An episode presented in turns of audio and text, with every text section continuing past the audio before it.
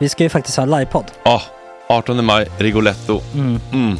Jag kommer inte ens nämna stolarna. Nej. För det, det har jag pratat om. Ja, Nu ska vi prata om showen. Ja, bara kort då bara för de som inte vet. Alltså, man kan alltså, alltså stolarna, man kan reclina dem Ja. och ligga som Joey och Chandler Ja. i Friends. Och så har man en QR-kod och så trycker man på vilken sprit man vill ha. Och så drar man in en GT för 160 kronor. Och sen så kommer den till eh, ens Till plats. Ja, Ja. det, Det, det, finns så som, mycket benutrymme också att servitörer kommer kunna gå helt ostört. Vet du vad det är? Det är som business class. Ja, ja, verkligen.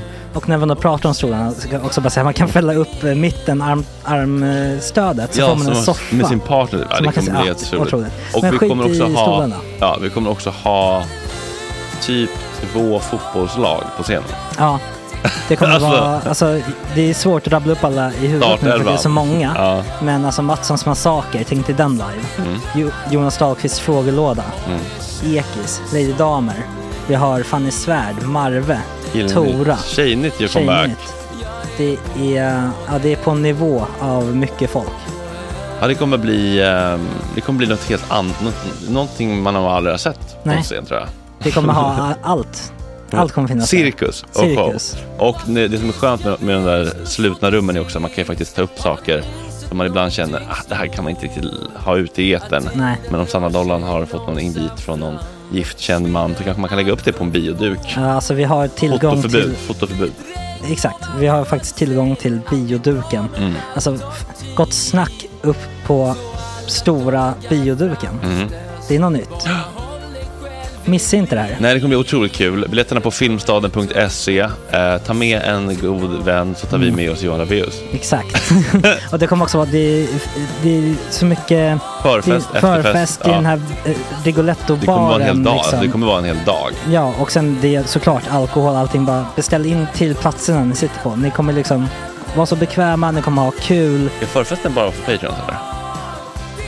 Ja, vi kan kika på det. Vi får kika på Ja, det. det kommer en hel dag i alla fall och så Det blir det någon slags efterfest också. Ja, gud ja. Mm. Vad är en Gott Snack eh, livepodd utan efterfest? Gud, det kommer bli så kul. Så länge sedan vi hade livepodd. Ja, det ska Längtar. bli skitkul. Ja, vi ses där hörni. Men, vart köper man biljetterna? Filmstaden.se. Ja, in och köp. Vi Sök på Gott Snack där bara. 18 maj. Puss, hej! Hej.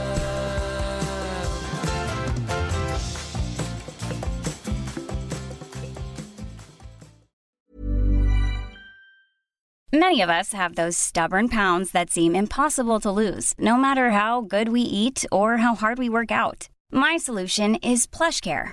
PlushCare is a leading telehealth provider with doctors who are there for you day and night to partner with you in your weight loss journey. They can prescribe FDA-approved weight loss medications like Wagovi and Zepbound for those who qualify. Plus, they accept most insurance plans. To get started, visit plushcare.com slash weight loss. That's plushcare.com slash weight loss. Planning for your next trip?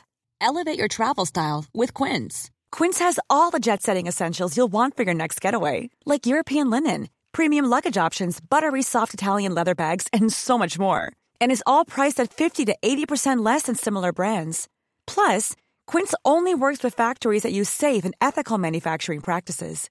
Pack your bags with high-quality essentials you'll be wearing for vacations to come with Quince. Go to quince.com slash pack for free shipping and 365-day returns. Hey, it's Ryan Reynolds, and I'm here with Keith, co star of my upcoming film, If, only in theaters, May 17th. Do you want to tell people the big news?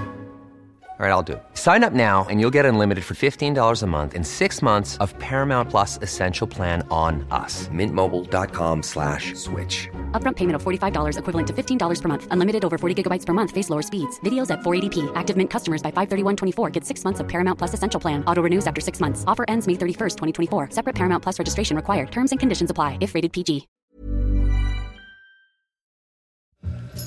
Ja, August. eh, det här är en fredag i livet, i Gott Snack-livet. Det Mm. blev eh, tre och en halv timme sammanlagt. Tre timmar och 40 minuter. Ja, så här, eh, så här mycket gott får man om man är patte och om man dessutom är eftersnackspatte. Mm. Två latte i månaden. Vi väljer väl idag att släppa allt för alla bara för att visa, ge en Mm. inblick. Och så har vi druckit lite alltså, champagne faktiskt. Rickard Julin kom med mycket bra champagne. Ja, och han var inte en sån spotta i i, i krukan-kille. Utan han var så här stora klunkar som vi ska svälja. Jag älskar också att han bara hittar en kruka som man bara gör till sin spotkopp. Han var en underbar personlighet. Ja, verkligen. Mm. Så med det i blodet så vill man också ut. Det är sol, det är fredag, det är Ja. helg framför oss. Bläckan. Ja, bläckan henne nu. Ja, det är inte så mycket som håller kvar oss här just nu. Nej, precis. Och vi, eh, men vi vill ju också liksom visa folk, vissa som är Ja, helt ute i kylan som inte heter Patreons, så här mycket Mm. blir det ibland. Ja. Av ren lust. De kan ju lyssna liksom hela nästa vecka på Ja, men alltså, det här är, man har ju en helglistning, alltså det är ju en halv arbetsdag. Ja. Jag gaggas på. ja, det är otroligt. Eh, tell your friends, dela gärna, lägg gärna upp på Insta att ni lyssnar, tagga oss, vi delar gärna. Det är kul att känna att tåget har plockat upp en... Eh, Alltså vi, vi, vi är inte SJ om man säger så. Nej. Vi har också installerat en riktigt, riktigt schysst eh, restaurangvagn. Det får man verkligen. Bistrovagnen Bistrovagn. är alive and kicking. Ja, underbart. Puss och kram på er. Puss och- Vi hörs på måndag. Hej.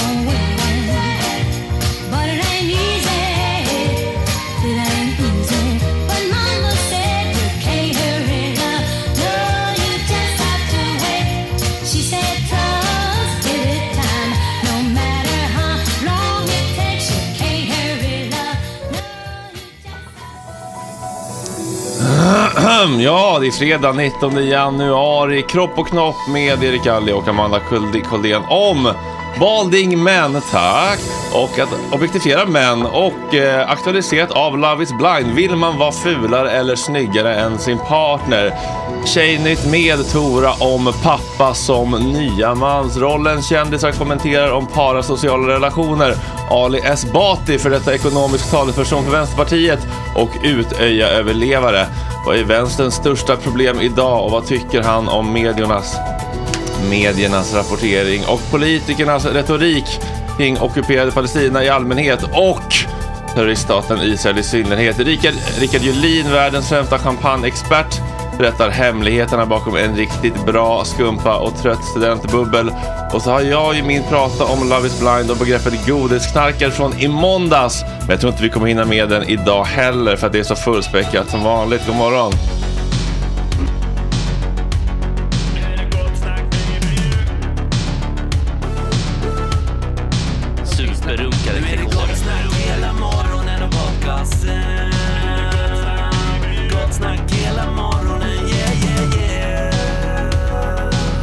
Okej. Det här är en fläckmussero. Hörrni, visst är det härligt när snön kommer och liksom ljusar upp Nej men så här i mörkret? du är bättre än så här.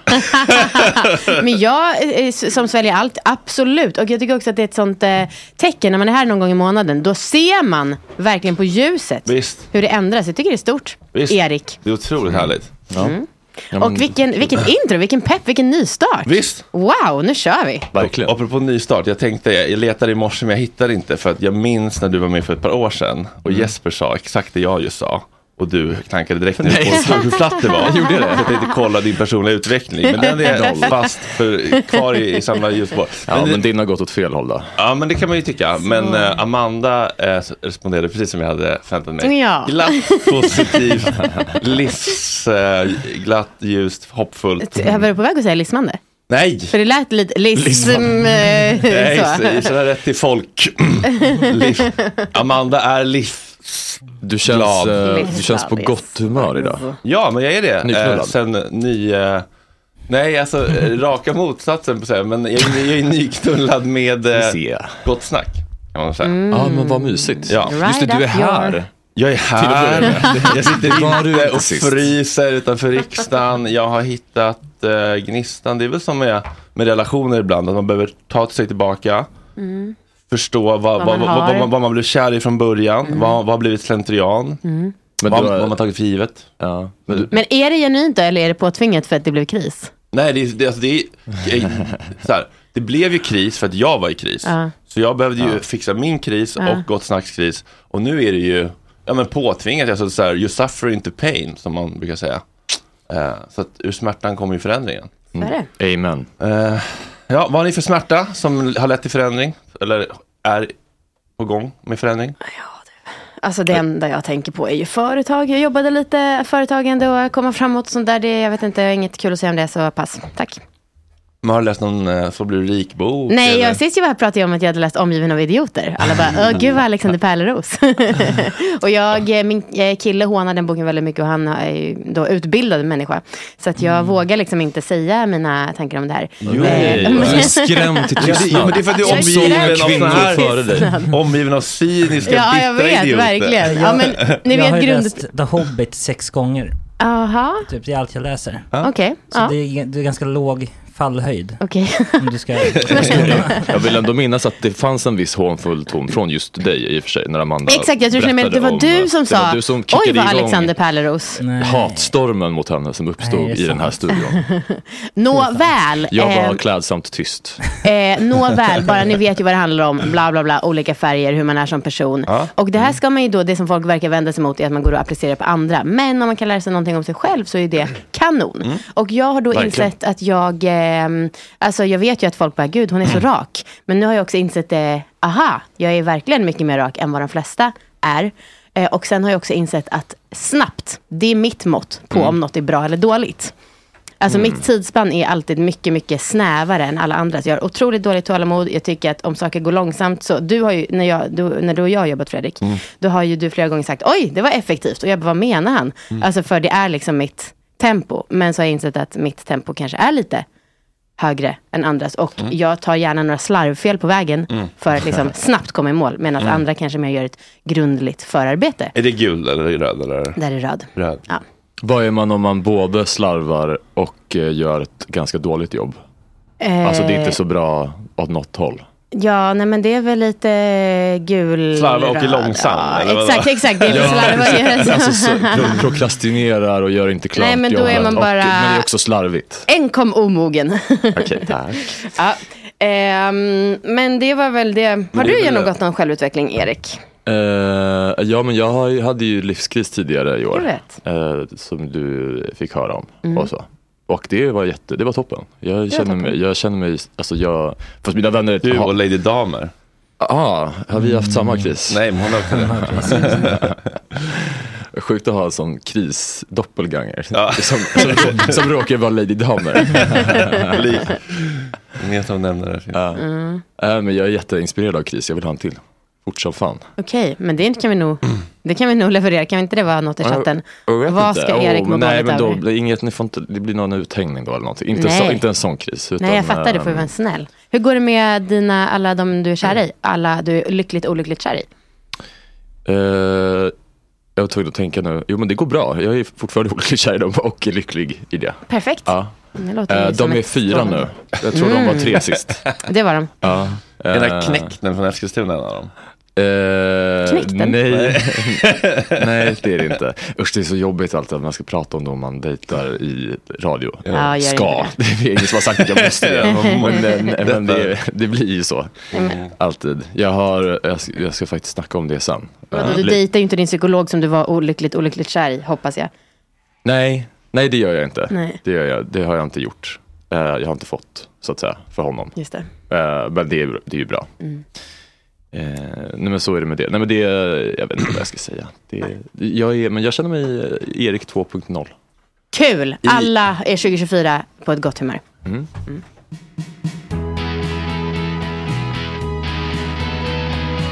Inget där? Kanter? Kärleken är som en djungel. Ni sa någon gång att ni har ingen jingel, det har ni visst det. Oh, fin. tack! Vilken underbar. Ja. Denna kärlekens djungel. Jag känner mig väldigt, det känns stort för mig att jag ska prata om någonting som utgår från ett tv-program. Mm. För hela min uppväxt så har jag bara haft bond-tv.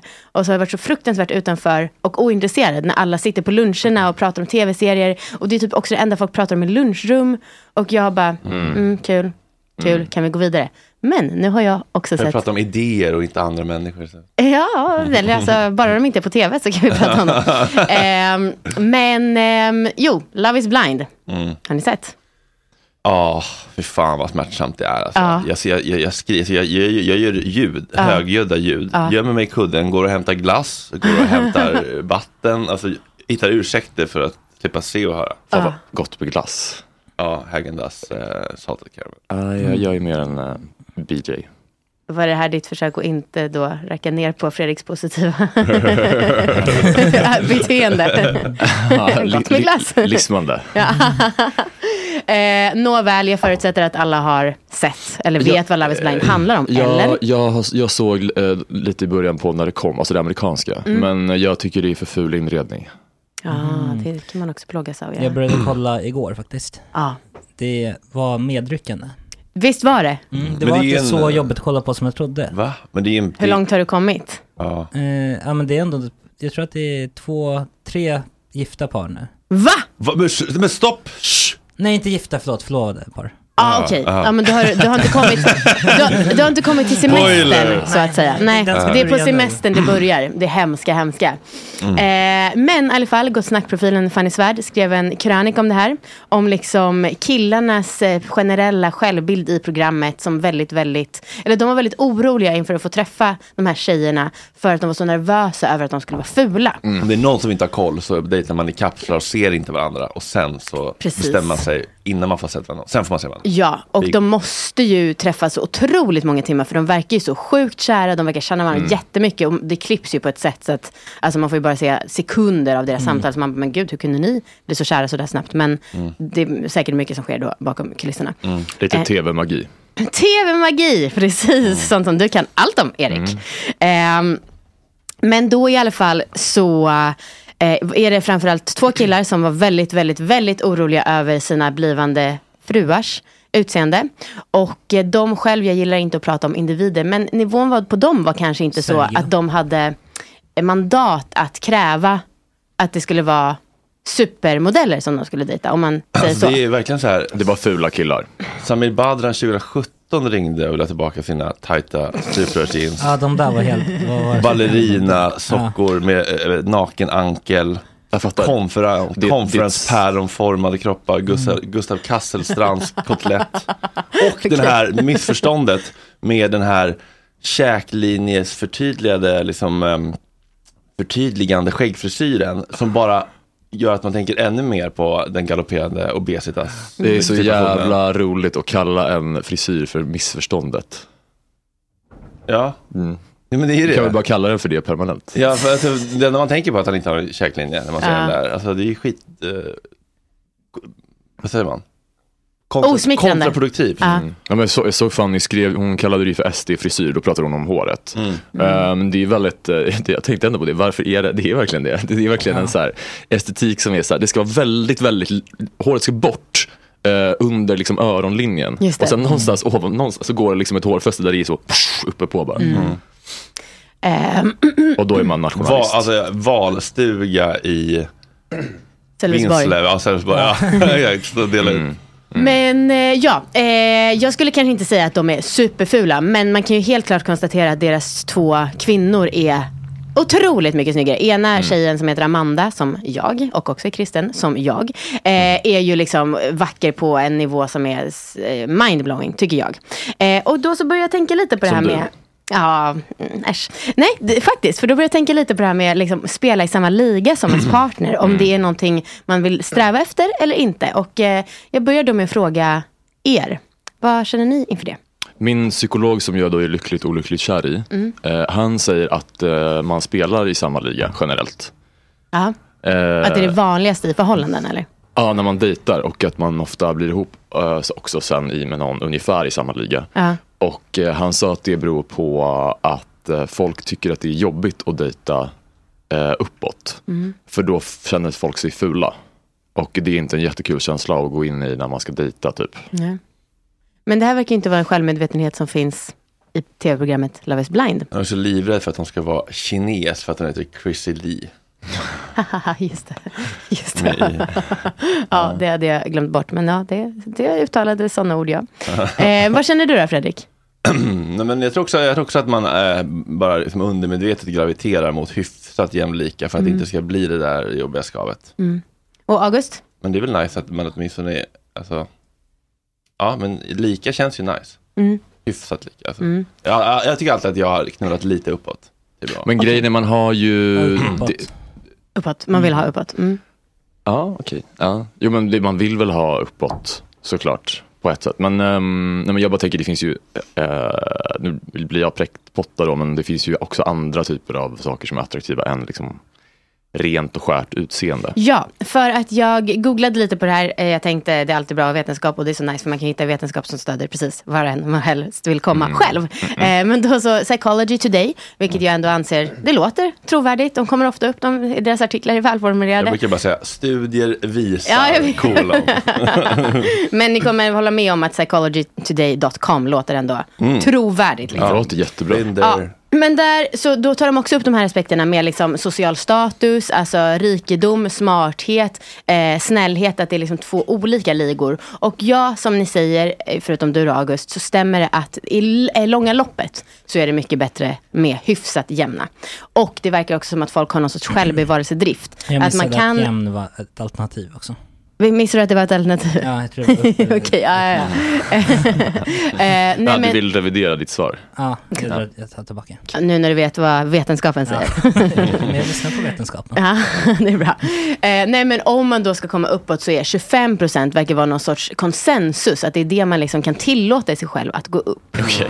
Men det Eh. är ju inte helt, när man ser någon på Tinder, typ, Ja. alltså, det är inte som att man ser hur många procent snyggare den är. Alltså, Gör man hur, inte? Hur, hur, vet man om, hur vet man hur många procent snyggare någon Nej, men det är väl någon Vad är sorts- till exempel att vara... Dubbelt så snygg. Ja, vad är till exempel om man säger så här, den är 100% snyggare än mig. Ja. Men, det, men det är ju inte oändligt snyggare. Eller Men om man nu är har ju 50%. alla här ett, ett helt okej grundutseende. Ja. Så att det liksom, om någon skulle vara riktig eh, skit, då skulle det kanske vara lätt att känna just 100 procent. Ja, jag I ditt är det fall så är det liksom ganska svårt att vara 100 procent snyggare.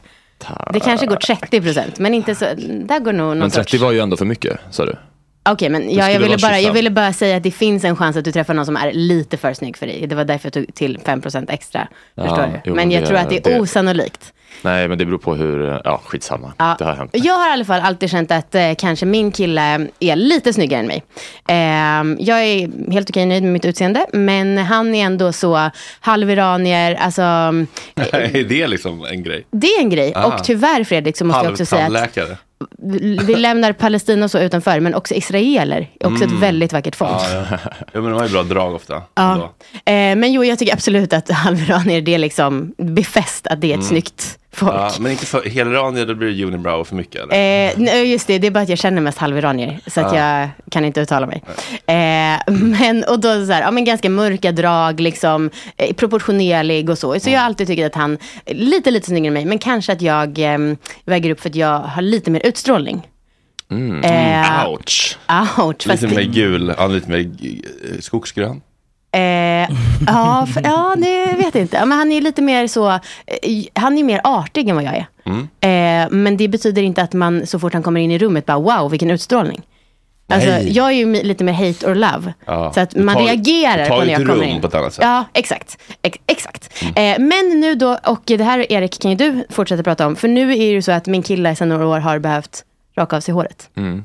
Och det här påverkar ju lite grann utseendet. Jag tycker fortfarande det är vrålsnygg. Mm. Men hade möjligheten att ha hår funnits så tror jag att både han och jag hade tyckt att det var bra. Mm. Och det gör den.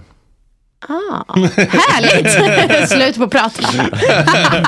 Jag skulle bara säga- Om det är någon som kan vetenskapen kring att modifiera sitt utseende så har vi ändå källan Ja, själv. Sannoliken. Men det som också är att det som är lite dumt är att jag bryr mig ungefär fortfarande lika mycket om mitt utseende som jag och Victor gjorde i början.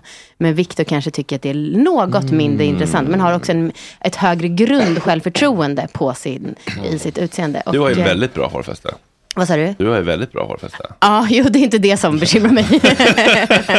Som tjejer har dåligt hårfäste typ. Förlåt? Eh, jo, det förekommer det kan man ha, men det är ju, de, har, de tappar ju inte hår på samma sätt som, Nej, som men män gör. vika kan vi ha. Liksom. Du känns ju Det är ovikig. bra, sa du det?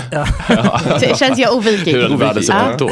Där är Amanda, hon, är, hon som är så ovikig. Mm. Tack. Alltså du, jag kan säga att om kvinnor hade haft alltså, samma typ av uh, hårbortfallsproblematik som Mm. män, då hade vi nog löst alltså, det problemet sedan länge, länge, länge, länge. Ja. Alltså, det är som, vi hade ju haft det före vi hade haft bilen typ. Det här är ett argument som man ofta hör när det gäller forskning kring kvinnor. Men nu tog du den åt det andra hållet. Jo, men det här handlar ju om kvinnors utseende. Ja, och Man då finns det pengar. Alltså, Aha, kvinnor, det, kvinnorna just hade det. själva löst det. Hade det varit, hade det hade varit en kvinnlig sjukdom ni dör av? Ja. Ingen forskning. Nej, nej. Ja, Just det, jag Nej, nej, fattar. nej. Alltså jag, kan fattar tänka mig att vi hade haft kanske, vi kanske hade haft matriarkat i världen då. Oj. För då hade liksom alla kvinnor bara, jag kommer inte bli någonting annat än liksom kva- kvantfysiker för att Ah. kunna lösa det här problemet själv. Att vi hade haft bara typ kvinnliga forskare tror jag. Ja, ja. Tills det hade varit löst. Mm. Och då hade ni styrt världen. Tack. Tack själv. Tack för vad som Förlåt, ska vi, ska vi gå tillbaks till Love is blind? Eller, du, du vill, eller om din eh, Nej, kille? jag ville bara, alltså vi har, nu om egentligen enligt schemat då så är det ju ett nytt inslag om fem minuter. Aha. Då ska Tora sitta här och prata om Tjejnytt jag var Nej, så peppad på att höra berätta. det. Jag- jag- Jaha, jag men höra Erik har väl en prata också? Exakt, det är det jag Ja. menar. Så det, är- jag, det är slut på ord. Ja, det är slut på ord. Alltså jag är inte så bra på att avsluta och så, så ja, det är slut på ord. Aha. Okej. Jag kan prata lite mer om det, men nej, det var... nej, nej, men, eh, men vad bra. Men då kan jag berätta om det. För jag har också tänkt eh, jättemycket på just killar och tjejer eh, som vanligt. Då. Men eh, med eh, liksom, eh, hur mycket man, liksom, hur man ser på sitt eget utseende och så. Eh, och jag dejtar ju, eh, liksom appdejtar ju numera. Eller sen länge. Och ehm, Ja, app, inte app som är upp 30% eller 25%. nej, I wish. Okej. I wish. Utan jag down dejtar i sådana fall. Eh, mycket. Eh, men, och det har faktiskt mycket med hår att göra. Alltså, ibland känns det som att jag har liksom släppt man kan byta location på Tinder. Det känns som att jag har släppt min pin typ i ett tibetanskt kloster typ. För att eh, ingen har ju hår längre. Aha. Jag, liksom, jag, tyvärr har jag hamnat i den Har du dejt. insett åldern, eller åldern har sin gilla gång? Ja, på andra. och jag, förlåt, men jag är liksom, ehm, då får det bara vara så. Folk kom, kom, kom, tycker väl att det är osympatiskt, men jag tycker verkligen att ens utseende är ett val. Eh, till ganska stor del. Eh, inte till 100 procent. Eh, och, och jag vet allt om de procenten som inte är ett val. Ja. Eh, men därför så skulle jag vilja faktiskt berätta lite för de eh, manliga lyssnarna bland annat. Eh, och så får jag hoppas att ingen som liksom har gått på dejt med mig lyssnar och så. För det känns lite taskigt, men så får det vara. Det är väl skönt för dig att kunna förmedla ett budskap Ja, men- utan att behöva säga det rakt Ja, ut. men så här, typ, alltså tunnhårighet Mm. hos män. Eh, det, man, man väljer ju inte att det börjar hända, men män vet inte att det här är ett val. Eh, det är verkligen valfritt om Men man vill pratar bli du flintis. om avfallet eller att göra en operation? Avfallet. Okej. Det här vet inte män och jag vet också varför de inte vet det. Och det är, jag har liksom gjort enkät på olika fester och sånt. Och killar är så ovana vid att eh, bli objektifierade och objektifiera sig själva framförallt. Alltså kvinnor går ju runt hela dagarna Mm. och bara är så, mm, typ när man vaknar på morgonen, de är så, åh nej min kille får inte se mig osminkad, typ. så är ju tjejer hela tiden. Eh, och det leder ju till att om en tjej skulle typ tappa hår, Alltså hon, det blir ju liksom, hon får ju ta tjänstledigt för att liksom forska fram hur, vad hon ska göra åt det och varför hon har det. Mm. Men killar, de gör inte det. För de typ tycker att så här, det är typ en gräns man passerar eh, som är typ att så här, nej men jag ska inte börja hålla på och tjafsa med mitt utseende. Det blir liksom, det blir inget bra psykologiskt. Det blir sluttande Exakt, plan. så där Det är, slut, de. det är ett sluttande plan, det tänker killar. Ja, verkligen. Eh, och Sen åker jag och amputerar eller liksom eh, bygger en ny röv i Brasilien plötsligt. Ja, men alltså in, så ex, exakt, och så intalar och de säger de här mantrarna till sig själva som är typ, det, det låter ju bra, det är så här, nej men alltså man ska inte tänka på sånt, det är bättre att tänka på sånt som betyder något, alltså så kanske de tänker. Och det stämmer ju, men det vore ju bättre om kvinnor kunde tänka lite mer så. Mm. Och män måste faktiskt börja må lite sämre över sina Ja utseenden. men 100 procent, det måste bli mer balans där. Ja, för att det vore ju topp, alltså det är ju sexigt med självförtroende och sexigt med folk som är trygga i sig själva och sådär. Eh, det är ju jättebra. Men sanningen är att killar hatar när de tappar hår. De mår Ah, ja. så jävla dåligt över det. Eh, inte alla kanske, men många gör det. Och jag får liksom höra från tjejkompisar som är så här, nej men eh, ska jag hitta på ett namn som inte är den riktiga personen. Ta Viktor. Ted, kolla på tvn där, han är vikare. Ja, precis. Ja, men, ja verkligen. Ted. Ja, men okej, så, ja, men, Ted, han, han vågar ju inte säga det till någon, men han säger det till mig när han är full, att han sk- skäms så jävla mycket, han tycker det är så jävla jobbigt, han Ja, känner sig så ful. Och så tittar man på den här Ted, och inte den Ted som vi kollar på nu. Och så man bara, ja det tåget har ju verkligen gått. Du, han har ju, det är ju Skalle-Per liksom. Eh, men då ska jag berätta då, jag har med mig en Miloxidil eller? en gottepåse Oj. med lite mediciner. Jag ska berätta om lite olika saker som män då kan fixa. Här har vi den första, det är en tablett. Den kan man få på Kry, så man behöver inte ens träffa en fysisk läkare. Eh, Finasterid heter den.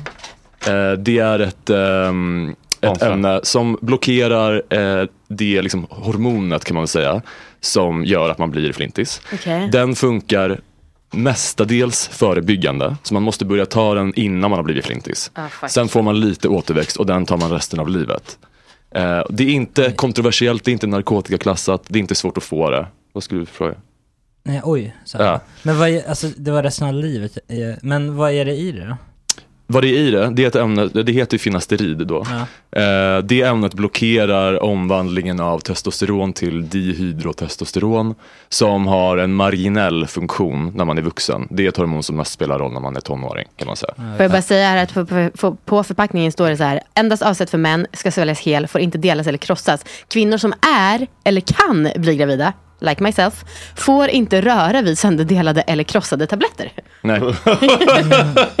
Finns det handsprit? Toxic wave. Eh, Gravida kvinnor kan få fosterskador om man tar eftersom det handlar om manliga könshormoner och sådär. Ja, ja, ja. Eh, Men den Men här ni, får, fall, ni ska heller inte röra en gorgonzola så att ni är såna jävla.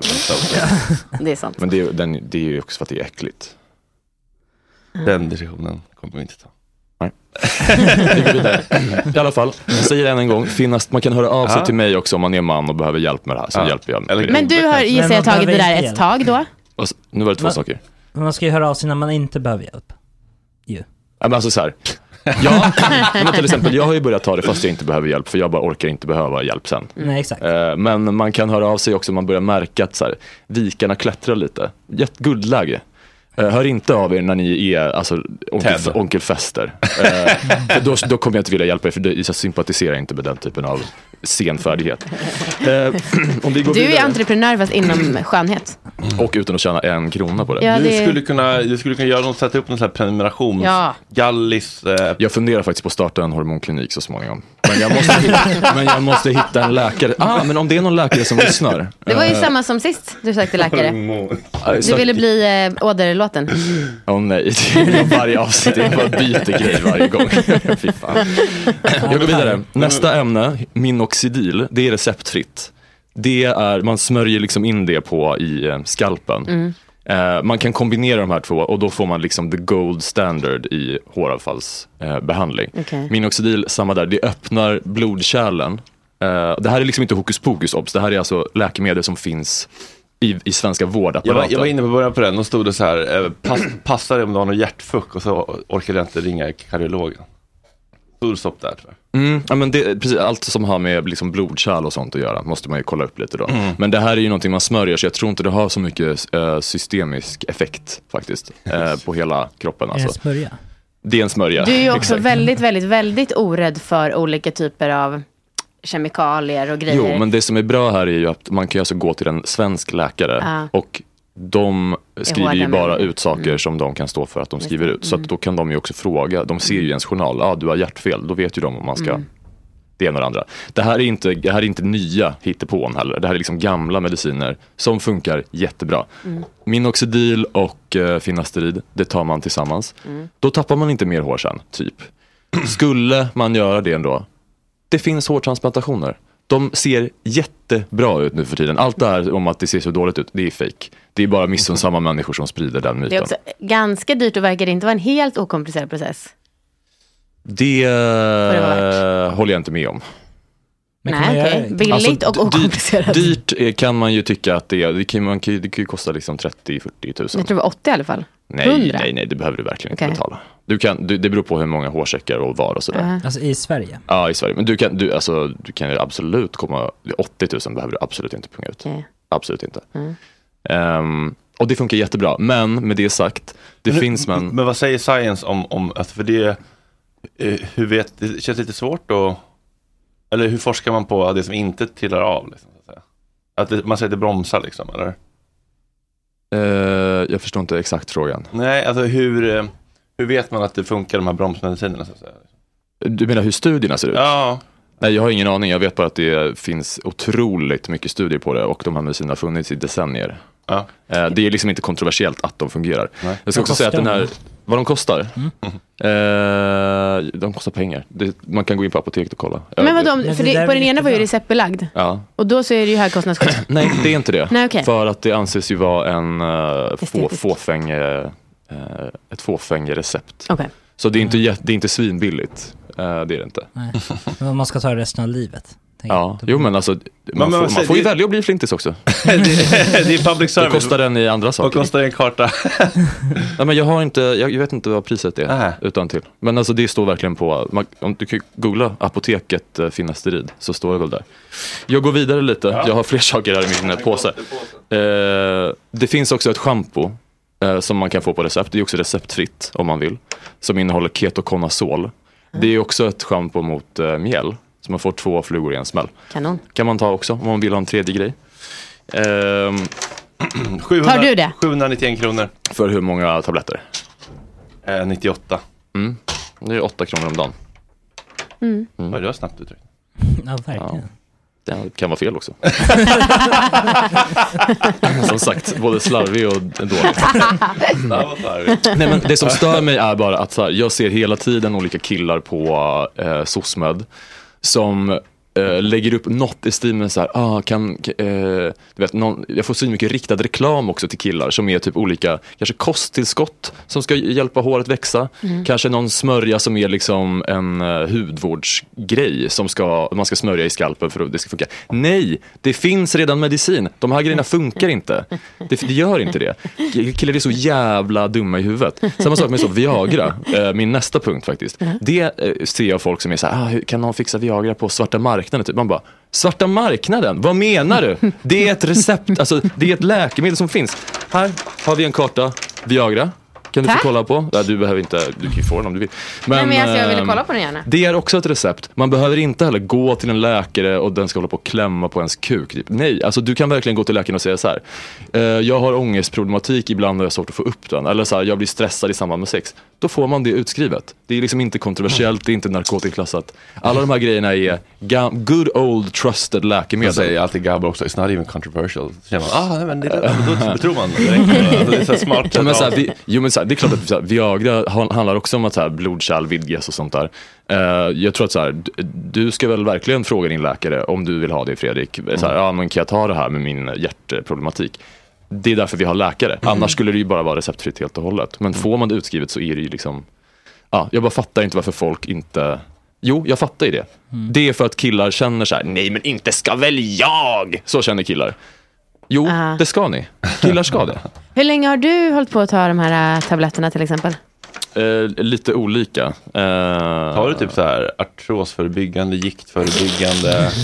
Nej, men jag känner typ så här, jag blir ännu mer, bra. nej men jag blir faktiskt mer äggad nu när jag liksom ska börja dejta folk då som Alltså vadå, snart är det så limp dick onkelfester, man bara swipar ja då, för det fanns bara sådana. Men tycker du per automatik att det är så otroligt fult med snagg eller liksom Nej, så? För nej, Det, nej, jag har ju precis själv haft det. just det.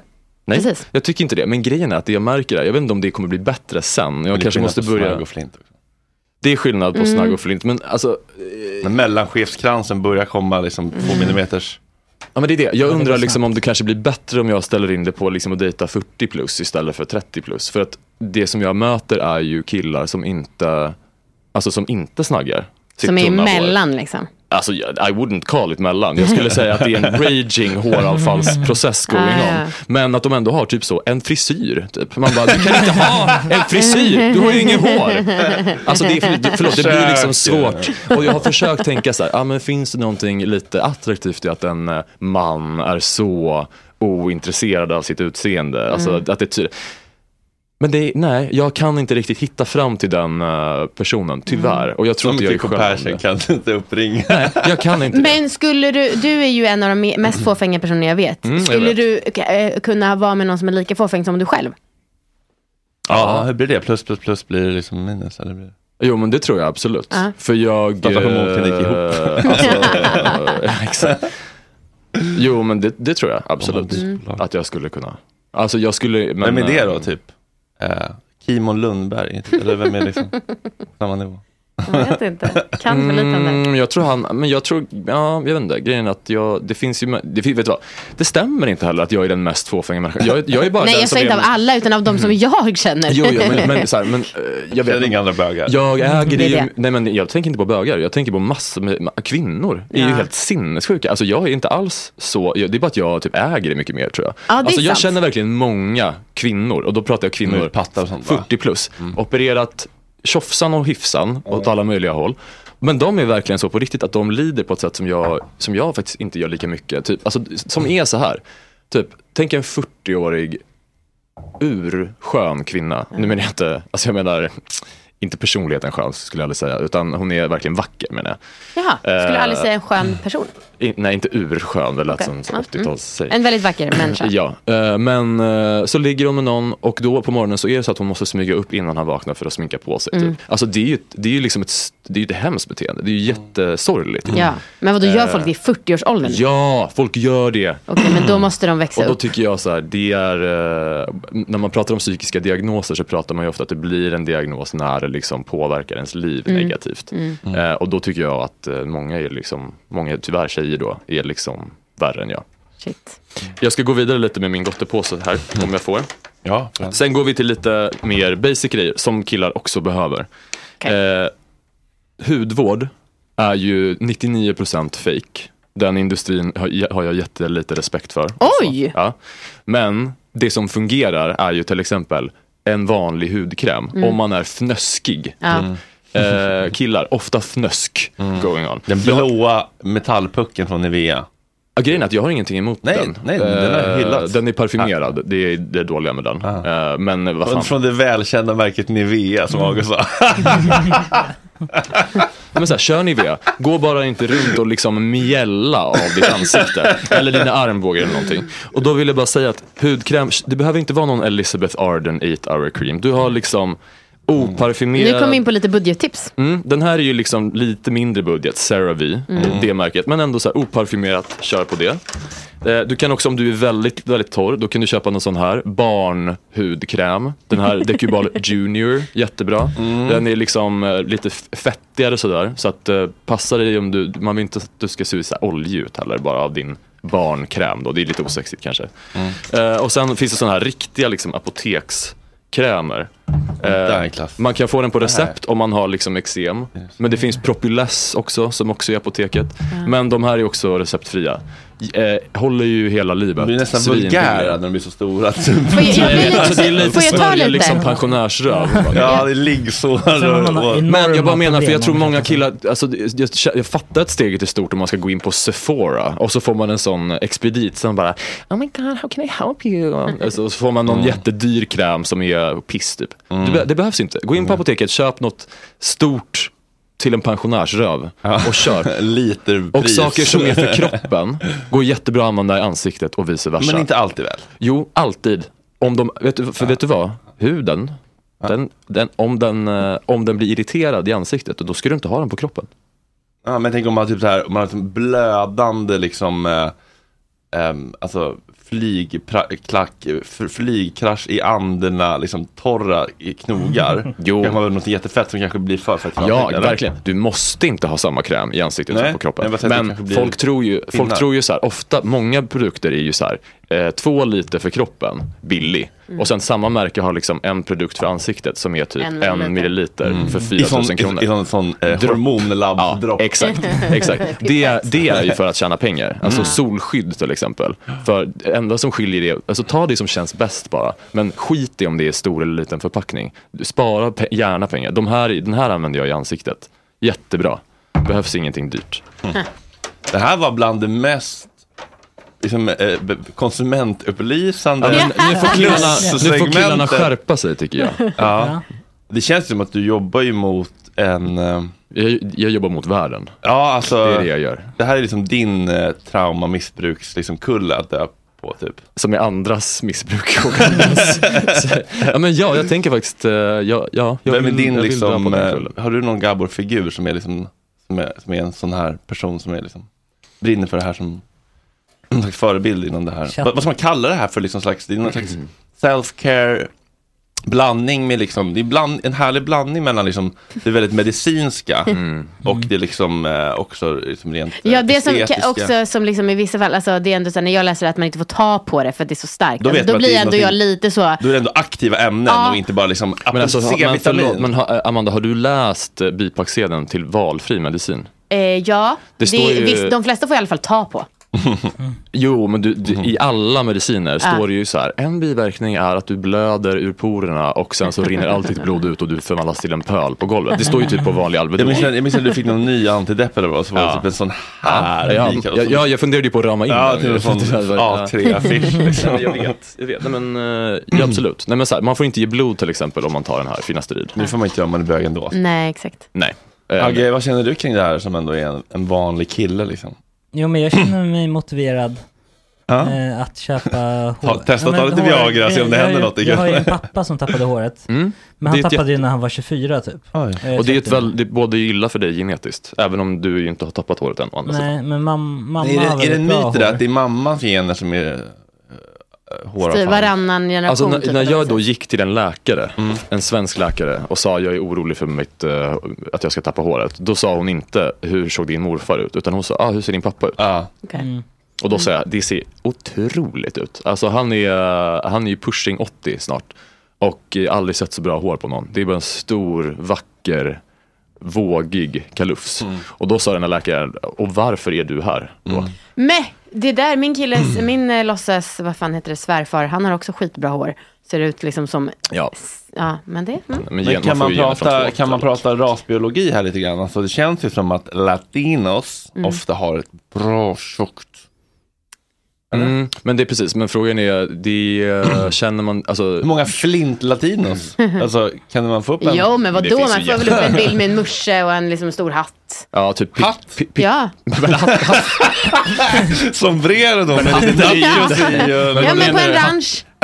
Ah, du, du menar att liksom sombreron har uppfunnits för att de är så tunnhåriga? ja men också jag såg det här programmet eh, Blå zonerna där man lever till hundra. Ja. Då var det någon otrolig hundraåring, jag tror han inte hade några hår men han hade en hatt och hoppade upp på sina hästar och vallade sina kor varje dag. Hundra år! Jag förstår bara inte rele- hattens relevans i det här. Jo men därför att det döljer deras Aha, flint. ja, okej, ja, ja, det är så. Ja.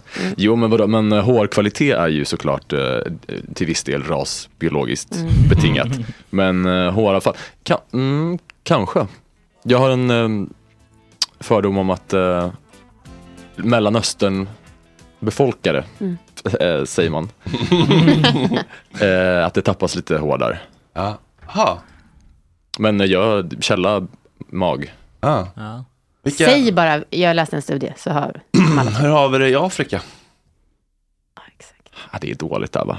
Alltså, det känns som att där, Generellt. där är ju ofta ett jättefro eller liksom det känns, spegelblankt. ja, men det känns också som att det är lite kulturella ritualer där många snaggar av sig håret kanske vid en tidig ålder. Ja, även kvinnor ibland. Fan du, Precis. är, är Barack Obama flint?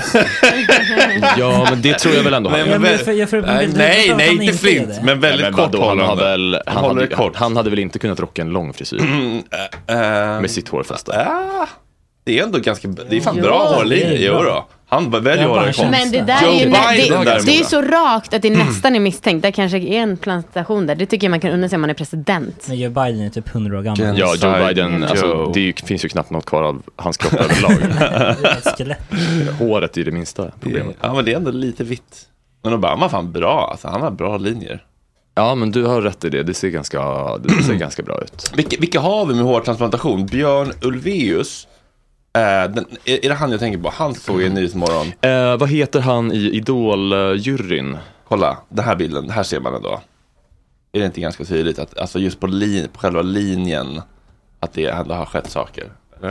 Eh, ma- ma- Kolla, kolla där, kolla där. Pop, pop, pop, pop, pop, Alltså, man kan inte säga så, nej. Nej, för att, ut. Nej, det kan man inte. För att vet du vad, om jag hade varit han och gjort en hårtransplantation, då hade jag gjort ett lägre hårfäste än det där till Nej, exempel. men, ja, men man, man vill inte overdo it heller för att det ska se naturligt ut. Så ska det ju Men du tycker inte att det ser naturligt ut? nej, men det, nej, men det hade ju varit ännu mindre naturligt om man hade dragit ner det till liksom, ögonbrynen. Då hade man ju alla bara skrikit rakt ut. Du, nej men grejen är att så, så där kan man, det där är så ovetenskapligt sätt att liksom eh, Jag välkommen till så här, Erik Ali. identifiera skönhetsingrepp på. Ibland är det ju obvious, men alltså, människor har ju också en naturlig variation i hur de ser ut. Jo, men kolla inte- på det här Amanda, man ser ju punkterna alltså, specifikt, ser du inte Amanda? Eh, Agge, håll med mig här. Agge. Men man kan inte se punkterna specifikt. Eller hur? Nej men så Ja, men funkar inte en hårtransplantation. Eller hur? Det är bara pixel, att det är big... ja, exakt. Det är nog bilden är fel Nej, på. men jag såg det här på Nyhetsmorgon i 4K på min Ja, frame. men jag bara säger, på alltså. den där bilden, det som du kallar för duttar då, Mm. eller vad du nu kallar det för. När man, har, alltså man sätter ju ett hårstrå i varje hål. Ja. Så det där du ser där, det, det är ju liksom, det ser ut som att det är flera hårstrå i varje hål. Så gör man inte. Okej, doktor. Okej, doktorn.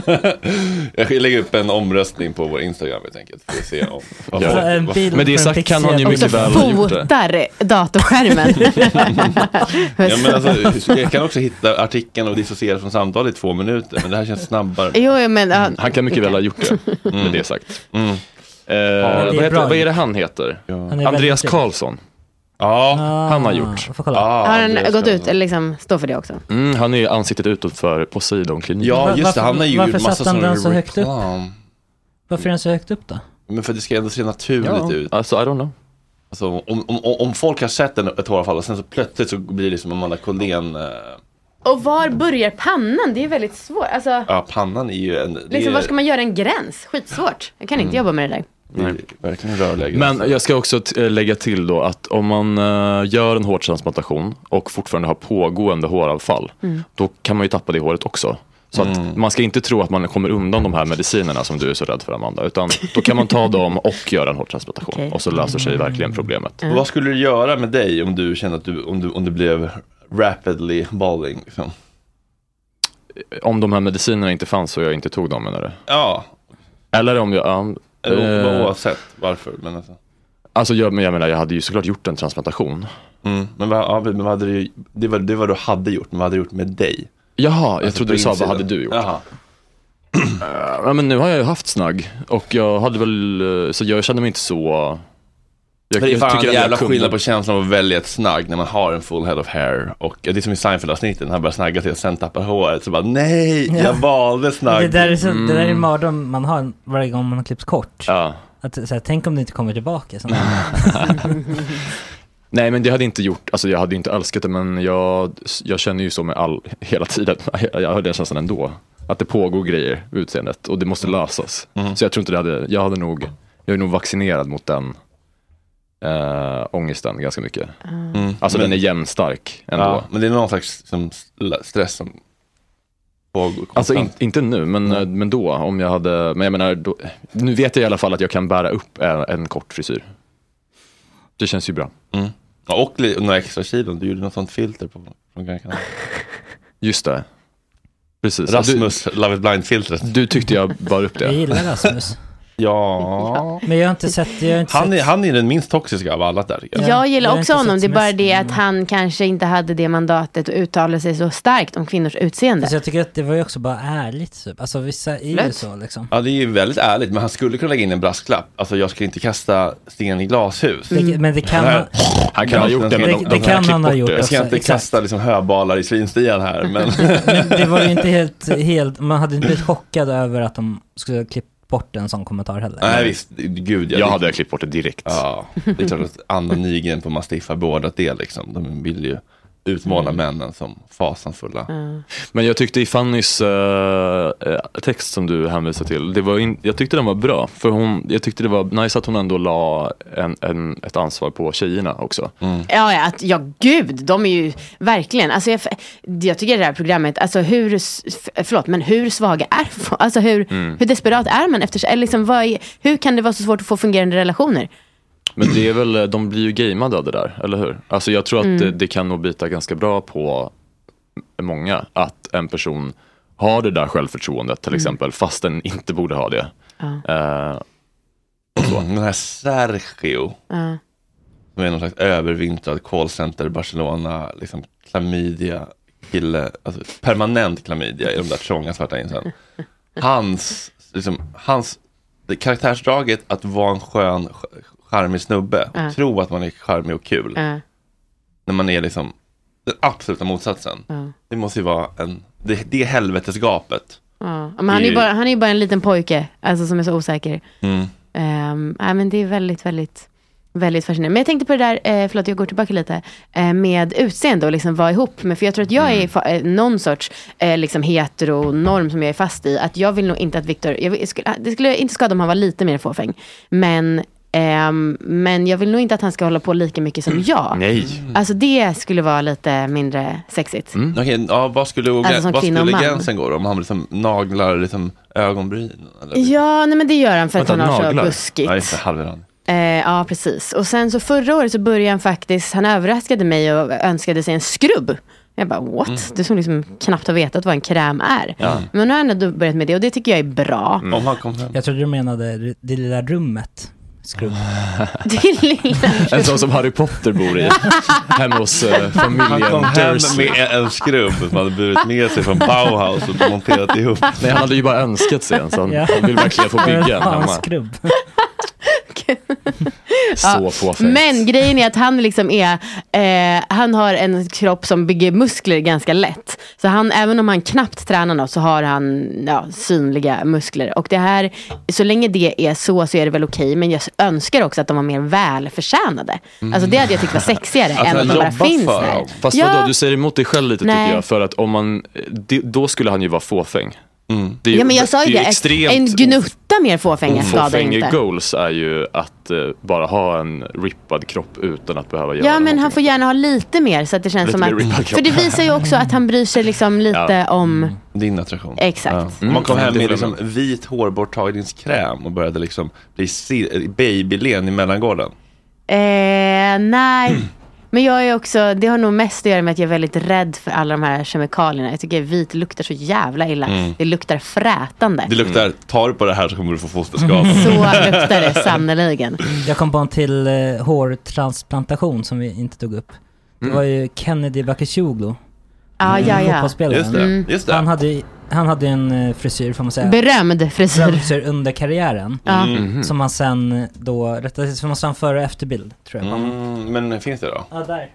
Här är före eller? Där, är, där har du före. Oj, ja. Men vet ni vad? Det där är, det där är ungefär vad jag har, har behövt Ja, Oj. Ni får googla själva Kennedy. Okej, det där var, nej vet. sådär. Men Men, det där är och, ju och, och sök på Kennedy. Bakircioglu 2023 nu då. 2023, då efter operationen, då har vi alltså enligt uppgift, har keps här mycket, det är tecken på att det håller på att växa tillbaka. Ja, där eller? Nej, där. Första. Uh, Okej, ja, det här är bra tittradio hörni nu.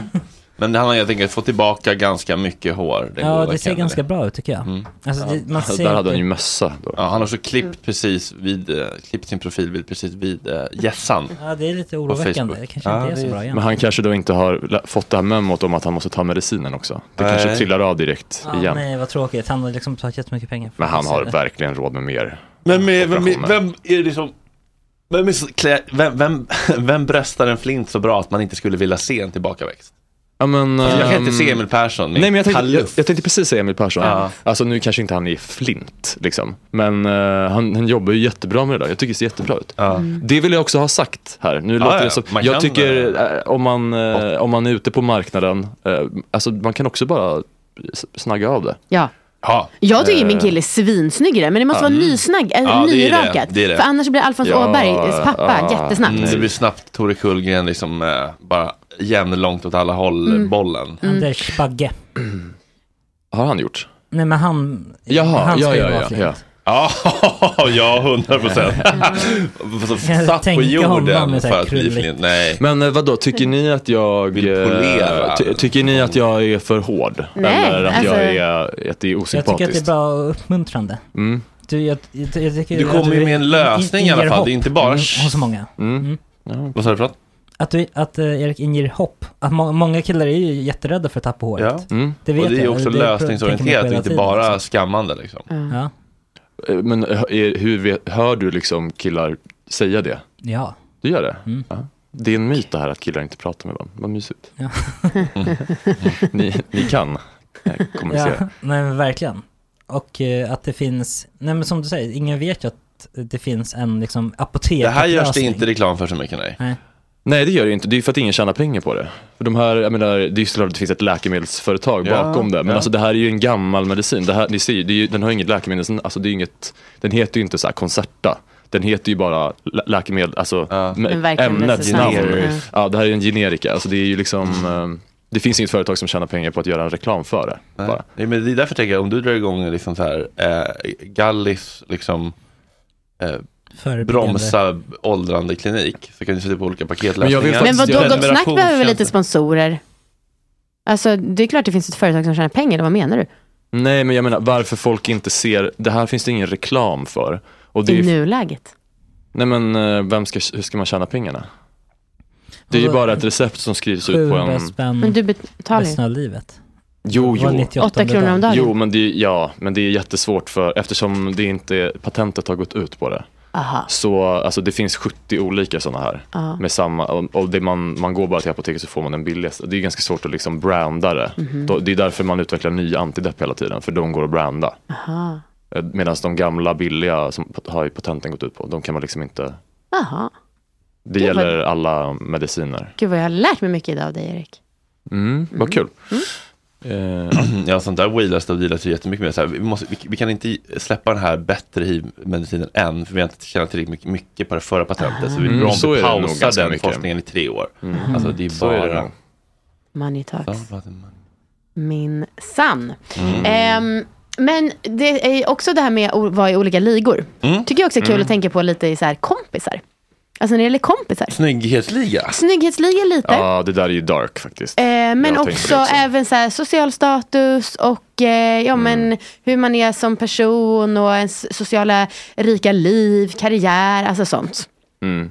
Jag kan nog erkänna att jag tycker att det är härligt med personer som är ungefär på exakt samma nivå som jag. För då tycker jag att vi känns powerful tillsammans i ett gäng. Mm. Det är inte många liksom. Det känns roligare att introducera en person som jag känner wow inför. Alltså du har alla de här eh, aspekterna på pappret. Och så presentera då, kunna skryta om en kompis. Här är min kompis Julia, hon kommer få Nobelpriset i fysik om några år. Mm. Alltså det känns ju fett. Hur många överviktiga somalier bosatta i Tensta har du i din vänkrets? Noll. det är inte ett aktivt val men det är, det är noll. Men det, men det, men det är ett passivt val. Ja, är det för? Ja, okej. jag, jag kan nog inte säga ett ord om det här för då kommer det kännas som att det är en ytterst snårig väg att gå. Eh, Men jag har nog alltid liksom, omgett mig med liksom, smartare, framgångsrikare, rikare, äldre män. Mm. Och gillat det liksom. Eh, och sen så... Och sen träffade du mig. Nej, sen så, så startade jag det här. Mm. Och sen så vart jag liksom smartast i rummet. Då vart det tråkigt. Mm. Ja. Det är därför du sa kris det. ofta. Ja, men lite tror jag. Eh, men det är... Ja, har du något take på det här med, med framgång? Det känns som att du också knullar uppåt lite grann, alltså, förutom Billy kanske, alltså med vänner. Alltså, det är mycket Caroline Neurath och liksom Morgonstudion, Pinglorna. Ja, både och. Men jag har ju mina bästa vänner som jag umgås mest med. Och som jag inte har liksom, det finns ingen liksom networking aspekt där. Eh, eller så.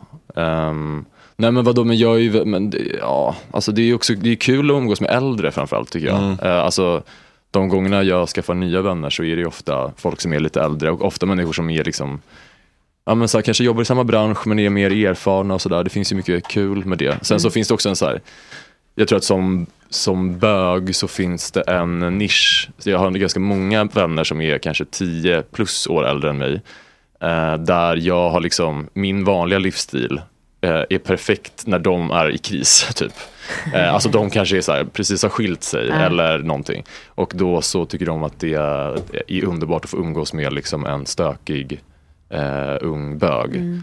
Ehm, och det är väl en, eh, en, vad säger man, symbiotisk relation. För jag tycker det är toppen att vara med dem. Mm. Och så. Mm. Vad är det du gillar med det då? Att de är äldre, mycket äldre? Eller mycket äldre, tio år äldre? Uh, Agge, vill du öppna till bara att de är eh, erfarna och visa och så. Mm. Och eh, ja, alltså det är ju, men jag, jag har ju massa vänner som inte är så mycket äldre Mm. också såklart. Eh, så det... Hej! Hej, Hej. Tack. Ehm, skäms ni för någon vän? Oj. Eh, inte i grund, inte i presens. Men man, man, har ju, man kanske har skämts för en vän. Just det. Ja. What he said. Ja. Mm. En grej jag tänkte på också med Love is blind, det är att här, de, har ju, de connectar väldigt fort, vi får inte se allt såklart. Men det, det de pratar om är så här, ja men de connectar kring saker som, och så här, alltså jag tänkte typ vår första resa. Ja. Italien. Ja. Mm. Jag gillar också vin! Ja, jag vet. Och så tar upp på sig en filt och sätter sig på golvet för att komma närmare varandra. Börjar gråta. Börjar liksom skaka, gråta, Ja. skäms. Och sen så en, en annan aspekt, eh, en annan liksom grej att connecta kring är ju liksom bara traumadumpa. Mm. Men det får man heller inte sen det göttigaste. Vad sa du, traumat? Dumpa, alltså. Dum. Traumadumpa, man bara öser sitt skit. Jaha, jag trodde, du sa, jag trodde du sa det som Jonathan Unge säger, alltså Alltså- tra traumat dumpa. Fast du sa det... Jaha. Dialekt. Tra traumat dumpa. Traumadumpa. Okej, ja. vad, vad hände? Nej men då är det typ så här, eh, eh, de så sätter sig så här. Nej men alltså när min ma- mamma och pappa skilde sig och vi sa det typ, vi sa det till mamma men det var jobbigt åt pappa liksom. och sen så får man aldrig veta vad som var jobbigt åt pappa. Eh, och det är en sätt att connecta. Men det jag saknar är lite grann så här, eh, berätta om, ja, men, och, det här, och det gjorde mig till en otroligt liksom, svartsjuk jävel. Jag kollar, jag, jag Ah. kollar min killes mobil. Bara så du vet, jag jobbar med det, men jag kan vara så jävla svartsjuk. Mm. Och, ja men det är bra att veta för jag kanske lätt känner mig väldigt Fan, kontrollerad. Och, intressant. Mm. Och bara så här, det här är mina toxic traits, jag är medveten om dem men jag jobbar på dem. Men det, det kan bli, jag kan bli lite avstängd ibland och sätta bort och det är, som, det är inte det jag vill. Men så kan det bli bara så du vet. Så här. Och då har man åtminstone kunnat få någon slags vibe på liksom var på awareness, personlig utveckling, liksom, kurvan. Nu bara så här, det här är det jag drömmer, längtar efter. Det här är det jobb jag varit med om. Mm. Ingenting så här. Och Men- det här är ju fucked up jag är. Men du, jag tror att jag precis har fått en aha-upplevelse av det du sa. För en sak som jag har funderat på i åratal är, alltså när jag går på dejter med folk så känner jag av det här att så här, det är svårt för mig att eh, vara sårbar. Eh, och det har jag pratat med min psykolog om, den känslan. Jag tror att det, då är det väldigt svårt att bli intresserad av någon också. Man blir typ inte riktigt, det pinglar inte till för att man känner att man Det är, bara, det är en vägg emellan. det är en som- vägg, mm. ja precis. Men, eh, men jag har verkligen varit så här till min psykolog och så bara, men jag, grejen är att jag vet inte vad jag skulle, vad är det jag ska vara sårbar om då? Alltså, vadå? Jag, jag tycker att jag berättar alla de där grejerna, ja men du vet, alla sådana olika trauman och att det Och sen så bara, ha, det känns bara som att man typ har bjussat på en performance typ. Eh, men jag har, det är ju det där jag missar. Att säga vad, vad, alltså, vad, är, vad är fel på mig? Det är det sårbara, det är För det är ju- jobbigt på det är ju- riktigt. ja, för att, alltså, eh, det någon gjorde mot mig, eh, det här är Nej, inte det är ju jag inte- jag bjuder inte på Alltså, någonting ja, Jag blev slagen som barn, ja det var ju min farsa som var dum i huvudet. Jag måste börja säga liksom Hur det har påverkat dig och ditt agerande. Ja, eller det behöver inte ens vara kopplat till det, bara berätta olika brister man Mm. har. Det är kortakommande sidor man jobbar med. Ja. Då Eller- hade jag blivit intrigued. För nu väntar de ju bara på att de ska åka på honeymoon och så får allt det här giftiga sippra fram. Ja. Och så inser de att, Ja. ja, jag, Att de hatar varandra. Ja, alltså, Ja. jag har ingen aning om vem du är. Och jag är inte alls eh, attraherad. Och Nej. jag liksom mår dåligt när du De pratar ju mycket om när de är iväg på semester om attraktionen ska Fan, växa. Ja, det här. Eh, jag tror vi måste ta eh, intimiteten i steg. Jag måste bygga Ja, upp ja. attraktion. Man bara, Tror ni att det, det är. går? Alltså jag tror inte. Alltså jag, jag kan, har inte en, en möjlighet, susning att se att det skulle kunna byggas upp en attraktion. Om inte jag känner mig attraherad av någon från början. Alltså, Nej, här, om jag tyckte personen luktade så här, lite jag, jag, konstigt. jag måste få se dig med gult klägg i ögonen, lukta morgon Ah. eh, som kräks. Ah. Då kommer det byggas upp en attraktion. Nej, men, men kanske motsatsen då. Alltså, det är ju... jag det måste få ska- se dig i ditt esse. Nej, tvärtom. Alltså, den, den andra måste få se mig med gult klägg. Det, det är det jag ska testa nu då. Alltså det är ju motsvarigheten till det du sa Fredrik. Alltså, eftersom jag går dit och känner att så här, vad jag än gör så känns det bara som att man sitter och liksom fram, försöker göra sig så intressant och rolig och bla bla bla som möjligt. Mm. Och det som den blir intresserad av då är ju bara ens eh, fasad. Mm. Eh, och när man själv vet om det så är det ju väldigt svårt att bli eh, kär i den, eller liksom få förälskelsekänslor. Jag tycker det är två olika grejer just, alltså, för det var jag som Mm. bytte lite snabbt, men attraktion, alltså den fysiska, så den bara wow, jag vill ha dig nu. Den tror inte jag kan byggas på. Men absolut det Nej. du säger om vad som Fredrik tog upp och visa sina brister, vad man själv har för ja, svagheter, det är ju en annan grej. Men det är ju inte det som gör att man blir attraherad kanske. Det är väl det som Nej. gör att man blir nära. Kanske. Ja. Ja, men det är också attraktivt att någon har lite koll på sig själv. Super. Vet, liksom. Mm. Men det är inte, kanske inte attraktivt på det sättet att oj vad jag blir kåt. Nej, det är mer så här, och vilken uh, läkt person du är. Eller du har gått i terapi. Oh. Ja. Hörrni, man kan också ha relationer till kända personer. Känner ni till det? Mm, tyvärr. Eh, ja. Allt för väl.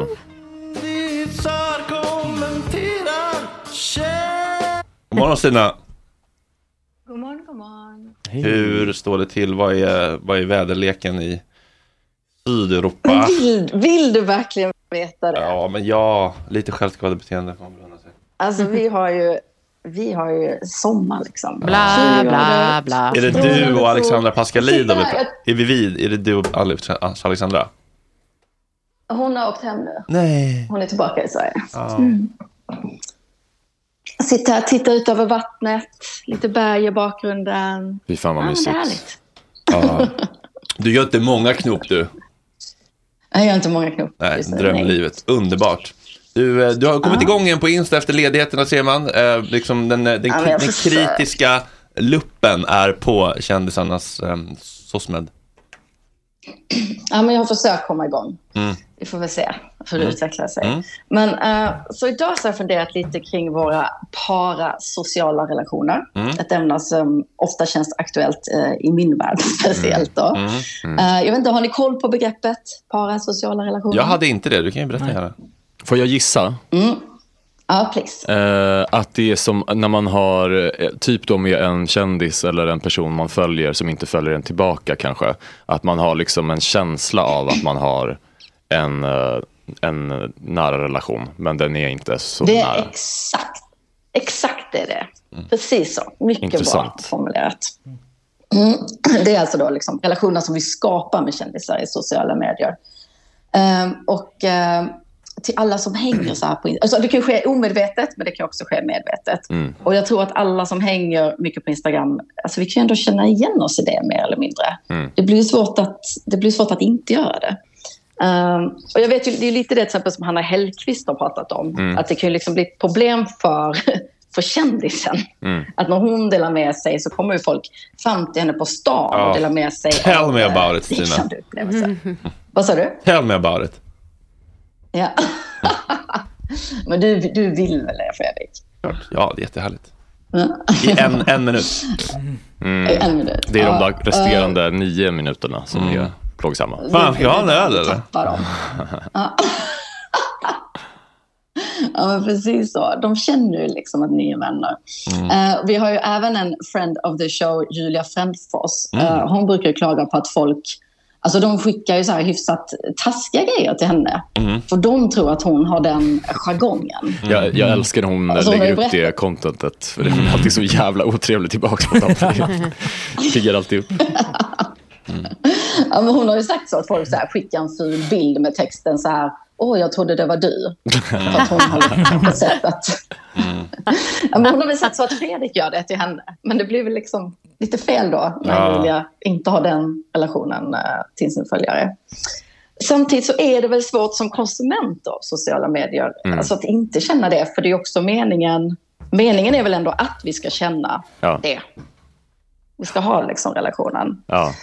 Och det, jag har även funderat på en annan aspekt av detta. Och det är ju hur kändisar framställer sig på Instagram. Och hur det liksom kan ändra hela min bild av dem. Ja. Och hur det rent av finns de som jag följer där det har blivit väldigt negativt. Eh, Har du det finns exempel? väldigt många kändisar. Ja, det finns väldigt många kändisar som jag känner liksom har svikit min bild av dem. Eh, för innan sociala medier, då var det ju så, en artist var liksom musiken de har skrivit, Ja. en författare var Och resten får man böckerna. fantisera ihop själv typ. Ja, och kanske så att man såg en intervju då och då Mm. på SVT. Och så var det det. Ja. Eh, jag, minns ju så här, jag minns ju känslan när jag växte upp som jag hade av Lisa Nilsson. Mm. Och den känslan var så att hon var väldigt cool, Ja. snygg, skön tjej. Alltså så här en härlig människa. Alltså det är så som jag liksom kan komma ihåg det. Och sen började jag ju följa henne på, Ja. på Instagram. Mm. Det är Och då känner jag det synd liksom. Mm. Det är synd. Eh, och ibland, ibland What a kan det vara waste. likes. Ja men what a waste, ja verkligen. Men det är ju för att, nu, Eh, för att artister i, eh, idag eh, är ju horor.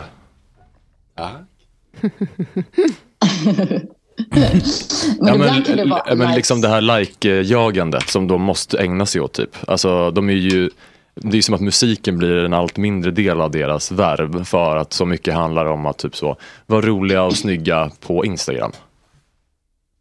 Men är Lisa Nilsson det? Nej, nej men jag menar bara generellt. Eh, att även, alltså, det finns ju olika kategorier. Jag tänker att, jag vet inte exakt vad, du, vad som var din ick med Lisa Nilsson, men att vissa kanske bara är så, man bara, men jag vill inte se typ en kvinna bete sig som min mamma gör på Instagram typ. Nej. Nej, ibland är det väl lite som henne, in- det här klassiska att man ska träffa sin idol. Mm. Att det blir lite att man träffar sina idoler på Instagram. Och det, Mm. det är ju inte alltid, eh, inte alltid bra. Och jag då som kollar mycket på likes och kommentarer. Mm. Då kan det ju vara det här också. Eh, till exempel Maggan Graf. Som ju verkar vara kanske en kul prick så här på Instagram. Mm. Eh, men hon älskar ju att lajka inlägg av Riks. Oh, aj, aj, aj, aj. Där, där, där, något, något, något dör ju där alltså. Ja, det gör ju det. I Ja. alla fall för mig. Vadå Eh, älskar du att lajka inlägg av liksom-? Det är som när folk ser mig lajka... eh, SDs mediekanal. Jaha. Det är som när folk ser mig lajka Hamas-videos liksom. Jag kan tänka mig att folk blir liksom reagerar på det. Liksom. Ja, jag tror det också Fredrik. Men, det- alltså, hon, alltså hon likade, nu sist så var det liksom att hon likade att hon tycker, eh, de tycker då att SVT gör snyftreportage om stackars svenskar som är fast i Gaza. Men det visar sig att de, ve och fasa, de pratade inte svenska. Mm. Och när hon lägger Leave them, det, leave them så- to the wolf. Exakt. Eh, hon är ju också då ett stort fan av Katarina Janouch. Mm. Det brukar vara så. Eh, och där skriver hon ju kommentarer som Du är fantastisk, du sätter verkligen ord på känslor. Eh, hon, hon lägger hjärt-emojis under inlägg som handlar om att Rickard Jomshof, säger man Jomshof? Jag har bara läst hans namn. Eh, Jag tycker det lät bra. Då, där Katarina tycker att han borde få årets ryggradspris. Som då var efter någon av hans många härliga tweets om Är, är det islam. ett pris som finns eller ett, som hon, ett uttryck bara? Eh, Det är ett uttryck. Årets ryggrad som inte är gjord av sylt.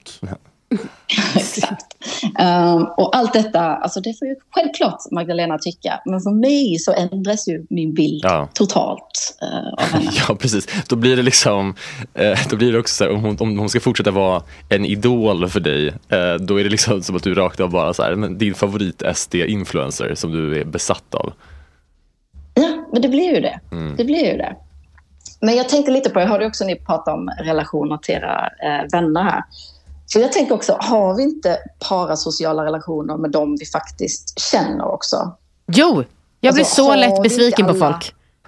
Ja, eller hur? Alltså, vilket är en av mina- Men vadå, det är väl bara att ha relationer? Eller vadå? Ja, det är sant. Alltså, det, är man ja. inte besviken på människor som man har riktiga relationer? Eller vadå? Jo, det är sant. Men det jag tycker ofta att jag kommer på mig själv, bara, gud jag är en så liksom, eh, besviken människa. Och det går inte egentligen ihop med min självbild. Och jag fattar att det här är eh, ett störigt drag hos mig. Men jag tror, jag, jag tror att jag känner att du var något på spåren här som jag relaterar till. Men absolut, det är klart att det är besvikelse ingår i att vara människa. Man har ju förväntningar på saker. Mm. Men vadå, för, förklara vad Men du jag har menar. alltid för höga förväntningar. Folk säger så här, man ska inte ha så för höga förväntningar. Jag tycker om att ha höga förväntningar, men jag blir också ofta besviken. Mm. That's a vibe. jag tycker liksom, alltså, jag känner li- att ibland så har man ju en kompis som man så här, verkligen, verkligen gillar. Mm. Men som har vad man själv känner liksom extremt konstigt content på sin Instagram. Ja! Eh, Gud, förlåt, och det jag bara liksom som inte stämmer överens med, med den personen. Och det påverkar, alltså det påverkar min bild. Jag försöker alltid tänka bort så här bara, "Nej, men gud jag önskar att jag inte såg det. här", Hundra liksom, ja, hundra procent. Folk, alltså, mina kompisar som bara lägger upp eh, töntiga, snygga selfies och liksom, som är totalt meningslösa och platt. Tycker jag bara så här, men lägg av, du är bättre än så här. Ja, eller du är as-autentisk och bara dig själv.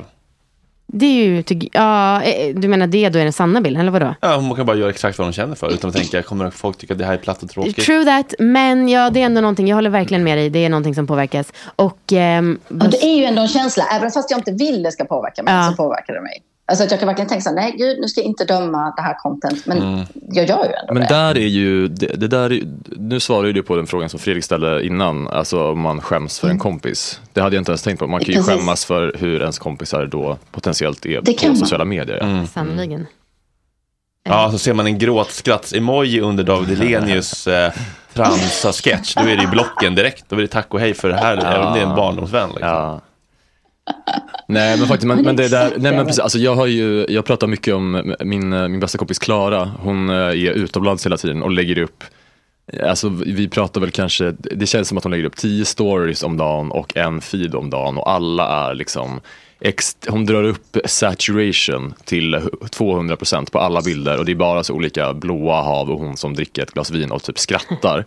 Eh, och det är verkligen så, det, estetiken är liksom om man, en sån stockphoto på så här happy woman on vacation. Eh, Happy drunk, Ja, never men, grej, works. men, grejen är, exakt. men grejen är att Klara är ju en väldigt, alltså hon är själv medveten om det här, så vi har, vi har pratat om det, alltså så här, hon har bara varit så här, alltså är det, är det jättepinsamt att jag lägger upp det här contentet? För hon vet ju att det, hon, är ju- hon jobbar ju inte med att så här, försöka spela svår eller värdig typ. Eh, då har jag behövt känna efter så här, skäms jag för dig?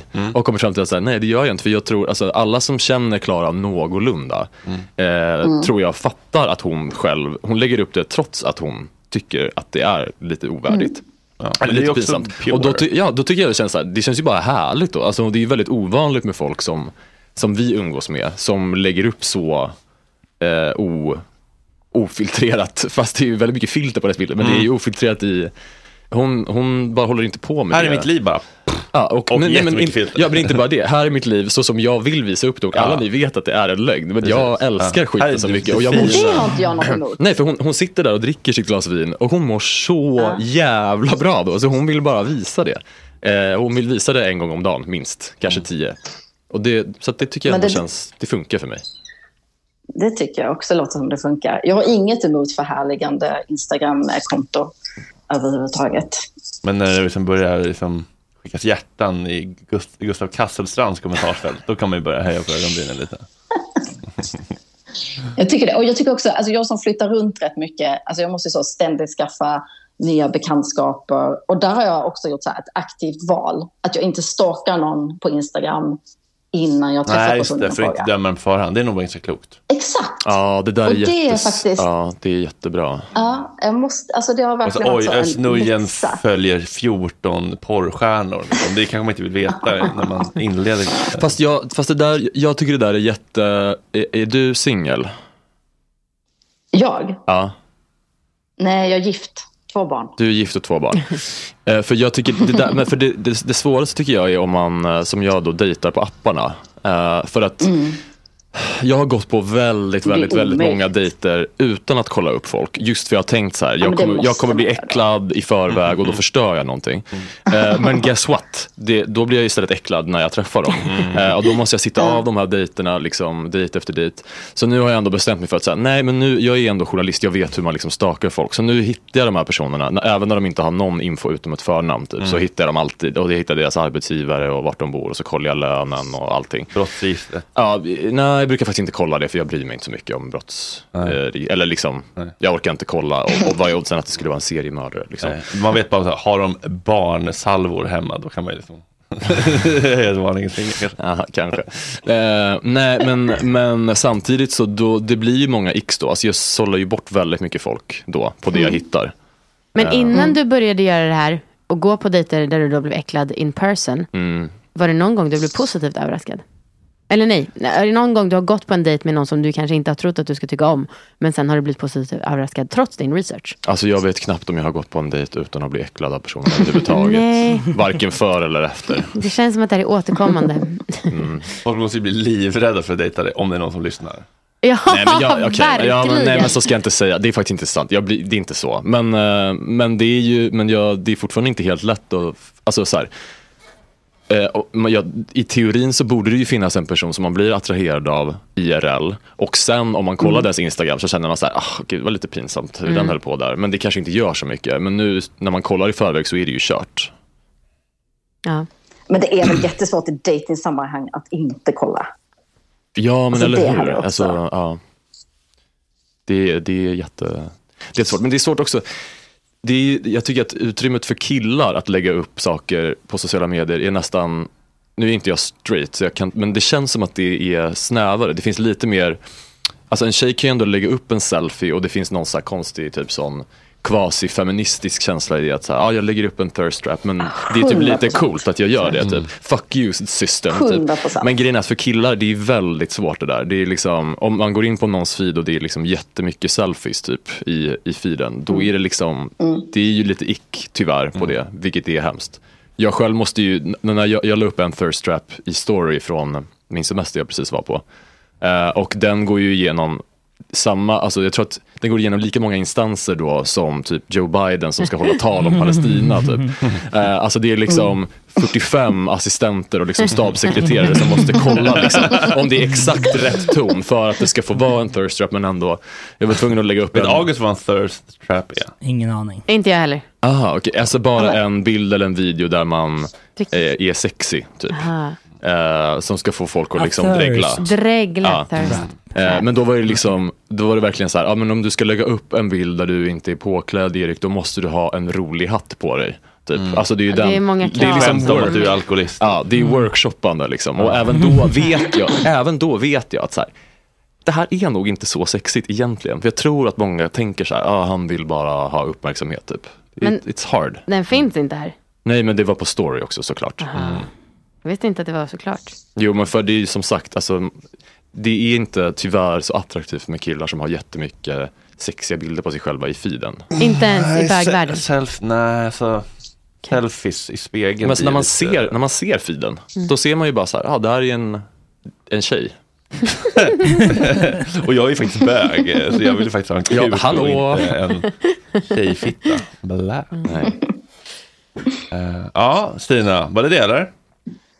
Det var det. Nej, men det var jättebra. Alltså, det här tycker jag faktiskt är viktig samhällsinformation. Det är också beklämmande och jobbigt att höra. Ja. Liksom, att ens, ja, men så här, om, om liksom Bruce Springsteen hade liksom likat så här, APAC liksom, konton eller så här, sionistkonton. Jag hade, jag hade ju blivit en inre konflikt i mig. Liksom.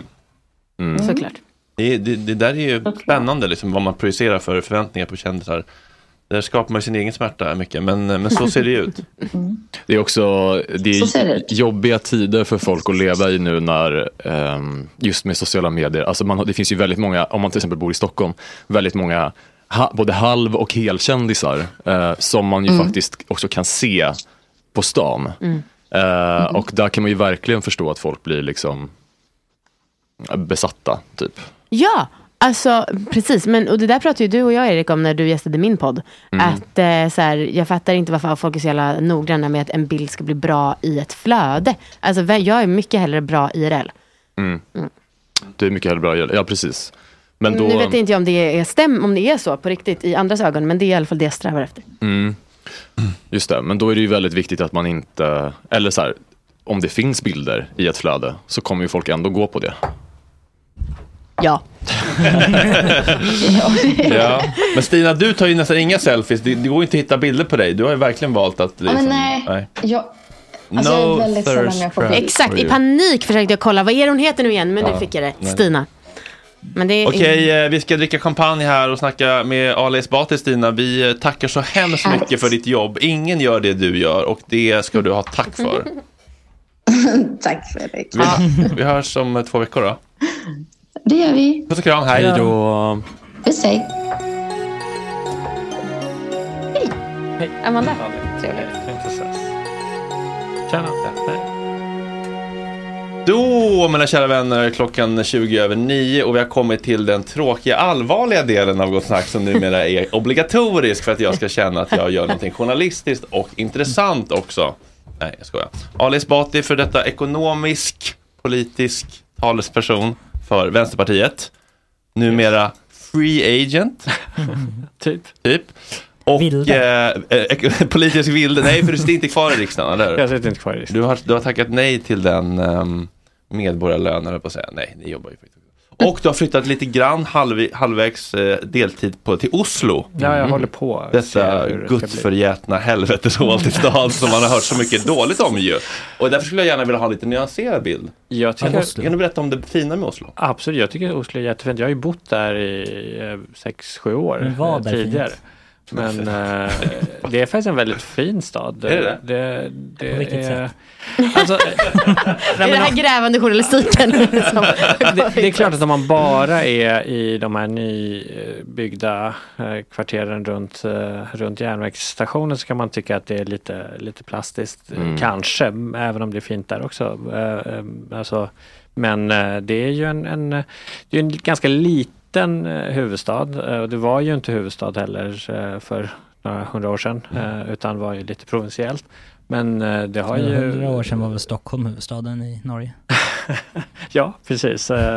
Ja, på ett sätt kan man säga det. Men, men, nej, men jag, jag tycker det finns både att det är liksom små mysiga platser nära älven och om man kommer lite utanför också så finns det massa massa ställen som är, som är väldigt trevliga och det är ganska levande stad. Det händer en hel del saker där. Så jag, jag tycker det är en fin stad. Men- jag älskar ju Stockholm men jag, jag gillar Oslo. Men att en stad har en älv som landmärke, det skriker ju ändå provinsiellt, måste jag säga. Ordet älv är liksom, en storstad Ja, har ju möjligtvis en Det- flod. Ja, ja, okej, jag kanske säger det på norska då. Men, eh, Älven. Men, eh, och, men vad gör du nu då på dagarna? Eh, Jag, dels försöker jag ju reda ut min praktiska situation om hur jag ska göra. Som jag ska ha en mindre lägenhet eller om jag måste säga upp lägenhet. En massa sådana Mm, saker. Ehm, Låt oss men- inte fastna i den logistiken. Men, nej, exakt. Så det, är, det är faktiskt väldigt eh, nedbrytande Ah, okej. för, för varje människa. Ja. Eh, men eh, jag skriver ju, jag har, nu är det bara två veckor egentligen som jag har Ja. inte varit riksdagsledamot. Men, men jag... eh, det är jag, så färskt? Jag, skri, ja, Mhm. eh, jag, skri, jag gav liksom beskedet i höstas. Men, men, Mm. ja. men eh, så skriver jag ju eh, saker. Jag sk- jag skriver ju krönikor här och där och Mm. eh, håller på med lite annat eh, sånt med planer och så. Men det är lite mellanläge Mm. just nu. Så att det är liksom bara frustration över världsläget men inte utlopp i form av Nej. riksdagsuppdrag. men vad, vad är det som, eh, alltså vad, din besatthet av Oslo? Det är jag alltså... Okej, förlåt, det kanske inte är det vi ska Nej, prata min, om. min dotter är, är, är född eh, i, i Norge och Mm. sen eh, ett och ett halvt år tillbaka så har hon och eh, hennes mamma bott i Oslo. Så har jag åkt lite fram och tillbaka men kände att det, jag vill inte ha det så. Jag vill vara liksom Fler närvarande pappor, det mår vi inte dåligt av. Hur gammal är barnet? Nu är hon 12. Eh, Tora skulle ju prata om papparollen som nya mansrollen, men jag tror att hon försov sig igen. Vi har en liten sömntuta i redaktionen.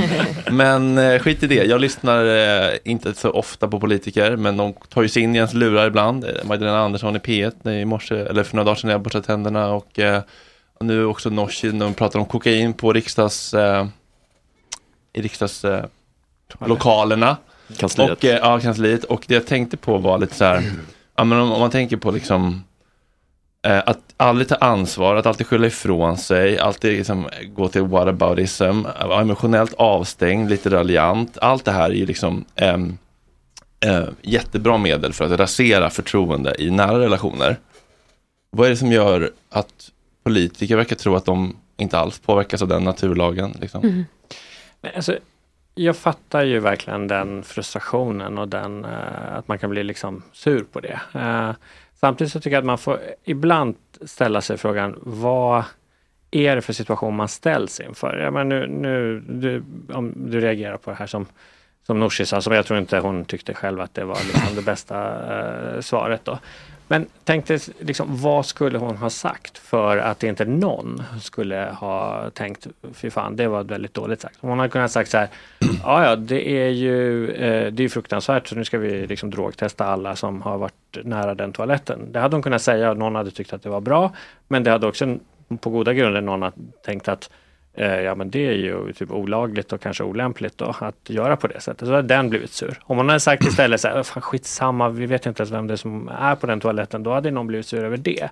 Eh, så det är i många situationer inte alls lätt att svara eftersom också den politiska journalistiken väldigt ofta är ute efter att liksom veva någon liten, liten grej. Mm, ja, men det förstår jag. Så Och- blir det liksom blir ganska all- alltså, svårt. Oavsett åsikter så kommer någon alltid bli upprörd och kränkt. Det kommer jag aldrig komma ifrån. Jag bara eftersträvar lite transparens, ärlighet, genuinitet, sårbarhet. Så här, ja, fan det är ju skit. Om man sagt typ så här, ja det är ju inte alls bra. Det blir ju jävla, jag förstår att det kan ju folk uppleva som ett jävla hyckleri. Att vi stiftar lagar om, om narkotika och sen så drar vi ladd på toaletterna. Det är ju inte alls bra. Det måste vi kolla på. Det hade jag varit helt fine med. Mm. Det hade känts ärligt. Mm. Liksom, bara. Någonting som bara är så här, det här ska vi ta ansvar för, vi kollar. Och sen så, så här, hur, vad är det för åtgärder? Det är inte det jag pratar om. Men jag liksom så håller ju med om det, om att det många gånger kan bli så. Att, känner man bara att, så här, att man hamnar i det läget.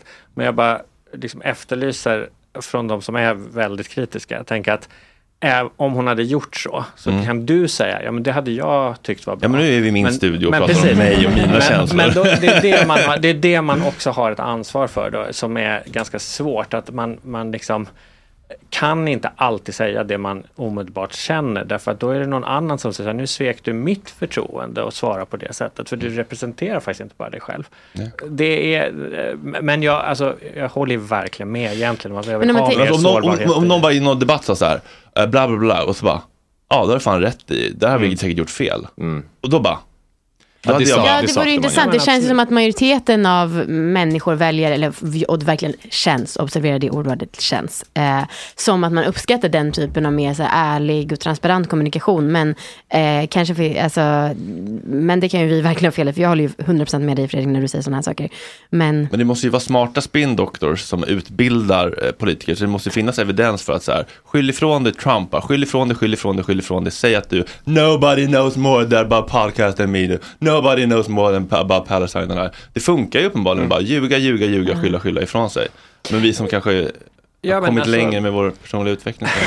Nej men det, det, det är ju så, det är ju, men det, det är ju liksom rollbaserat också. Men, men, men visst är det så att det är i många situationer eh, väldigt svårt att eh, säga det man tänker därför att det ger negativa Mm. resultat för det, i, i den roll som man är i. Mm. Samtidigt som det ju då eh, tär, kan tära på förtroendet. Och det, men, och det tänkte jag på när, när du sa det här med, ja men det, det leder till eh, liksom bristande förtroende.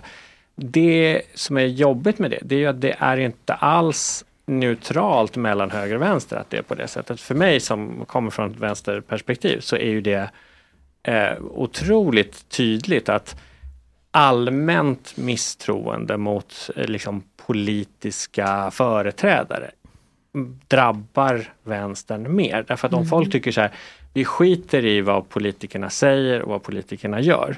eh, Så, eh, så finns ju fortfarande den underliggande maktstrukturen kvar. Den som, den, som är, den som äger massa grejer i det här samhället behöver ju inte ha några politiska företrädare som man litar på eller som gör det man säger. Utan man, man sitter ju på den makten ändå.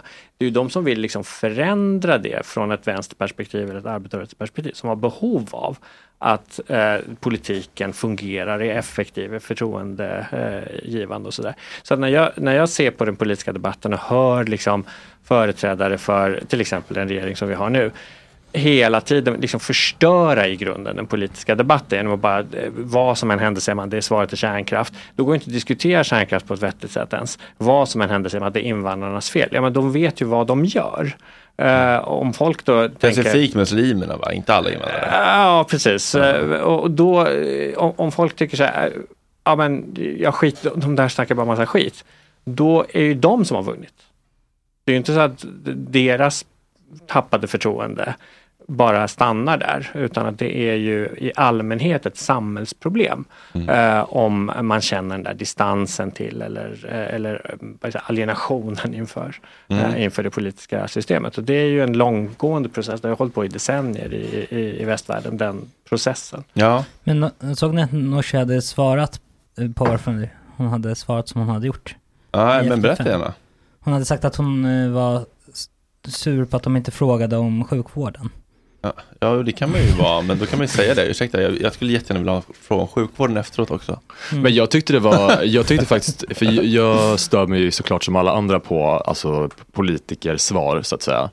Ehm, jag tyckte att för en gångs skull så störde jag mig inte på det här för det var så, jag tyckte det var uppfriskande. Ja, men att- hon var ju så jävla off Alltså, nej, men det, var så så det då, var- det var så dåligt att det blir uppenbart att så här, det här har ju inte en spindoktor Nej, nej. sagt Det dig i att du ska säga. liksom. Ja, utan så här, du, du, du, du liksom fick en så här stroke Ja, i den här det intervjun och bara säger någonting och så märker hon själv att så här, hon bara, nej, Nej, det det där blev ju bra. inget Men bra. det- det var ju ändå- uppfriskande det Jag blir mycket mindre irriterad på det Ja. än, för att all, alla andra gånger en politiker får en fråga i valfritt sammanhang så får man ju bara det planerade svaret. Ja, jag var bara tvungen att ta en Eh, det vänster blir, exempel liksom. för att inte verka Ja. för bias liksom. Men, eh, men jag men- kände att hon plockade liksom, tyvärr plockar hon ju inte, i just det så plockar hon ju inte kompetenspoäng kanske. Nej. Men alla politiker svarar ju liksom massa grejer. Men hon, hon plockar ju ändå lite sympatipoäng. Man känner Ja. såhär, nej, nej, Det där var riktigt bra." klumpigt gjort. Men det som också funkar är ju trots allt den här, märker jag själv när Magdalena Andersson sitter och säger i P1 Morgon så här, vi har alltid varit för en stram invandringspolitik, det är högerregeringen som öppnade gränserna. Jag bara, "Ja, men så kanske det var.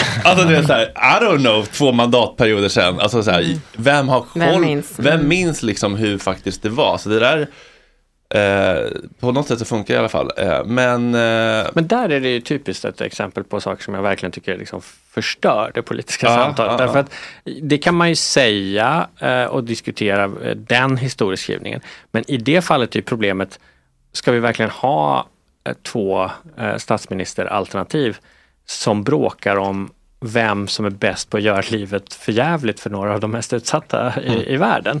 Eh, Det är ju det är ett allvarligt och grundläggande problem i, och det blir liksom svårare att diskutera det. När, därför att den politiska journalistiken med nödvändighet blir ju intresserad av att säga så här, okej vem har rätt Mm. av det här då, de här Mm. två kandidaterna. Så blir, har liksom frågan förskjutits från viktiga kärnfrågor till en eh, jävligt konstig spelgrej. Det blir också ett konstigt, alltså det blir lite svårt, att, eller det blir inte så mycket att välja mellan när det, det de bråkar om är vem tyckte Mm. exakt samma sak först? Mm.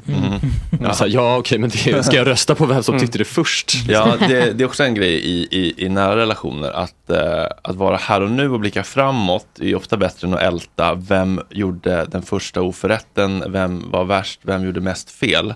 Men det är ju ganska mycket fokus på det också. Alltså titta bakåt och hålla Mm. varandra accountable för gamla oförrätter.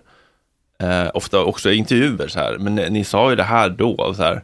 Är det Mm. liksom, är det Det, viktigt? det där är också en dubbel grej. Jag, alltså, jag tycker att det ibland kan vara otroligt frustrerande och nedbrytande när det är så.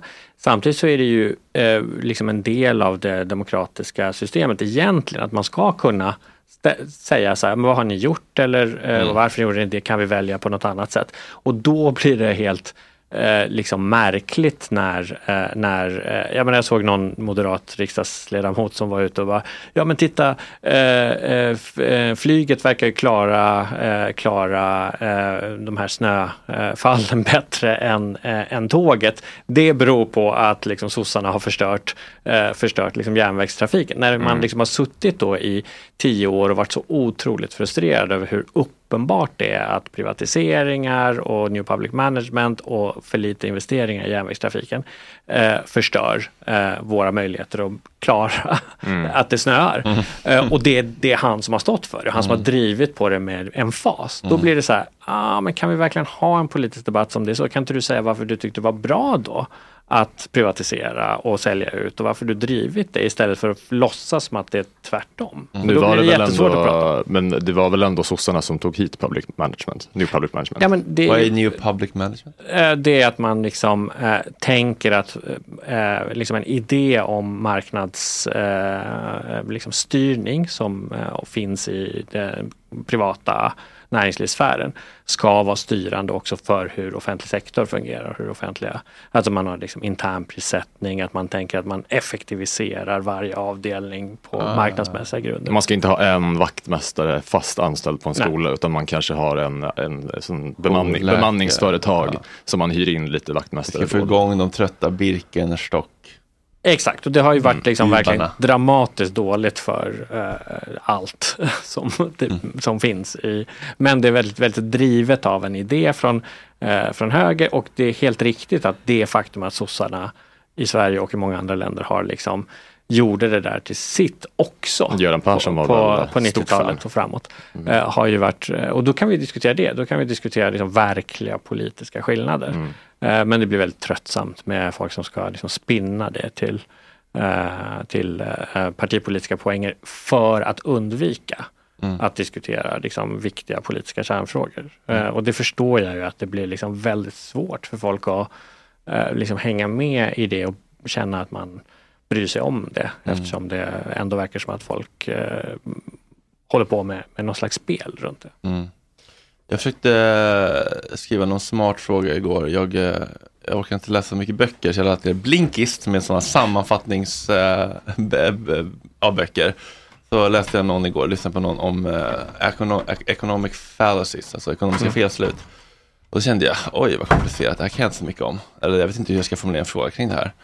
Eh, så jag sket i det. Men jag la ut en på en fråga på Insta. Mm. Eh, kan ni ge några förslag? Och då skickade jag svaren till dig och då nappade du på en.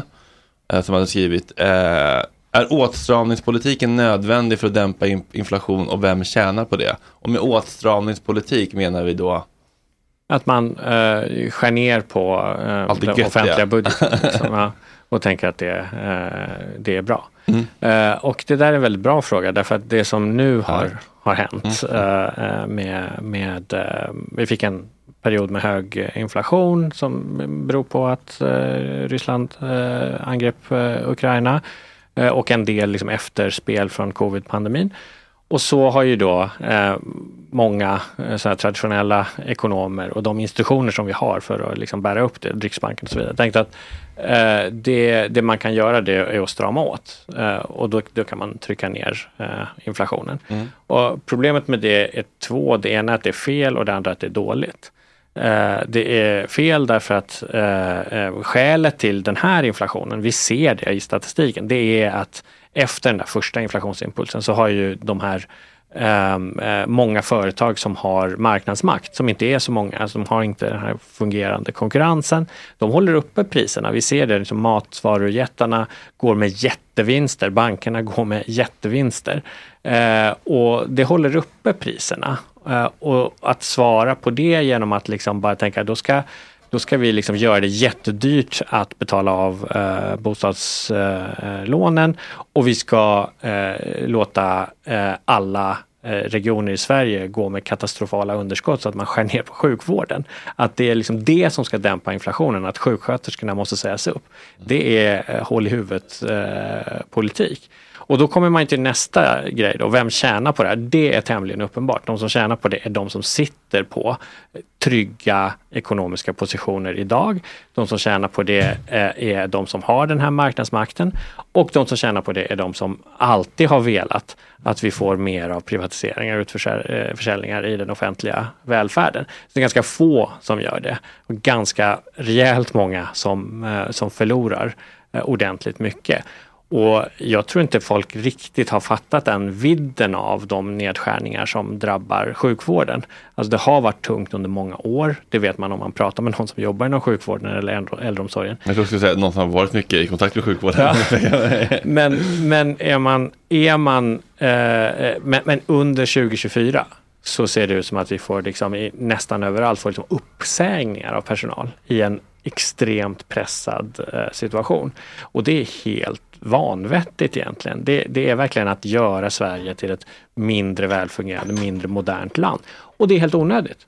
Det är inte så att pengarna inte finns och nu ska vi, nu det det krigsekonomi.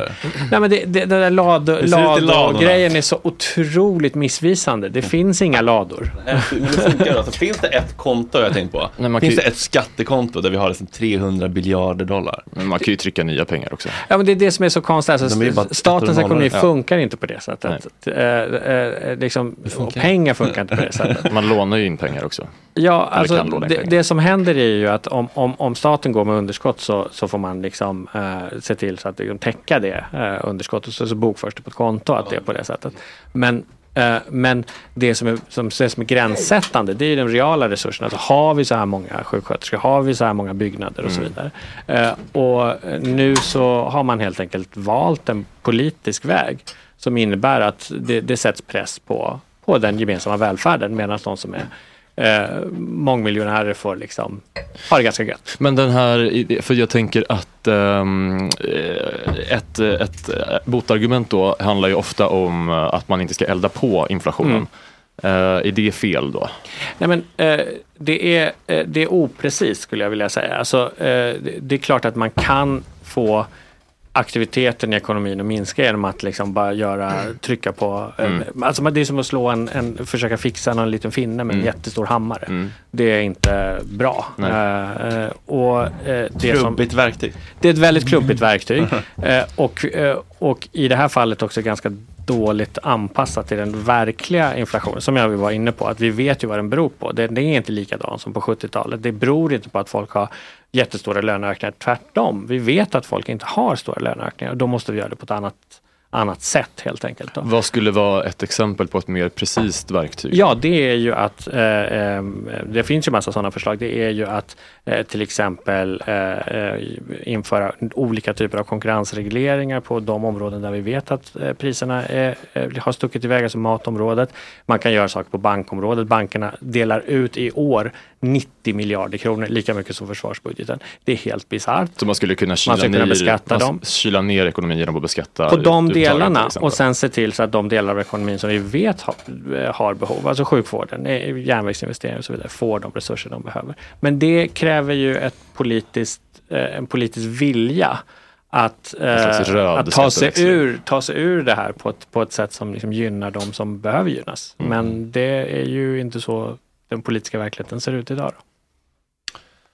Från det ena till det andra. Eh, Rickard Julin har kommit in i studion med eh, lite bubbel. Eh, har eh, nyligen utkommit med en bok. Eh, jag tänker kanske att Amanda, vi kan ta flanken så kan Rickard få komma in här. Vi pratar lite politik Rickard. Du behöver inte säga någonting om det om du inte vill. Du är champagneexpert och Och författare. då, då kan man ju inte bry sig om resten av världen. Nej, du är ju helt ignorant och allt du bryr dig om är att bli salongs på bubbel så ofta du bara kan. Eh, Du är varmt välkommen hit. Du har släppt en bok också, Allt du vill veta om champagne. Ja. Eh, Kort bara, vad är det vanligaste folk eh, frågar när de är noviser? Dig? Eh, vad är det för skillnad på prosecco, cava och champagne? gud. Ungefär Kan inte folk det? trött på att svara på den frågan. Ja, Men det är helt sjukt att folk inte kan det, Ja, tycker jag. Ber du dem dra åt är helvete då eller? Varför är det sjukt? Ja, men därför det är så, det är liksom ABC, typ om det finns rött och eh, vitt Ja, vin. det är lite så. Alltså det är så basic. Och det, man kan väl säga, rent, rent generellt så är det så, från när jag började alltså med det jag blev kär i champagne 1986, jag har hållit på hur länge som helst med det. Och då var det så, och då brann jag för att förklara det här, så känner jag att det har hänt så pass mycket. Sverige har kommit upp på tionde plats i världskonsumtion. Vi är kanske Asså. tvåa i kunskap efter japanerna som nördar in sig ännu mer. Oj. Eh, och sådär. Och det, så det är väldigt stora grupper som kan mycket om det, som letar efter vingårdsbetecknade champagner och massa nya trender och sånt där och folk följer med det på väldigt hög nivå. Och då blir det sån enorm kontrast mellan just den där frågan, men den är fortfarande vanlig. Så jag skulle säga att det är väl fortfarande en majoritet av svenska folket utanför storstäderna som inte vet att champagne kommer från ett distrikt. Jag misstänker nu att mitt raljerande eh, gör att August inte vågar fråga mig att du kanske inte vet egentligen Alltså jag vet ju att champagne kommer från champagne. Ja, Bra. Eh, Men det är väl typ det. okej. Mm. Det är ett landskap lika stort som eh, halva Belgien ungefär. Eh, Jag har, en, jag har en fråga. Eh, alltså man pratar ju om, för jag gick en så här, jag är en kvarts sommelier kan man säga. Eh, jag skolkade sen för att jag tyckte att det var så, det var så långa dagar och sitta och dricka, vi drack, eller smakade vinet innan lunch. Ja. Och då var man ashungrig och så blev man ändå lite trött. Och så, ah, jag blev bara Spottar du trött. inte då? Du, Jo, jag, jo, jo, jag men man tog fick till och med en spottkopp här. Eller Ja, jag det, snodde gud, det är en. en eh, era. den ser ut som en Du kruka. tog också med egna glas, det var gulligt. Eh, nej men och då så i alla fall jag blev så trött och liksom eh, ville inte fortsätta med det där. Men vad skulle jag säga? Ehm, eh, jo, klimatförändring. Man pratar ju om att i framtiden Ja. i Sverige kommer ju Ja. kunna, alltså att det kan vara lönsamt att köpa vingårdar här nu för att det kommer vara framtiden. Märker du att kvaliteten på champagne har börjat påverkas? Ja, det, det, det har den definitivt gjort. Om man tittar på senaste 20-årsperioden så är det en ganska stor skillnad. Det är, om man tittar på de största klimatförändringarna överhuvudtaget som har varit, Ja. de är ju närmst polerna och Ja. vi är ju drabbade rätt hårt.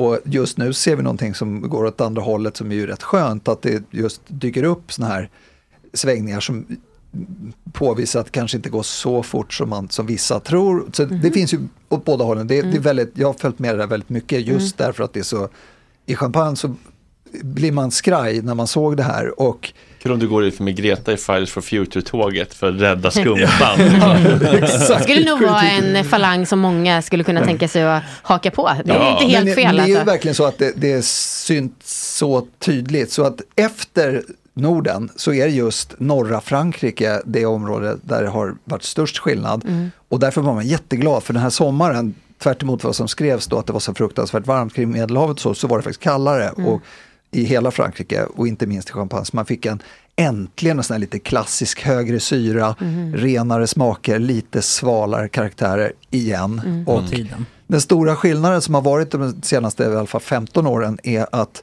det har blivit lättare att göra enkel champagne för man får en större mognad, man får en större sötma, mera fruktsmaker och sånt där.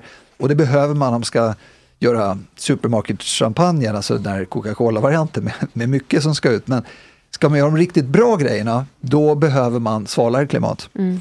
Så att för de enkla så har det varit en fördel och för de finaste så har det varit lite sämre. Jag fattar. Mm. Eh, får, får jag ställa en fråga? Ja. Alla får ställa frågor. Fråga Amanda om det är en dum fråga. Bygga om talpinnen. Men eh, för min bästis är väldigt eh, vinintresserad Eh, och eh, hon pratar ofta om att eh, det är olika stora bubblor i olika Ja. kolsyrerdrycker. Ja. Och jag, där har jag alltid känt jag, jag orkar inte vara den som alltid ska säga att det där låter inte rimligt till Nej. henne. Hon har, kan mycket mer än mig. Ja. Men kan det verkligen vara olika stora bubblor? Ja, Det kan det. Det kan det vara. eh, men det är, det är en överdriven del. Ja. Alltså folk sätter, storheten med just med champagne, den handlar mer om en kombination av väder, alltså klimat och eh, jordmånsförutsättningar. Det, är det absolut viktigaste är den speciella jordmånen som finns där i kombination med ett, ett relativt svalt klimat. Och små bubblor.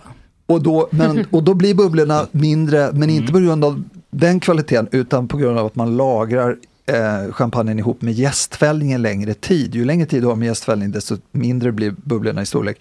Men eh, och kör du läskedrycksmetod, Sodastream-variant Ja. eller vad, vad som helst, då blir det en viss storlek på alla. Men det som är den absolut största skillnaden, det är olika glas. Mm. Hur man häller upp och, och sådana saker. Så att man kan kompensera det ganska mycket.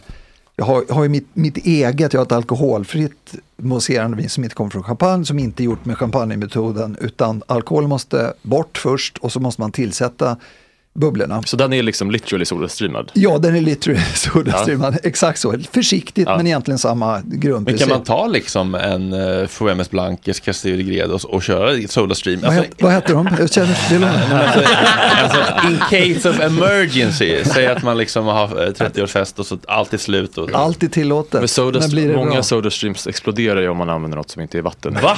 Ja. Gör det? De kodade för att göra det? Ja, ja, det här är ju, vad, har ni aldrig gjort det?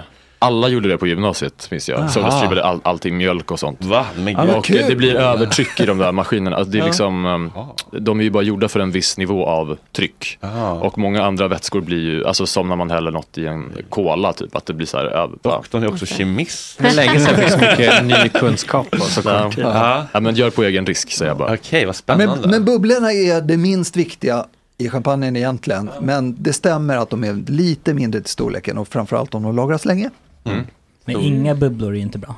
Nej, men jag har druckit några där man bara känner, jag brukar kalla det för kolsyreviskning, man, man får en sån här litet pys, pys när man öppnar flaskan.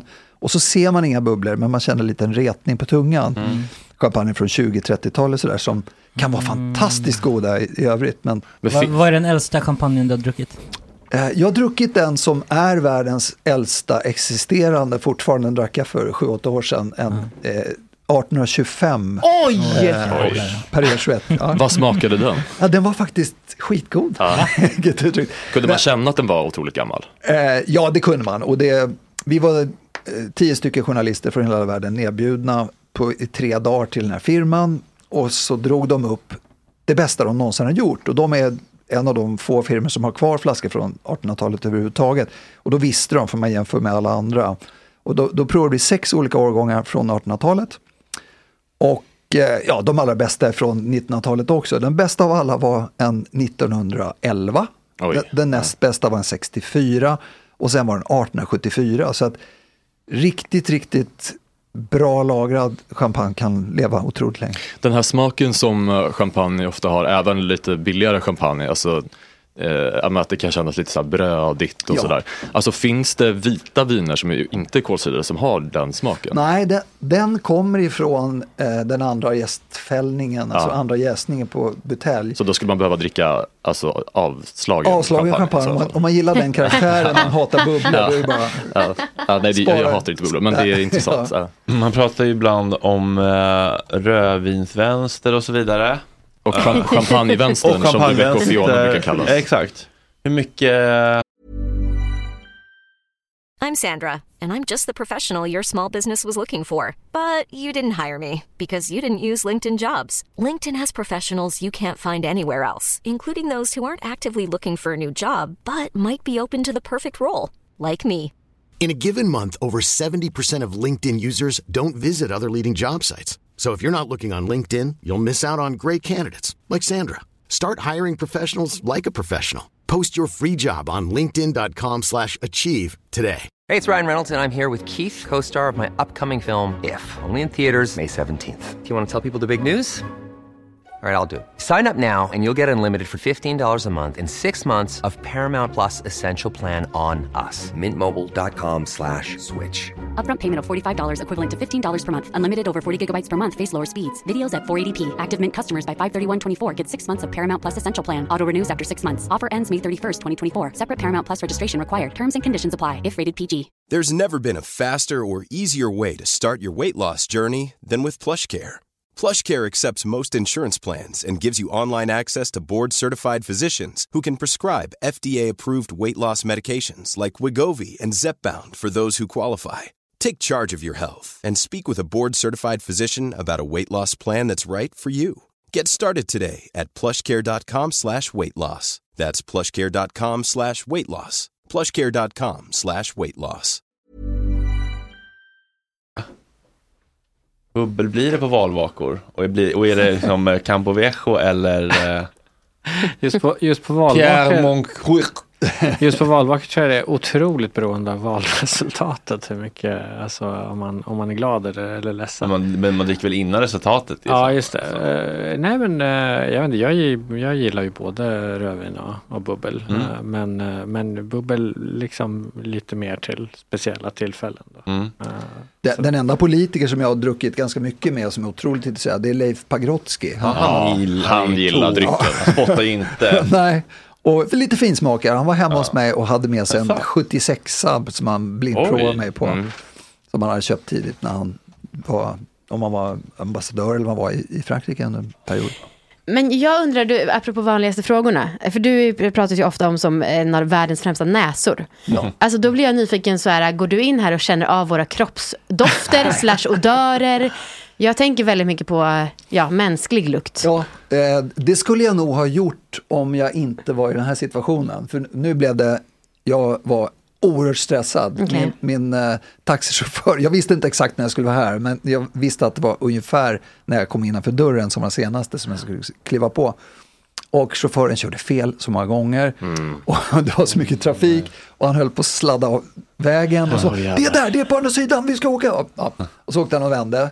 Och sen klev in så var det, ja, där är det. Nu ska jag lugna ner mig. Och så såg jag bara att ni hade skön, cool, coola vibbar här inne. Så Ja, jag det, man behövde på inte eskortera som jag Så att råkade jag har se på inte doftat överhuvudtaget. Jag hann ju öppna champagnen och förbereda lite där på Ah. en minut. Men eh, ska jag känna då? Ja, men vad känner du? Nej, men det, det är mest det här hemtrevlig blandning. Ja. Eh, det är ungefär som det ser ut li, Ja. lite grann. In, ingenting som sticker ut som speciellt Nej, jag, har starkt. inte, jag har inte rökt inne på länge faktiskt. Jag kanske ska ta en cigg. Det finns faktiskt uppe på, om du vill ta ner askkoppen. Då hade det blivit jobbigt. Där finns det. Vill ni göra det på riktigt? Nej, det, det funkar inte, för nu ska vi prova champagne. Och de Ja. här, Mm. de, de jag har med mig här, de är av respekt för producenterna, för jag får ju nästan alla champagne jag provar skickade till mig. Ah, Och uff, periodvis att jag, jag gör ett stort, eh, sitter en vecka och skriver personliga mejl till massa producenter och sen trillar det, måste jag stå hemma och vakta dörren så kommer champagne. och då är det väldigt ofta att det är alltså nya sorter och provar jag inte dem koncentrerat i alla fall ett par klunkar så känner jag att jag är taskig mot dem. Och speciellt om det är sådana som görs i få exemplar som Mm. de här var. Ja, och Så vad- då vad går är- det inte att vara på ett ställe där det röks, men däremot har jag med mig egna glas för att ha samma referensram Oj. varje gång jag testar och, och sådär. Ja. Det är lite saker att Får jag tänka på. fråga en sak då? Ja. Vad är det som i yrket? Eh, är det, eh, får, får du liksom vara väldigt försiktig med vad du äter och dricker Ja. i övrigt då? Absolut, så, så är det. Bara, alltså, Alltså för att inte förstöra sina verktyg. Alltså, nu kan du inte gå in och dra liksom en eh, pasta diablo på bläckan innan. Den största vad? risken, det enda jag har gjort idag som är medvetet fast jag knappt tänker på det, det är att jag borstar tänderna före frukost, vilket jag inte gör om jag ska inte prova champagne Mm. eller prova vin överhuvudtaget. Men det, lägger, det fattar jag Man vill en inte ha en Colgate-käft. Nej, jag, jag har varit med om det eh, vid ett tillfälle då jag hade gjort mig ordning för att gå och lägga mig och sova. Jag åkte på väg till Champagne med bil, körde hela vägen med en kompis. Och sen så när vi ska gå och lägga oss så säger han, nej, jag, jag pallar inte, jag kör bil fortfarande, jag måste ner och ta en öl i baren. Ja, jag hänger på, så jag. Och då hade jag borstat tänderna, glömt bort det. Och så ser vi på en flygel så står en ny årgång av en av mina favoritchampagner. Så jag, åh jäklar, vi måste prova, man, de kör en by the glass. Så tog jag den och doftade, det var ljuvligt, ska jag ta första klunket. Och så bara mm. grimaserar hela Men facet ihop sig. är, om, man känner, om, om det där händer då, det där har ju hänt alla, kanske inte Ja. med just den Nej. kampanjen. Eh, vad, vad är bäst för att liksom, vad, vad ska man liksom köra in i käften innan för att liksom ta bort den där tandkräms? hade du inte kunnat du- du dricka måste- lite öl typ? Mm, nej, det hade jag inte kunnat. Det hade ju renat en hel del, men då hade jag haft kvar ölsmaken. Ah. Det som är absolut värst, det är alltså rå lök sitter i för mig om jag har käkat det till lunch och jag äter middag och efter middagen provar vin. Mm. Så känner jag av det. Så att det är vissa saker som är väldigt långt ifrån. Tuggummi, mentoltoner sitter i jättemycket. Stark vitlök sitter i. Men när det väl är i då, då är det kört. Eh, nej, det är inte kört. Du, du kan ju, det har jag märkt att det tar en längre tid för mig än för andra. För att eh, det händer ganska ofta att jag, till exempel nere i Champagne så käkar man en, eh, kör de en dessert och så har jag varit tvungen att smaka på någonting bara för att vara snäll. Och så sticker vi iväg två timmar senare på ett nytt ställe. Och de säger, den är helt borta. Jag känner absolut ingenting, sitter det kvar där. Lilla citrontonen. Ja, det blir liksom att du ofta inte, du, du vill inte äta olika grejer för att du tycker det förstör champagnesmaken Ja, för dig om- sen. Och det kommer alltid det. en champagne. Nej, det gör det inte. Men man det är vill, man, man vill aldrig stänga fönstret. Nej, men jag har, alltså, runt hörnet här ligger några indiska restauranger. Jag har, Mm. Min dotter går på gymnastik en bit bort härifrån.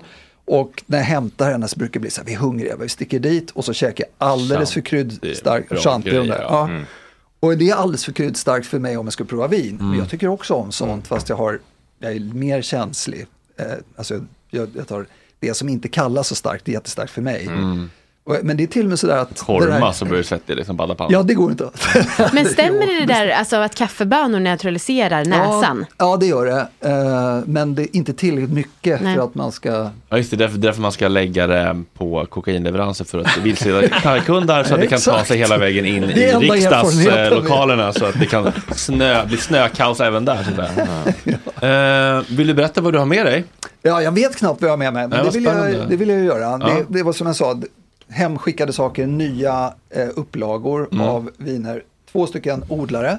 Det är så att i champagne så finns det tre typer av producenter. De klart dominanta är de stora champagnehusen som har lite vingårdar och eh, också köper, köper in druvor väldigt mycket från små odlare. Så finns det sådana, fler och fler nu, bra, från bra byar som börjar göra, eget, speciellt en ny ung generation i eran ålder där man farfar gjorde aldrig en bra grej, men jäklar vilka druvor han har. Och så har de börjat köra så, och så börjar de titta på någon granne och så blir det mer och mer ekologiskt, mer och mer biodynamiskt, mer och mer ekfatslagrat, mer jättegammaldags metoder och sådär. Hantverksmässigt gjorda. Så jag tog med en ren Blanc Blanc, bara Chardonnay, och en med nästan bara Pinot Noir. Den ena heter Robert Moncuy. Jag har bara två glas. Mm. Ja, det var väldigt eh, exkluderande, men som tur var så har vi ju Riedel-spons här. Eh, August, vill du plocka ner lite glas från eh, vinglashyllan? Eh, saknar du eh, Bengt Frithiofsson i rutan som den lite mer men klektiska? alltså, jag vet faktiskt hur... Vad har han tagit vägen? Ja, det jag tror han är bara gammal och gaggig och avpoliterad tyvärr. Ja, ja. Men han var ju väldigt eh, härlig. Verkligen. Ja. Eh, Det här jag funkar alldeles utmärkt. Grilla på sommaren och chill out. Det behöver inte vara så märkvärdigt. Och det, artikel nummer 545. Nej, men han var ju underbar tv-figur. Eller hur? Ja, ja, och, men, var han, eh, men var han inte så kunnig? Är det det du insinuerar? Eh, han, Han var om, jag säger, om jag säger, om det jag säger så här. Vi, Ja, det vi, hade, vi hade väldigt många provningar tillsammans, eller middagar. Och varje gång vi såg så gick han ner på knä och sa Mästaren! Ja, apropå att eh, känna sig underlägsen sina kompisar. Mm. Och då är frågan om Rickard skämdes lite. för Bengt. Skämdes du för Bengt då? Nej, nej, nej. det är Vi har pratat tidigare idag om att skämmas för sina kompisar om man inte är i samma sociala Ja. status och sådana saker. Och eh, Love is blind. Alltså när man umgås med dem eller, Ja, eller om man- saker de gör. Lite både och. stan. Lite både och. Om man går intressant. tillsammans. Mm. pratar också om Love is blind, att de är på lite olika nivåer ibland utseendemässigt. Och så pratade E- Erik också väldigt länge om eh, håravfall. Eh, och att han, han äter väldigt mycket mediciner för Ja, att jag har bromsa det. upp dem här. På... Men att vissa män kan ju verkligen bottna i en snygg flint. Och du tycker jag verkligen gör Sannerligen! Jag tycker verkligen gör det. Måste jag säga. Ja, men där har jag en skön historia. Jag kan säga att jag var verkligen, jag har alltid tyckt att jag ser rätt bra ut och jag har bra Ja, självförtroende. det man jag är duktig på grejer. Så, här, så har jag känt. Men jag hade ett stort komplex. Ja. Jag började tappa hår. Ah. Och det var så jäkla trauma. Vilken ålder? Vilken ålder? Jag tror det började 21, 22 någonting. Först, första man såg att det var så Hörrni, champagnen är uppkorkad. Vi kommer gå in i eftersnacket exklusivt för våra snällaste 100 kronors Patreons. Och för er andra som är ute i kylan, eh, var inte ledsna, vi hörs igen på måndag. Men kom gärna in i värmen. Det är två latte i månaden. Det är liksom 100 kronor, det är liksom en... Eh, Pierre Moncuy. det är en tesked av det här eh, för att få Och eh, eftersnacket. jag, jag, får- jag vill bara också säga en Ja. snabb Ja, liten ja. eh, push, pusha för mig själv. Att Nu finns min poddsida uppe på Spotify. Ah. Så sök på om vi var där på Spotify och följ så kommer första avsnittet väldigt, väldigt snart. Om vi var där. August har gjort en historiepodd som vi ska få höra mer om i eftersnacket.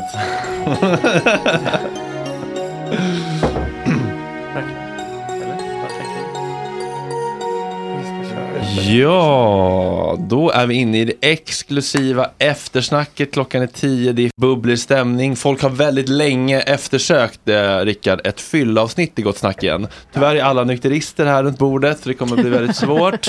Men en gång hade vi en fyra timmars sändning när vi drack jättemycket. Ah. Det blev väldigt uppskattat. Ja, det har jag varit med om på också. På, på radio? det- Morgonradio? Nej, vad var det för någonting? Jag, kommer inte, jag var så full så jag kommer inte ihåg vad det var. Var det en podd? Nej, nej, nej det var ingen podd. Men vi, vi spelade in, det var faktiskt för en, en tidning som hade någon, ja, en podd som spelades in i förväg. Jag har inte hört slutresultatet. Nej. Men nu vi satt där och blev lite mera dragna hela tiden. Så kommer jag ihåg efteråt, nej pratade jag om det där? Ah, Ah, skämdes lite Jag var med i, Amandas eh, podd. en fest för Eh, livet, jag säga. En jävla fest. En jävla ganska fest. nyligen. Och Podden går på jag, Fixa Fett. det har inte jag lyssnat på sen för jag får ångest av Nej. att jag Det blev är så så full orimligt. Jag under fattar, jag fattar ingenting. Nej men jag vill bara inte veta liksom. Nej, det- okej. Jag hade två inspelningar, eh, jag har en Palestina-podd också. Ett, ett fyra timmars samtal och ett tre timmars samtal. Och jag drack under hela inspelningen. Det var därför de avsnitten hamnade bakom betalvägg kan jag meddela. Det blev inte så vassa frågor där Rickard. Okej, eh, Ali, Ja, är du med på tåget? Ja. Vad- Eh, inte Det där tror jag är bra för liksom Vänsterpartiet, att, att, man, är lite, att, man är lite skön. Bra för vänster. Jag måste också ha ett glas. För vårt kära Vänsterparti som vi alla röstar på här inne va? Förutom Rickard kanske. Nej, jag kan inte göra det. Nej, det känns ju långt ifrån Lidingö. Men... Men jag eh, har inga politiska tillhörigheter. Nej, precis. Eh, Erik Galli är helt neutral. Mm. Oj, det här luktar ju fantastiskt. Jag kan inte Ja, säga vad det luktar, men jag kan känna att det luktar gott. Det luktar små, små bubblor. Du måste släppa Men du har väl storlek. guldkula också? Oj, det där var inget. Ja, Det, har, det drack jag på nyår. ah, vad schysst. Ja, Schysst, ja, det är fantastiskt. Det har blivit så Sveriges mest sål- sålda champagne. Är det sant? Ja. Otroligt. Vilken? Den här? Nej, guldkula. De här säljs inte i Sverige. Oj, vad det spritter i den här. Oj. Wow! Och det var för snabbt uh, upphällt till dig där. Mhm. Vilken är guldkulan? Eh, En champagne som han har. Ah, den du har? Aha. Ja, jag väljer ut. Ja. Jag gör den inte, men jag, tills, jag är med och uh, tillsätter Smakar. sista lilla kryddan, dosagen, sockret löst i Ah. gammalt vin. Men jag gör inte så mycket för den, utan det är mer utvalsprocessen. Ja, det här var ju, får man säga, fittegott. Ja, det här var Så. faktiskt helt jävla otroligt. Otroligt Ja, Det det, var här var långt. Nej, han spottar. Ja, det, det där måste man ju släppa. Att få ångest för Så gullig, genuin reaktion. No! spottar Jag spottade inte. in- Jag var på Villa Dagmar igår och firade att det hade gått så bra med både med Guldkula och mina egna viner. Mhm. Så att Då drack vi fyra flaskor på tre personer. Så att, Ja, eh, det är inte så att jag alltid spottar. Nej. Men Men gud, vänta, är det det spotta i glaset betyder? Nej, man, man spottar i spottkoppen. Ja, okej. Ja, men det hade så den kunnat blinde vara. drack en lungsjukes spottkop eller vad är det? Men eh, jag, jag har inte kommit in där. Jag, jag hade en liten vinpodd eh, i våras då hade vi mycket vinpersoner här. Men jag k- kom aldrig dit att jag började spotta. För att det är för trevligt också att samtalet blir, alltså GV efter liksom, eh, en och en halv timmes inspelning, när han har druckit, det är då man får guldet liksom. Och det är då han börjar såga sitt eget vin på vinprovning. Det här är alldeles för sött. Ja, det är din egen pava. Nej, det måste vara fel sig. Men du Rickard, du som både är finkänslig näsa, eller har en finkänslig näsa och eh, uppenbarligen entreprenör. Är det egna glas som är på nästa agenda eller? Eh, Jag har egna glas, Ja, fast det? jag gör inte så mycket mer dem, utan det- jag, det är faktiskt helt ärligt så är det mest för att jag saknade riktigt bra glas. Ja, det fanns Så inte jag, de perfekta glasen. Jag vill ha de perfekta glasen och jag tog fram dem. Är det de du har med dig? Eh, nej, det här är nästa steg, för det här är de maskintillverkade. De, de gjorde jag för eh, Reimyre, sen gjorde jag de här tillsammans med Claesson Koist och Rune. Så att de, Mm. de har gjort hela benet och foten. Är det stor skillnad på upplevelsen med en sån sväng, öppen svängare och ett sånt smalt Ja, ja det är det. rör- De här, alltså, idag tycker folk att de här ser väldigt smala ut, men tittar man historiskt eller bara backar tio år så, så är det så att champagneglas, det här var ju ovanligt stora och breda, Mm. Mm. så bred Ja, det var min yta. första tanke. Jag tycker det är snyggt. Och så små, liten öppning och det är det det måste vara. Lite format lite Så- som eh, Rasmus i Love it blind, lite Per Ja, det är en snygg form. På ett glas. På glas är det Men- bättre. Eh, jag har en kompis som säljer eh, patenterade glas med något som heter intelligent kristall. Som gör att det luftas automatiskt i Ja, glaset. har det är någon textur på. Ja. Eh, det här är ju bara katalogförsäljning så det finns liksom inte att googla sig till. Och Nej. de har exklusivt avtal i Sverige. Skulle du vara intresserad av att testa sådana glas om jag förmedlar kontakten? För jag tror hon Jätte- skulle tycka det var väldigt kul att ha på sin Ja. renommé att hon har gett glas till dig. Underbart. Ja, bra. Sen är det säkert så att det handlar mer om formen än om materialet i alla fall. Men du kan få se, för jag har varit med när hon då häller upp vin, luftar det, alltså ett rödvin, ett billigt vin. Alltså det är verkligen stor skillnad på bara en minut i en, alltså, kul. ett glas som ser exakt likadant ut i princip. Eh, Men så insidan då Men du, eh, du som har festpodd pratar mycket om eh, alkohol och dricka Tack, också. my time to shine. Groteska mängder själv. Groteska mängder. Eh, många svarar väl, det har många kändisar, många svarar väl att bubbel är liksom förfest, eller? Ja. Number one liksom. Men jag tycker jag själv har liksom som nyårslöfte lite att jag ska anamma att jag är något av en, ja men lite vin och champagnesnobb. Inte på din nivå Rickard, givetvis. Men jag är inte snobb. Det måste det väl ändå Jag vara. är champagnedemokratiserare. Ja, okej. Eh, men, eh, men många säger ju så här, prosecco, bla bla bla bla bla. Och det, apropå höga förväntningar, jag blir oerhört besviken på min vänskapskrets, alla över 30, som köper liksom, ja, men det ni pratar om, jag kan knappt vad de heter, de här skitbubblorna med gul, 79 gul etikett Ja. och liksom, nu pratar jag inte om eh, gula änkan, utan Nej. den där billiga från Spanien. Ehm, Blir du besviken, så genuint liksom upprörd? Ja, men jag tycker så här, snälla, lite högre nivå. Kan vi, I Men Amanda, är det du förstår inte hur stora kvantiteter vissa av oss dricker på en vecka. Jag kan inte köpa guldkula. Nej, det är väl- nej, det är alltså sant. det, det blir ju Det det, det i. tiotals flaskor bubbel i veckan ibland man måste köpa hem. Och så kommer ens andra Man alkoholistvänner. måste köpa hem. Alltså, I, men I'm sorry, men liksom, då får folk ta Ja, med jag sig tycker sin man kan egen guldkula. börja med det goda och sen så efter liksom två flaskor vin, men då är jag liksom så här, då kanske det... Fast jag, jag, kan fan... Jag tycker det är svårt att gå t- tillbaks. Ja, jag måste säga det. För jag har uppvuxen med en mamma som var en bibkonnässör. Mm. Det var liksom, när jag öppnade städskåpet som liten, då rasade det ut som en biblavin, alltså med tomma lådor. Eh, och, jag, och jag tyckte det var fint tills jag började så här, men nu ska jag liksom börja intressera mig lite för vin. Och så börjar man dricka lite bättre viner och så bara, det, det går typ inte att gå tillbaka sen. Nej. Det är riktigt dåligt. Alltså, så här, man kan gå tillbaka till liksom, GVs röda kan jag absolut dricka. Men alltså liksom så här, Tänka på honom Då är det bättre att ta en öl typ istället för husets vin. Ja, men det, Alltså, alltså, hund- jag kan inte ta det på liksom bläckan, huset röd. Det går, Nej. det, det är Nej, men, äckligt nej, men för mig så är det så här säger inte enkelt. som ett liksom, Snobbismen snobbis. är när man dricker saker som man inte förstår och man dricker för att någon annan har sagt att det är fint men man kan inte Mm. uppskatta. Där, där tycker jag gränsen går. Jag känner ju själv, eh, jag tycker väldigt illa om när jag kommer, åker till Singapore och sitter med regeringsfolk där och eh, de, de stora alltså, samhällsledarna i, i de riktigt rika länderna. Då, så dricker man en flaska som kanske kostar 20-30 tusen, någonting sånt. Och så säger Richard, could you fix me this one? Uh, I want a case. Mm. Säger de om, om det. Så har de, de har aldrig, de har inte bildats i det här. De känner att det är gott men de fattar inte hur gott det är riktigt. Man Nej. behöver inte lägga så mycket för att få en stor upplevelse. Jag är skitglad att jag var fattig gympalärare när, jag, när jag började. Så att jag, jag drömde ju om flaskor. Jag gick och köpte en på Systembolaget i veckan. Jag skickade iväg kompisar som handlade på taxfree och sånt där. Och så samlas vi flera stycken andäktigt. Så att jag fick drömma om det här och ta det steg för steg. Sen är det verkligen så att jag idag så jag dricker nästan inte standardchampagne som jag tidigare tyckte var gott. Skulle jag borta från champagne i, i två månader skulle jag kanske tycka att det var gott också. Men Men man du höjer du har höjt ribban på Det- Vad är standardchampagne liksom? Jo, standardchampagne är alltså årgångslös. Den, den enklaste som oftast Mixade. är. eh, Ja, oftast 80-85 procent upp till 90 av totalproduktionen. Om man tar Moët Chandon till exempel så är det deras Mm. Brut Imperial eller Clicquot Gul som Ja. så. Men jag Ja, måste men säga det- att det finns en viss typ av, eller jag tycker att en gräns för, för snobbism går ändå där du precis var. Som jag står för. Mm, men att det är en sak att man själv har ett intresse men att man blir så besviken på folk som inte har det intresset. Det tycker jag ändå är en det är form av ändå just det här, snobbism. alltså, som är så här, s- 60 spänn. Alltså som verkligen är nästan, alltså som smakar nästan kemiskt. Mm. Men de kanske inte bryr sig. Ja, men det är om man tar det med sig till fest hem till dig Mm. så är det lite kränkande kan jag förstå. Jag tycker mest synd om dem för att de inte har fått vara med Ja, om verkligen. att förstå att det finns en ju dimension. miste. Att det bara är lite godare. min mormor gick i graven med att dricka Castillo Gredos ur ett decilitermått. Men hon fick ju aldrig uppleva det här. Det är ju sorg. Jag tyckte du sa din mamma, jag bara, men hon lever ju. Det, var din mormor. Hon är på Ja, väg. Ja. Nej, men henne har jag ändå så här, försöker ändå liksom Ja. bjuda på fina saker. För det, det viktiga är ju så här att man gör det för att man tycker att det, inte för att styla, Nej. utan var kommer drivkraften ifrån? Liksom. Men, men så fort jag har fått chans att visa lite skillnader, man, man lär sig en teknik som tar två minuter att lära sig och man, man har ett mindset som är lite annorlunda i hur man tar in det hela, hur, koncentration mest handlar om, och förståelse för att det finns ett oerhört hantverk bakom och naturliga förutsättningar som gör att det blir bättre.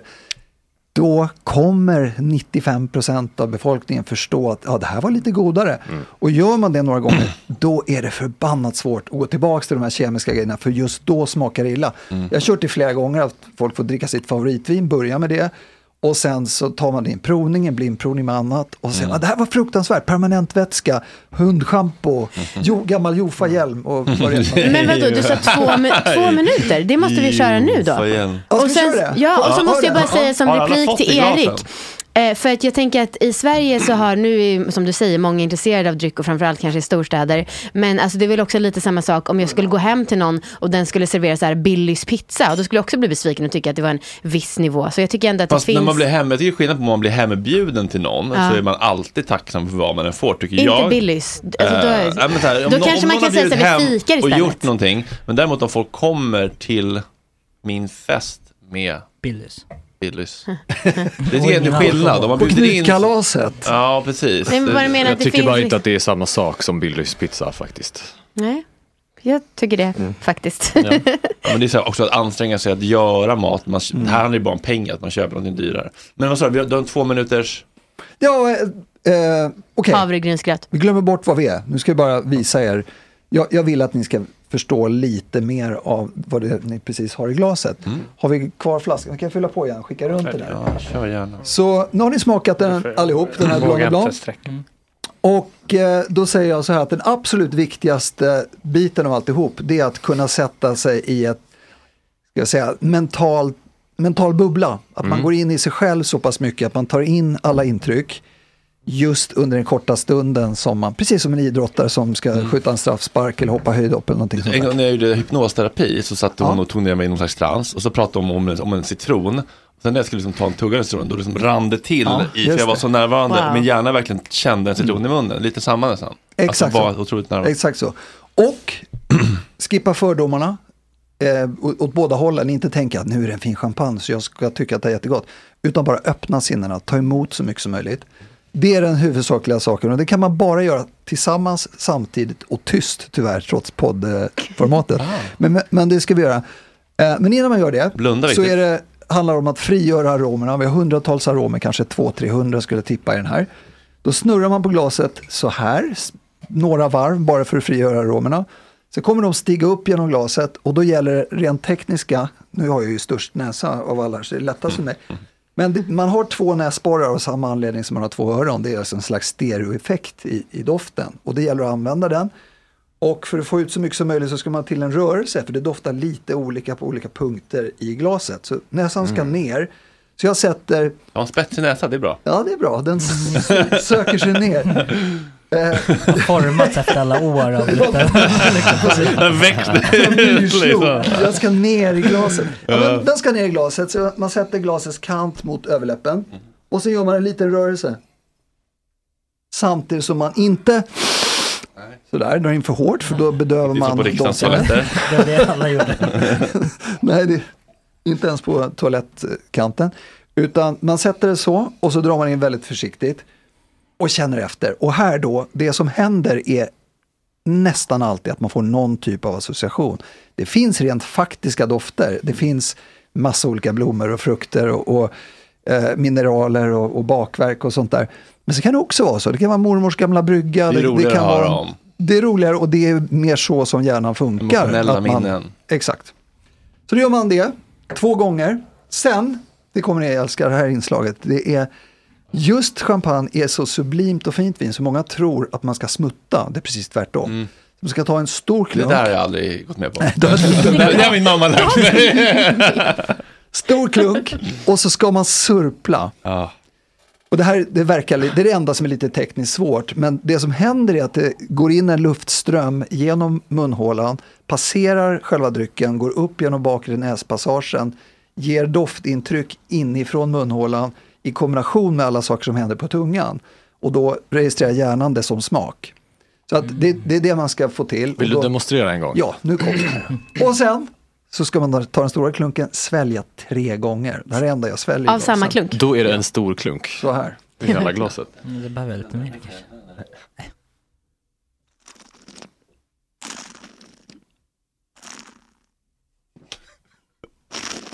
Fyra gånger?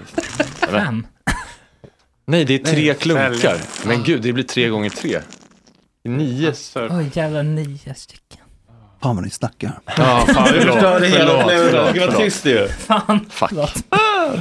Ja, men det som händer då, när man gör sådär, det blir det som skruvar upp volymen. Det blir en otrolig intensitet på tungan. Man får alltså längre kontakt med alla smaklökarna. Eftersmaken blir mycket, mycket längre.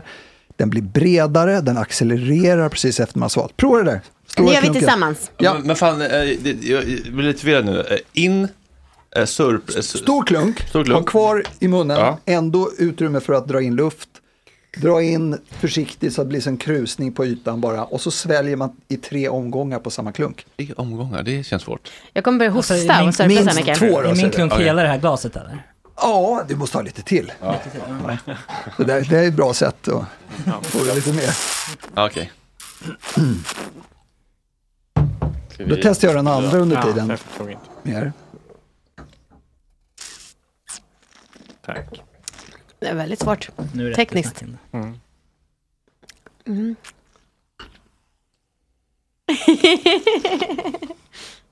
Mm.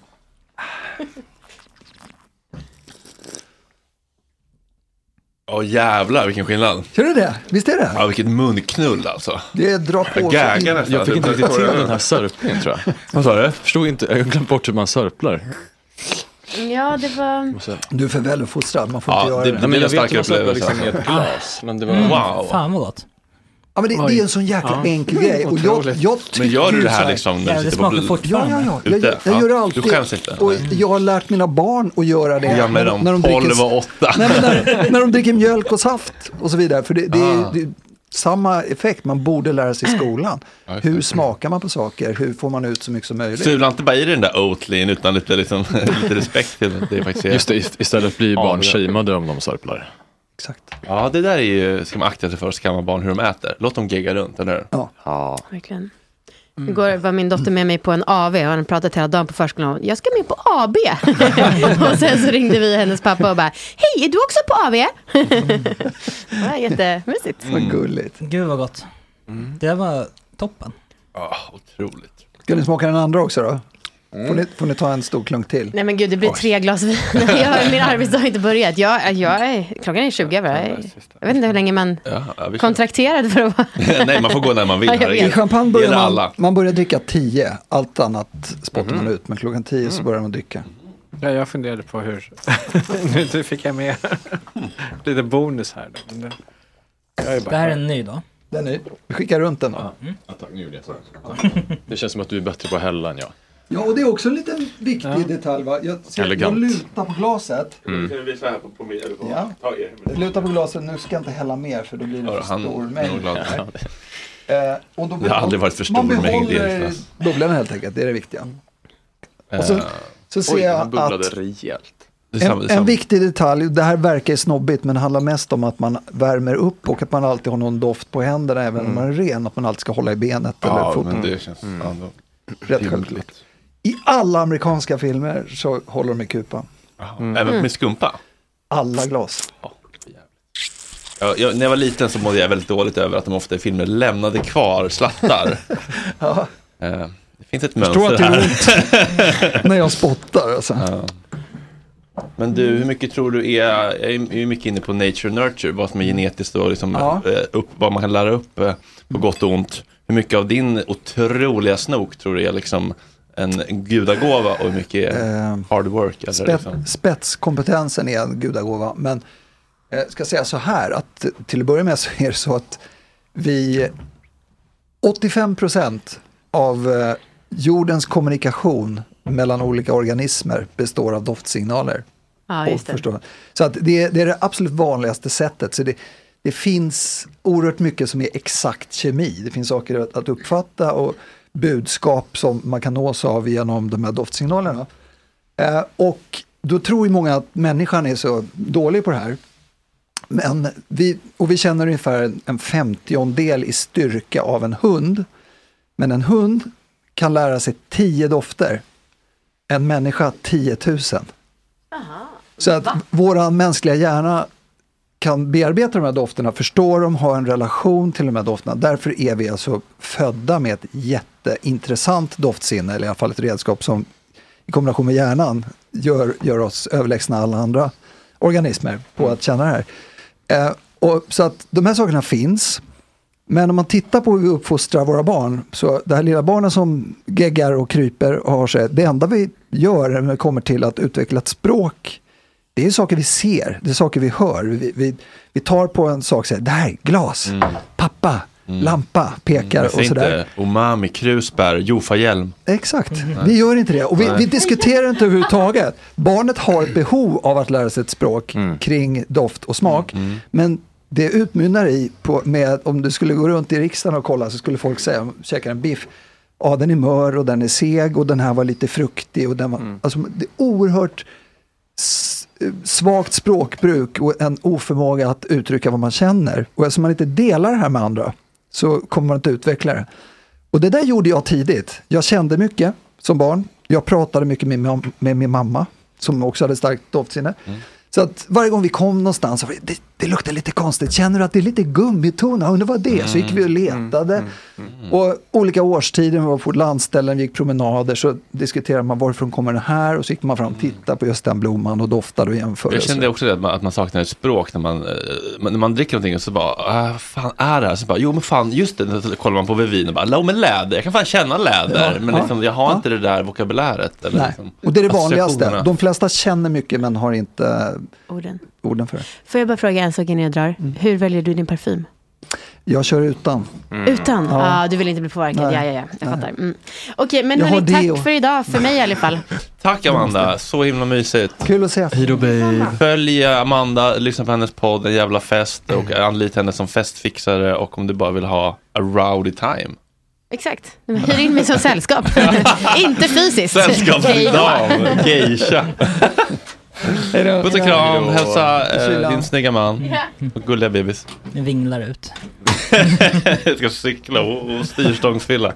Eh, ja, men du är född med någonting, en, en, Ja, en talang. Om jag fortsätter just den biten så är det, jag är född med en talang och eh, men, men man kan till exempel, jag gjorde en tv-serie i Norge där jag fick hålla på väldigt mycket med att dofta på andra saker än man normalt gör och det som blev mest uppståndelse på olika sätt det var ju då när jag doftade på människor.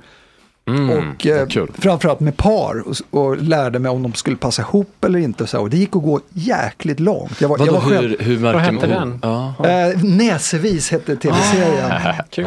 Det är tio år sedan. Men vadå, gick. hur, hur gick du tillväga då? Alltså, Eh, jo, men dels så var det ju att jag hade eh, upptäckt att jag, jag kan alltid känna om en tjej har ägglossning Mm. eller var i det menscykeln. där pratade jag om ganska nyligen. Alex Schulman gjorde ju det en gång, Ja. att han kunde ja, i, sitt, i sin gamla talkshow. Okej. Så ha- hade, det gick ett rykte om att han kunde känna om någon har mens eller Ja. inte. Mm. Och så tog de in massa folk så skulle han prova det. Och, eh, men det kan ha varit stageat också, men han lyckades. Ja, nej, men jag, är inte, jag är inte dugg förvånad för att det jag sen upptäckte när jag gjorde den här tv-serien var ju bland annat att eh, vi träffade en del afrikaner som berättade då att, som har blivit norrmän nu och pratade klingande norska, berättade, för vi, det vi kom in på en annan sak då, hudtyp, eh, Mm ras, så här, livsfarligt att prata, kan man dofta olika om man är svart eller vit eller Nu är det fan tunn is, Julin. Ja, men, det, ja, men det, var, det var precis det som de sa i förväg. Vi, Ja. vi, kan inte, vi kan inte ta med det där trots att du säger att du kan känna skillnader på varifrån folk kommer. Han luktade Zambia, eller vadå? Alltså, det, är, det är problematiskt. Det, det, men det skulle vara problematiskt, men det blev inte det. Därför att de, de vågade inte köra det här för det skulle vara PK. Och, Det gillar du inte. Nej, men, nej, men jag sa att det är ju självklart att om människor ser olika ut så kan man också dofta olika. Ja. Det, det, rasismen teorin kommer det om, ju fungera. Ja. om man, Eller det om man säger att det är olika kvalitet på de här dofterna. Ja, precis. Är det här en Ja, men- men Campo om- eller en? Just det. Men om det är olika. Så att då kom de på en smart drag för de ville ändå ha med det här på något vis. Så vi gick runt och bad folk dofta på oss eh, i en skulpturpark med massa turister. Och det, det slog till ordentligt när det kom fram just de här tre stycken eh, från Elfenbenskusten. och doftar på oss. Och då, då är det en av kvinnorna som säger, ja, det, det doftar vit man. Det var liksom det första. Och då sa vi, äh, men får man säga så? Nu, vet, Mm. nu började, jag- Självklart sa de då att det, det vet vi väl. Och då berättade mannen där, han hade gått på en fransk skola i Abidjan. Och när de lekte kurragömma så hade de bestämt sig för att, eh, eller då, då, det var så varmt, och då kunde de alltså känna på doften om det var en vit eller en färgad person som, eh, som fanns nära dem. Och då sa Jag de, inte vi säger färgad längre dock. nej vad ska vi säga då, svart, Ja, grön, ja, ja. gul. Nej, nej, nej, men man, eh, färgad utgår ifrån någon Ja, slags vithetsnorm, att man ska ha blivit färg, färgad. Ja, ja. ja, jag skiter i det. det, det Du, du kan få boken, får, man, får man säga svart av eh, Barakat Gebravariat eh, som du faktiskt ligger på? Den skulle du kunna... jag, jag säger det i alla fall.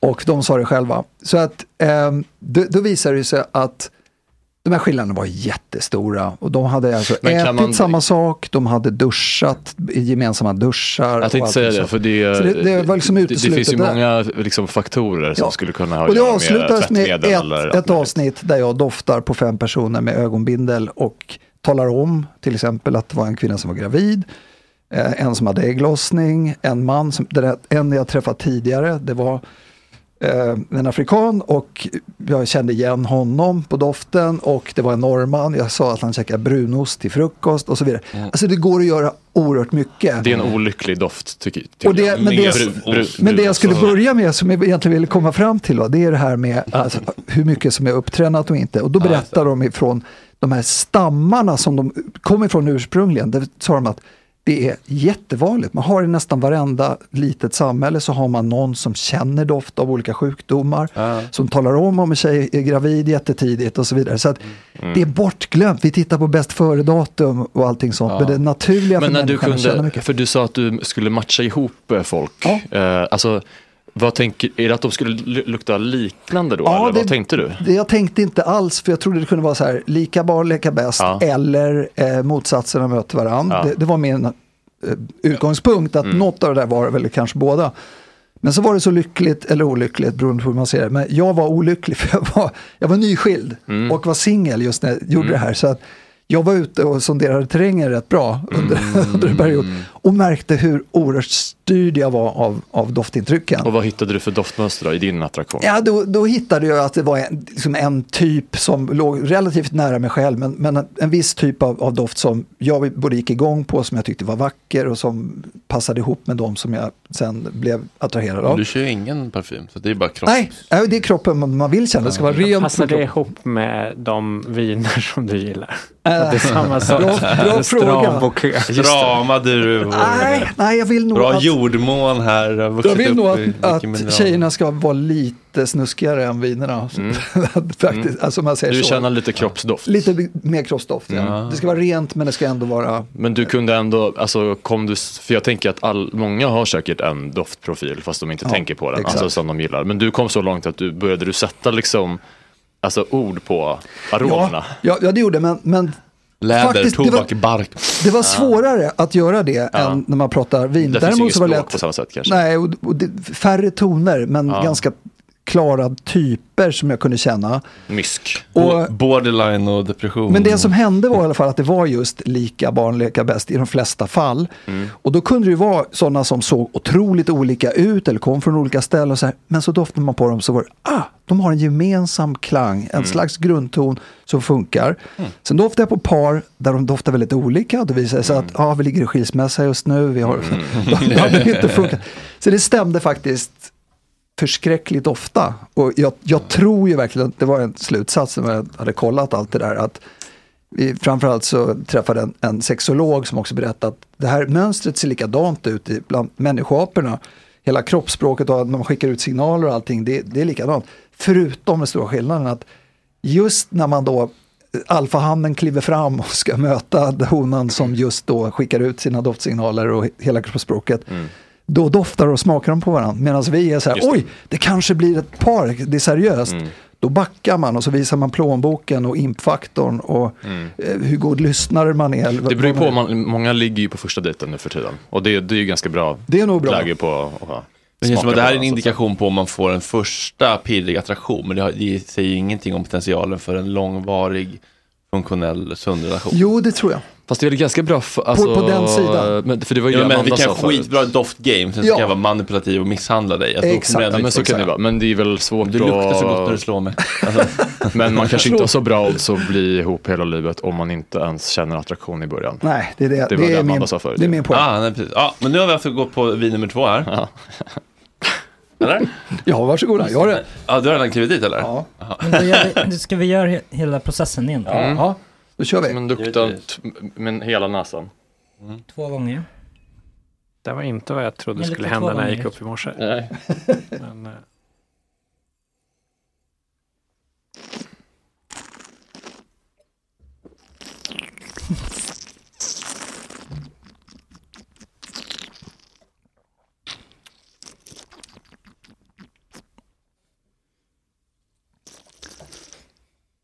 Ja. Ja, det var också jättegott ju. det var jätte... Vad säger ni om skillnaderna då? Vad var det för...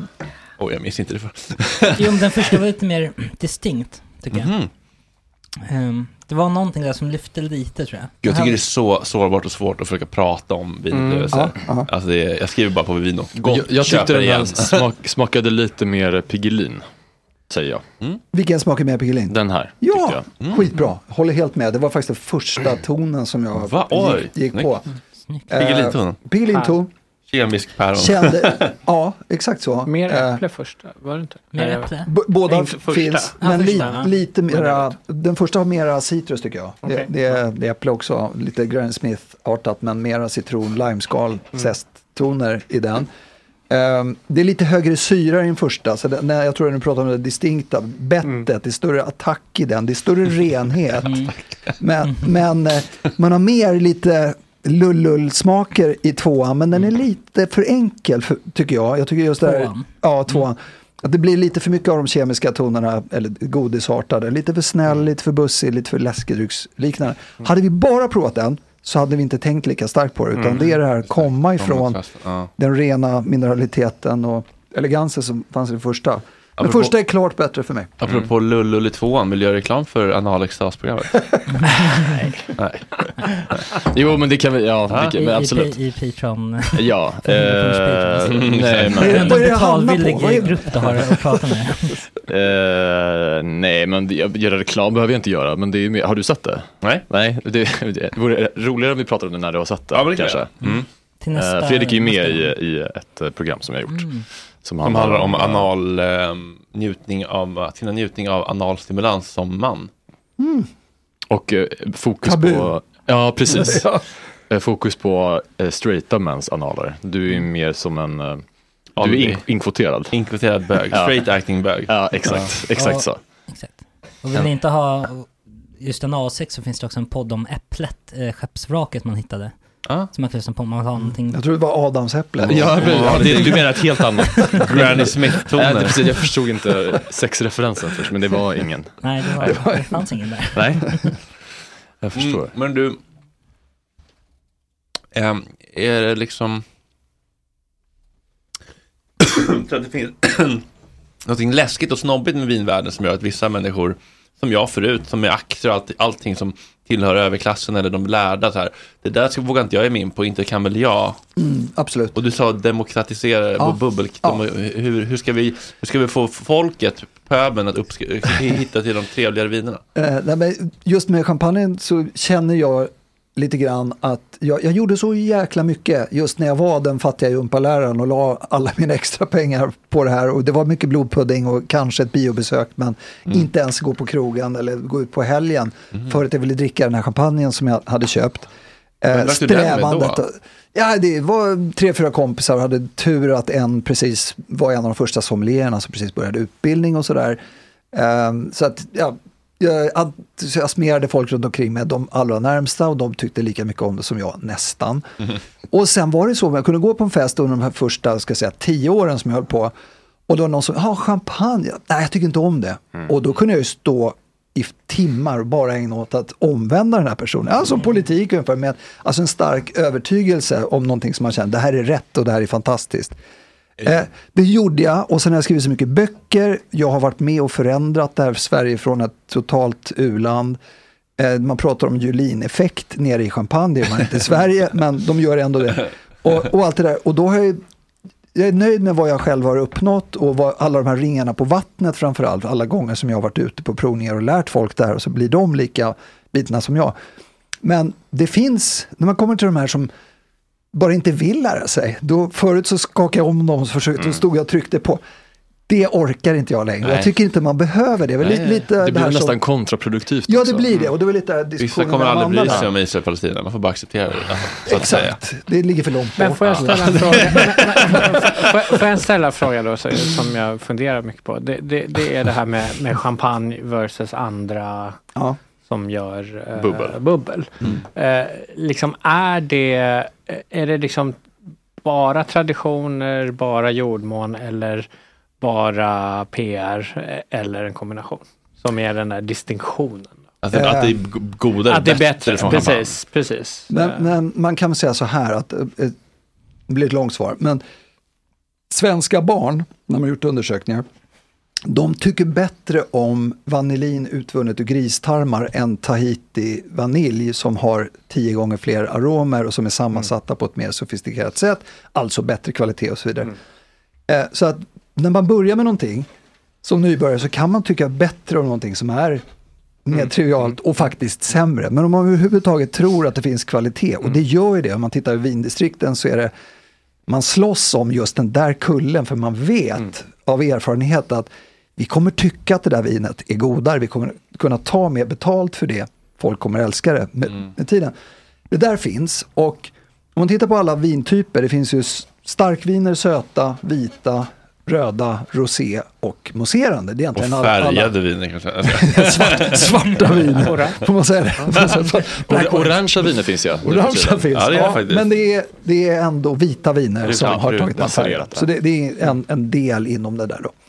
Ehm, och om man tittar på alla andra så kan man med fog hävda att det här distriktet Mm. tillhör de bästa eller jag föredrar en bra Barolo framför en bra Napa Valley eller mäter sig med en Bordeaux eller vad det nu är. Men när det kommer till mousserande så är det så att den högsta kvaliteten på någonting annat än champagne, den är som de sämsta champagnerna. Så att de naturliga förutsättningarna för mousserande vin, där det är ett så otroligt överlägset distrikt så att även i utkanten av det här distriktet så är förutsättningarna så pass mycket bättre.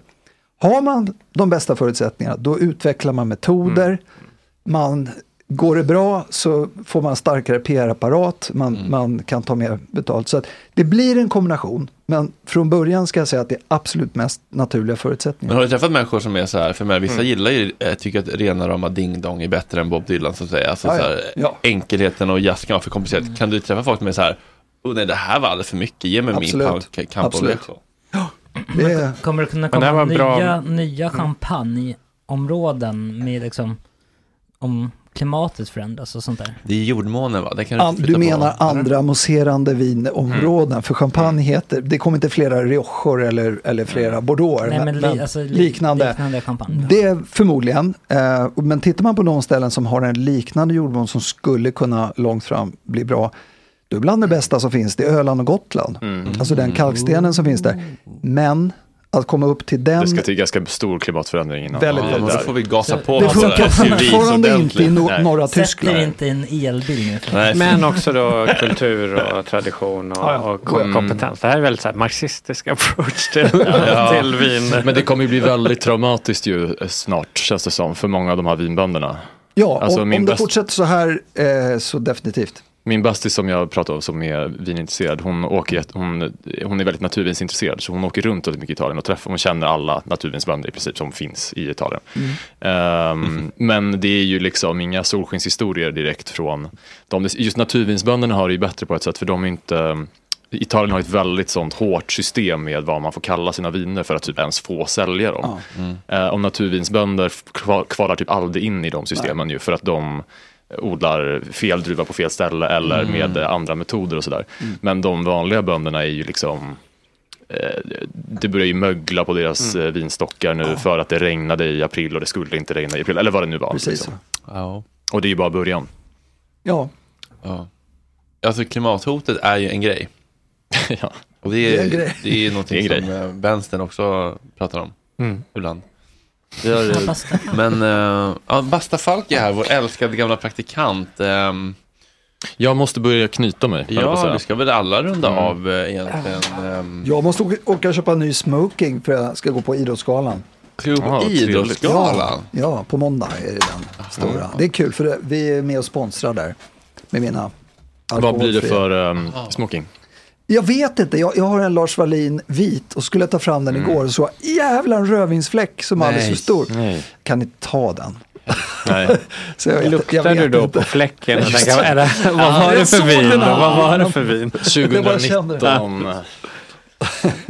Ja. Men ska de dricka alkoholfritt bara på, på galan? Nej, nej, det blir med alkohol också. Men man får inte sponsra med alkohol eller? Och jag dricker ju bara med alkohol Ja, det hoppas jag Rickard. Nej, nej, man får inte sponsra med, nej. Exakt, Nej. så är det. Det där är snårigt, jag vet inte riktigt Ja, hur men det där det- funkar Är det med... inte smart att ha både och då? Jag menar alltså med sponsring, alltså, al- eh, Norrlands ljus alkoholfri, liksom, det är Ja. det man ser på Wet West. Och så här, men, de men de säljer ju också Norrlands, hur funkar transaktionerna? Jag har ju själv en festival, Gott Snack-festivalen. Ja. Jag har inte riktigt förstått det där, måste... Nej, Hade varit i fett med champagne på... jag är dålig på Ja, kan inte, du, kan inte vi få köra? Det har varit kul om Gott Snack-festivalen bara serverar eh, bra champagne. Det har varit en kul Jag kontrast. tror det är en del av alkohollagstiftningen, ja. Att Ja. man inte får uh, göra Nej, reklam. och den har ni gjort lite extra onödig snårig kan jag tycka. Nio, nio. Nio och nio. Ni har gjort Nej, förlåt, det är alltid höger, är inget fel. Nej då, men jag tror inte jag har varit med och jag tycker det är ganska rimligt. Man vill inte så här. Men gårdförsäljning borde du väl öppna upp för ändå? Nej, det tror jag inte. Tycker du inte? Nej, det Varför? Va? Nej, men det är ju kämpande bönder. Jo, men, Men att om du, om du gör det så, så tror jag det blir otroligt svårt att behålla Systembolaget. Ja, det är det som är anledningen. Då faller. Mm. Ja, alltså det, det, det känner jag ändå, det tycker inte jag är en höger och vänsterfråga, att motargumenten känns ganska ändå tydliga. Sen kan man ju tycka att det väger över, men jag menar, vad är en gård? Alltså då kommer ju det kommer ju startas en del gårdar så att säga. Jag tycker att det här är en kammangård. Ja men det är det jag menar. Gott Räknas, räknas fritidsgård? Ja, exakt. exakt, Ja. exakt. Ja, de ska alltid förstöra allt det roliga för oss, Rickard. Men eh, vänsterpacket. Hade det gått att göra kampanj på Gotland, då hade vi fått igenom det där. Ja. Ja. Nu behövs Ja, ja. det nu behövs det exakt. ingen gårdsförsäljning. Det är skräp ändå. Så det är bättre att köpa på bolaget. Mm. Men jag försökte, för jag, eh, min, ehm, en kompis till mig och jag skulle funderade på om vi skulle eh, prova att starta en vinpodd. Eh, Det var nog bra att det inte blev av. Men då försökte jag, man vill ju göra rätt så då kollade jag med Skatteverket. Så var så här, men liksom, vi ska ändå recensera viner i det här. Kan jag göra ett avdrag när jag köper in ett vin för att göra ja, content på det? Ja. Och det, jag antog att det skulle vara ett ja på det. Jag har ändå företag. Och då var de så här, nej för det är, eller de kan, det jag hatar med Skatteverket är att ofta så svarar de som att de är en dålig AI typ. Då var de så här, eh, om du ska importera alkohol och, och sälja den så är det olagligt. Jag bara, ja okej men nu var det ju absolut inte det jag skrev. Utan jag ska köpa det på Systembolaget och inte sälja den. Och de bara, ja men privatkonsumtion. Jag bara, ja det förstår jag också. Men nu är det ju verkligen uttalat med syfte och det finns ju också bevis för det. Och då var det som att de bara, jag kan bara se här att det är eh, alkohollagstiftning, alkohollagen säger så här. Och så fick jag liksom aldrig något svar Nej. på det. jag tror jag köpte in, eh, Det har du, aldrig- du, du, det nickar som aldrig- att du Jag vet inte, nej jag, jag, förstår, eh, jag förstår ju hur de tänker men, men eh, ja. Jag förstår också hur de tänker. men Kanske jag det leder till att den handläggaren startar en vinpodd. om Men, men det, Typ, för jag liksom, för att jag jag har varit på jag SVT flera gånger med Ja. champagne och Ja. där är det just det här otroligt, alltså från, från program till program. Ja. Vi säger bara, ah, men vi vill lägga ut Ja. vad det kostar Ja. och sen så eh, ta med dig dem, vad ska vi köpa in för något och så köper Mm. Men de det har ju att göra med internt. Och sen är det ibland, nej nej nej, där får vi absolut Men det är inte. för att det är, man får ju absolut inte göra avdrag på alkohol internt på Nej, SVT. nej. Eh, Men huruvida det skulle liksom hålla i rätten, det borde ju egentligen hålla i rätten tycker jag. Om det finns ett tydligt, alltså all, all konsumentjournalistik där man ska recensera saker kan man ju såklart göra avdrag på det Jag tror jag köpte in viner till gott vin för liksom eh, 20-30 tusen. Alltså, det var inga Ja. problem. Eller inte vad jag vet i alla fall. Men det jobbiga är att man vet ju aldrig det förrän man får en revision. Då kan de ju komma och säga, ja nej det här fick du inte göra. Fyra Det- år senare. det- Det är det som är så det- jobbigt med eh, att Ja, det- hålla på med Apropå att hålla, någon accountable i efterhand, ja precis. Fått, på eh, allt. Jag vet ingenting om det här. Nu, jag, nu är jag bara, Som nu jag bara dricker vin. Vänsterpartiet som har eh, allt. Vår underbara gamla praktikant Basta Falk Ja, hej. som är här. Hej. Morgon, Hej, morgon, välkommen. Du är här över helgen bara, eller? Exakt, eller jag är här till på onsdag. Ah, jag blir kvar lite längre för jag ska ägna mig åt ett quiz på tisdag. Din favoritsak i världen. Men quiz tycker jag är tråkigt, men jag gillar att umgås och dricka. Ja. Eh, Basta är ju kock och då jobbar man med mat och mat och vin hänger ju ihop. Det Så att, hänger eh, ihop mm, där kan man ju också bli, förlora sig lite grann.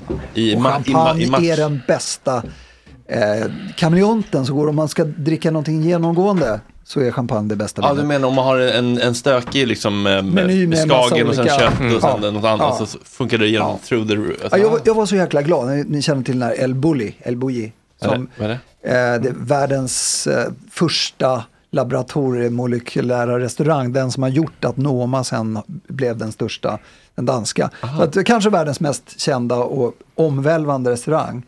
Och det var helt omöjligt, det var ett års väntetid och sådär. Men jag fick bord och är nere hos dem utanför Barcelona. Mm. Ehm, och sen så tittar jag vinlistan och säger, jäklar det är nästan bara champagne och så här udda grejer, sådana som jag har skrivit om. Och så säger de ingenting om det och så i slutet så säger jag, jag vill bara tacka för en fantastisk upplevelse och roligt med vinlistan. Ja, det är dina böcker, säger de då. Det, vi har Oh. valt ut allt, för vi har gjort massa tester med, med, med våra grejer. Oj, gåshud. Eh, och, vi, och vi har upptäckt att champagne är det enda som funkar att vi kör genomgående. För folk vill ofta ha en hel flaska och kanske bara dricka en flaska eller två. Ja, just det. Och då ska man ha Mm. någonting som funkar Fan, det känns som att det ser man allt för sällan, folk som tar in liksom en, ett, he, Ja. ett helrör skumpa till en trerätters. Ja, Mm. sant. Mm. Intressant. Basta, hur mår du? Jag mår jättebra, fan vad kul att se er alla. Och fan vad kul det var att så här, dra på sändningen när jag var hemma liksom, eller så här på ett tåg. Ja. Och liksom bara höra den hela vägen. Ja, och komma in i det. in. Ah, Vadå, vad du lyssnade? Jag har hört hela Nej, skiten och jag, jag som lyssnat från tåget Men- sovit lite grann och sen så bara hör man allting så är det väl som en perfekt fade när man bara tar av sig hörlurarna och går in. Och får se er också, jag visste inte hur ni såg ut. Vilken eh, otrolig grej ändå. Eh, och väldigt kul att komma fram och Stämde bara... det med så, din bild, din inre bild av hur, vi, hur stället skulle se ut och hur vi skulle se ut? Jag hörde att de sa att du hade en väldigt, väldigt fin flint och det håller jag verkligen med om. Om- Eh, Jag är inte nyrakad ens. Nej, men den är Nej men den får mig inte att vara lika rädd för att själv tappa hår. Eh, om man kan vara så vacker i det. Jag kan inte se Rickard eh, med... hårinfluencer. Jag kan inte se Rickard med en frisyr framför mig. Ja, men Alltså, alltså- AI genererar gärna Jo, en bild. jag kunde men... göra det nu. Kunde du? Mm. Ja. Det började Lite när Fred, Cooper. Fredrik Ljungberg, Ja. när han- började göra Calvin Klein-reklam på bussar och sånt där.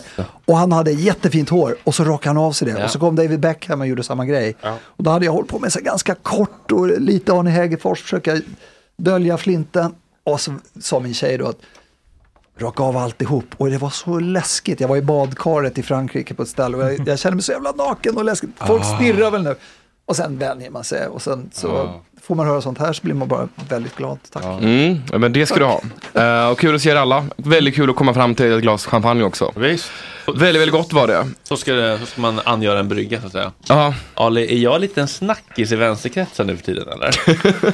Jag vet inte, jag har ju varit lite, jag försökte bara vara inne i mig själv lite här. Men jo, absolut. Är det så? På riktigt? Ja, eller försöker du bara smickra mig nu? Nej, jag tror det. Ah, alltså, i, i, vänsterkretsar är väldigt bred. Ja, det är betydelse. Jag är ganska nyvaken aktivist. Mm. Jag undrar om, tror ni att det finns en korrelation? Jag glömde fråga Gabor Mate detta härom veckan när jag pratade med honom.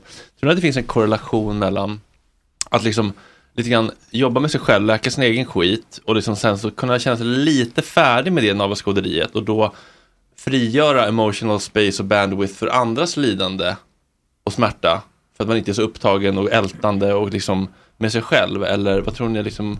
Absolut. Tror du det? Ja, jag, alltså, när folk kommer till eh, harmoni med sig själva på olika sätt, det, det är först då man orkar ta tag i omvärlden. Även nära tror jag. Ganska Ja. vanligt. Tyvärr är vi så egoistiska även om man inte vill tro det. Men när man ser folk som plötsligt hamnar i någon kris, de släpper allting annat och bara går in i det som Ja men precis, själv. men är riktigt deprimerad då är det ju bara liksom jag går upp på morgonen, Ja. går upp på morgonen. Sen så liksom så här, ju högre upp på trappan man kommer, ju mer space, eller vad tror du? Ja, men jag skulle säga precis det att det finns i alla fall motsatsen finns ju ganska, ganska tydligt att det är ju eh, svårare att eh, liksom finna ett utlopp för eh, liksom att ta tag i samhället om, om, om utvägen, den första utvägen är att gå in i, bara i sig själv. Eh, det, det är ju en, liksom en, en, en aspekt av liksom vår, vår eh, samtid. Att även alltså, pol, politisk kamp som baserar sig på att folk bara ska göra introspektion blir sällan bra. Eh, så, så det är väl en, liksom en, i, i bästa fall en slags liksom, Och kan det ytterligare då fun- finnas en korrelation mellan att nu provpratar jag fritt här, det är verkligen killar som gissar, men att så här, psykisk ohälsa bland unga ökar och min upplevelse, kanske bara i min filterbubbla, politiskt engagemang bland unga är, är mindre än, än min mammas generation och, och, och din generation. Det känns som att det är så här mitt TikTok, min image, min karriär, jag, Mm, jag, jag. mm. Ja men det var det jag menade. Alltså det, visst är det, det går ju lite olika vägar och sådär. Men kan se ut på olika sätt över, över liksom generationer och decennier. Jag skjuter ut mig nu. Ja, tack Erik. Kul, eh, kul snack och be, bra. Tack, fint att se dig. Och uh, dig med. Hej Erik. Men ja, Hej Erik. Tack. Eh, och tack för uh, smak. Ja, det var, det var kul. Nu fick jag två nya sorter i databasen i min Champagne Club. Champagne Club, är det din vinklubb eller? Ja, vi, vi, det är världens största oberoende källa för champagnekunskap kan man säga på nätet. Så med 15 500 olika champagner provade med. Otroligt. Förlåt. Nej då, nej men jag, jag menar Jo. bara att det, det, det ligger nog eh, väldigt eh, mycket i det och sen så är det väl en jag, jag tycker det är, en, det är liksom en aspekt av, eh, på ett sätt, från, från mitt perspektiv, alltså från, eh, av, av liksom nyliberalismens seger eller hegemoni, att också väldigt mycket av det som ska vara liksom vänsterreaktioner på att saker är fel i samhället har tagit sig väg in i ett slags extremt jag-perspektiv många gånger. Och då är det svårt att få till eh, liksom politisk förändring som bygger på att man hittar gemenskap, man hittar vad som är likt snarare än olikt, man, man liksom jobbar, jobbar med det. För det är ju alltid, det är alltid lättast att bara tänka hur har jag det och Mm. försöka vilja prata om det. Och det ska man göra, det måste man göra i någon, i någon utsträckning. Men om det, om det stannar vid det så är det väldigt svårt. eh, och, och få ut något mer, den där kollektiva kraften av och, och ska man göra saker tillsammans då måste man försöka ibland fokusera på vad är det som vi har likt, vad är det som Mm. vi eh, vad är det som är fascinerande med de olikheterna som kan finnas? Men, men vad är det som är gemensamma intressen? Vad är det som gör att vi kan vara i samma grupp, parti, organisation, rörelse? Fastän vi självklart då lever väldigt olika, det har väldigt olika individuella historier och Mm. trauman och sådär. Jag tycker det är intressant för att även liksom, alltså det är inte bara liksom så här ehm, själviska sociala medier-influencers som kan liksom landa i insikter, utan så här, även så här människor som har liksom gått i, som tagit liksom så här, psykedeliska droger och liksom så här, jobbat mycket med sig själva, kan jag uppleva- ibland landa i så här, jag kan bara ta hand om mig själv Mm. och, och vara snäll mot dem i min lilla, liksom, min lilla bubbla och jag hoppas att det, kan- det kan ge ringar på vattnet. Och det finns också, så här, det kanske är en, en fin och bra tanke också, men så här, det här liksom att bry sig om människor man inte känner personligen och om deras lidande och orättvisor. Det känns liksom, jag vet inte om det är omodernt eller liksom vad det är, men jag bara så här, för jag har också varit helt ointresserad av det och så nu plötsligt har jag Mm. blivit jätteintresserad av det och så här, vill verkligen göra det lilla jag kan för att försöka belysa det. Och så försöker jag förstå, var kommer det Mm, ifrån? Alltså är det en mognads äh, åldersfråga? Eller är det liksom, handlar det om min läkning? Eller liksom, var kommer uppvaknandet ifrån?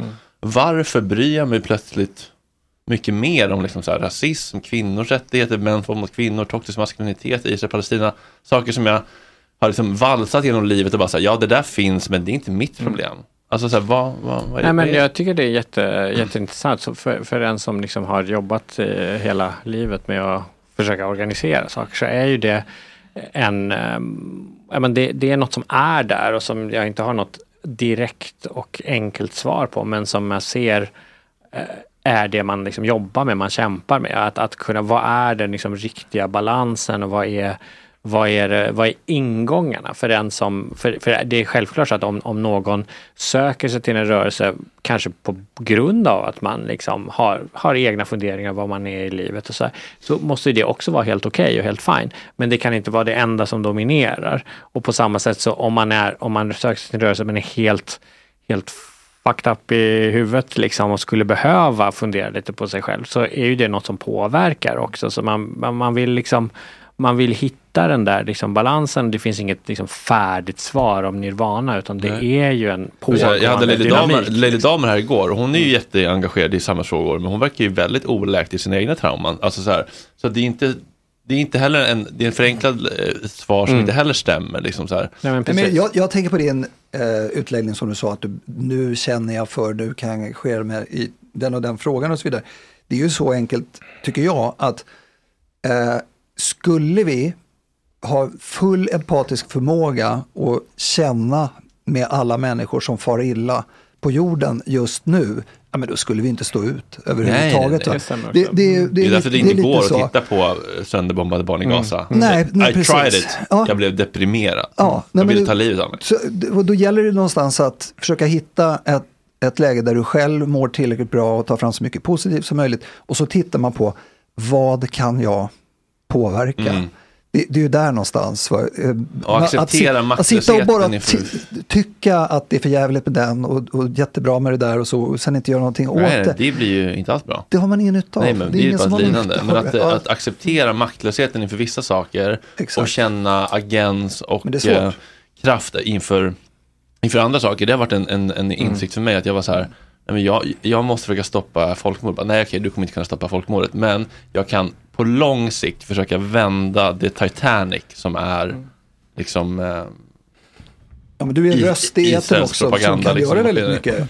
Så att, ja. Jag brukar säga, det, det är liksom från ett rörelseperspektiv brukar jag tänka så här, ingen är oumbärlig men alla behövs. Det är liksom det man får, man får säga. Och det, Jag vill gärna vara oumbärlig. och jag, nej men och jag, och jag jag, har ju verkligen inget svar, men för mig, för mig själv personligen, jag har ju jag är ju superdeprimerad över den, den maktlösheten många gånger. Det påverkar jättemycket in i, in i själen. Att, att Mm. se hur saker glider iväg åt ett dåligt håll. Eller det här som händer nu då i, i, i Gaza. Att den, den, det har varit väldigt liksom sk- omskakande för mig. Trots att jag har liksom hållit på med det här. Så är ju det, det finns ett före och ett efter. Och det, man, man, man kan ju inte vara opåverkad av stora liksom, rörelser i samtiden. Ingen, ingen kunde säga att man var opåverkad av andra världskriget eller liksom, alltså det, den typen av saker går ju in i en. Men hur det går in i en och vad gör, man gör av det, det finns inget liksom färdigt svar på det utan det är en hela tiden en slags pingpongbollande med, mellan det lilla och det stora tror jag. Mm. Och någonting jag har eh, tänkt mycket på är så här, ja, men vad funkar Mm. om man vill få med sig människor? Alltså jag kan verkligen relatera till arga feminister som, som skäller på män och säger it's not my job to edu- educate yourself, bla bla bla. Eh, och jag har själv känt den ilskan och det raseriet inför liksom obrytheten kring eh, liksom Israel-Palestina-grejen. Men så här, och det är en berättigad känsla, men den funkar ju inte om man vill få med sig folk. Vi vet ju så hur nervsystemet funkar. Om någon är arg på mig och skammar mig, då går jag in i fight or flight och då stänger jag av min empati och då går jag i försvar och då kommer man inte nå det här liksom social engagement mode där vi kan mötas och så.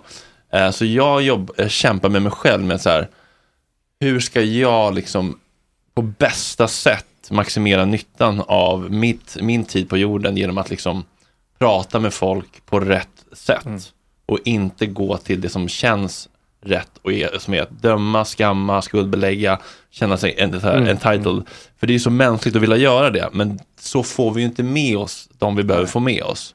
Har du tänkt något kring det? Ja, jättemycket. Jag gör ju det hela tiden. Eh, och sen är det ju verkligen eh, en sak som man liksom lär sig av erfarenhet förhoppningsvis. Det är ju att det också spelar väldigt stor roll vad det är för sammanhang. Alltså, du, måste prata annorlunda med någon om du, om du är kompis och är på fika, om du är på middagsbjudning kontra om du är på tv i två minuter. Ja, ja, det, eh, och på tv måste du liksom anpassa, eh, tänka att om du verkar arg så kommer det att vara precis så att jättemånga får för sig att du skäller på dem. Mm. Därför att de har ingen, an, inga andra signaler att gå på. Men sitter du bredvid någon som du eh, sitter och håller handen med så då är det ju helt, då är det tusen olika signaler samtidigt. Då kan du prata på ett helt annat sätt. Mm. Eller om du sitter på en middagbjudning och det är fem personer Mm. så är det annorlunda om du håller tal inför 200 Och personer. när, Det- och när du preachar to the choir, då kan Mm. du ju liksom eh, riva upp mycket starka känslor för att det är så härligt. Exakt. Men om du, om du är folk som står och tippar eller är meningsmotståndare. Exakt, men jag tycker det är så fascinerande att du säger de här sakerna för det är ju precis, det, det, är, det här är vissa eh,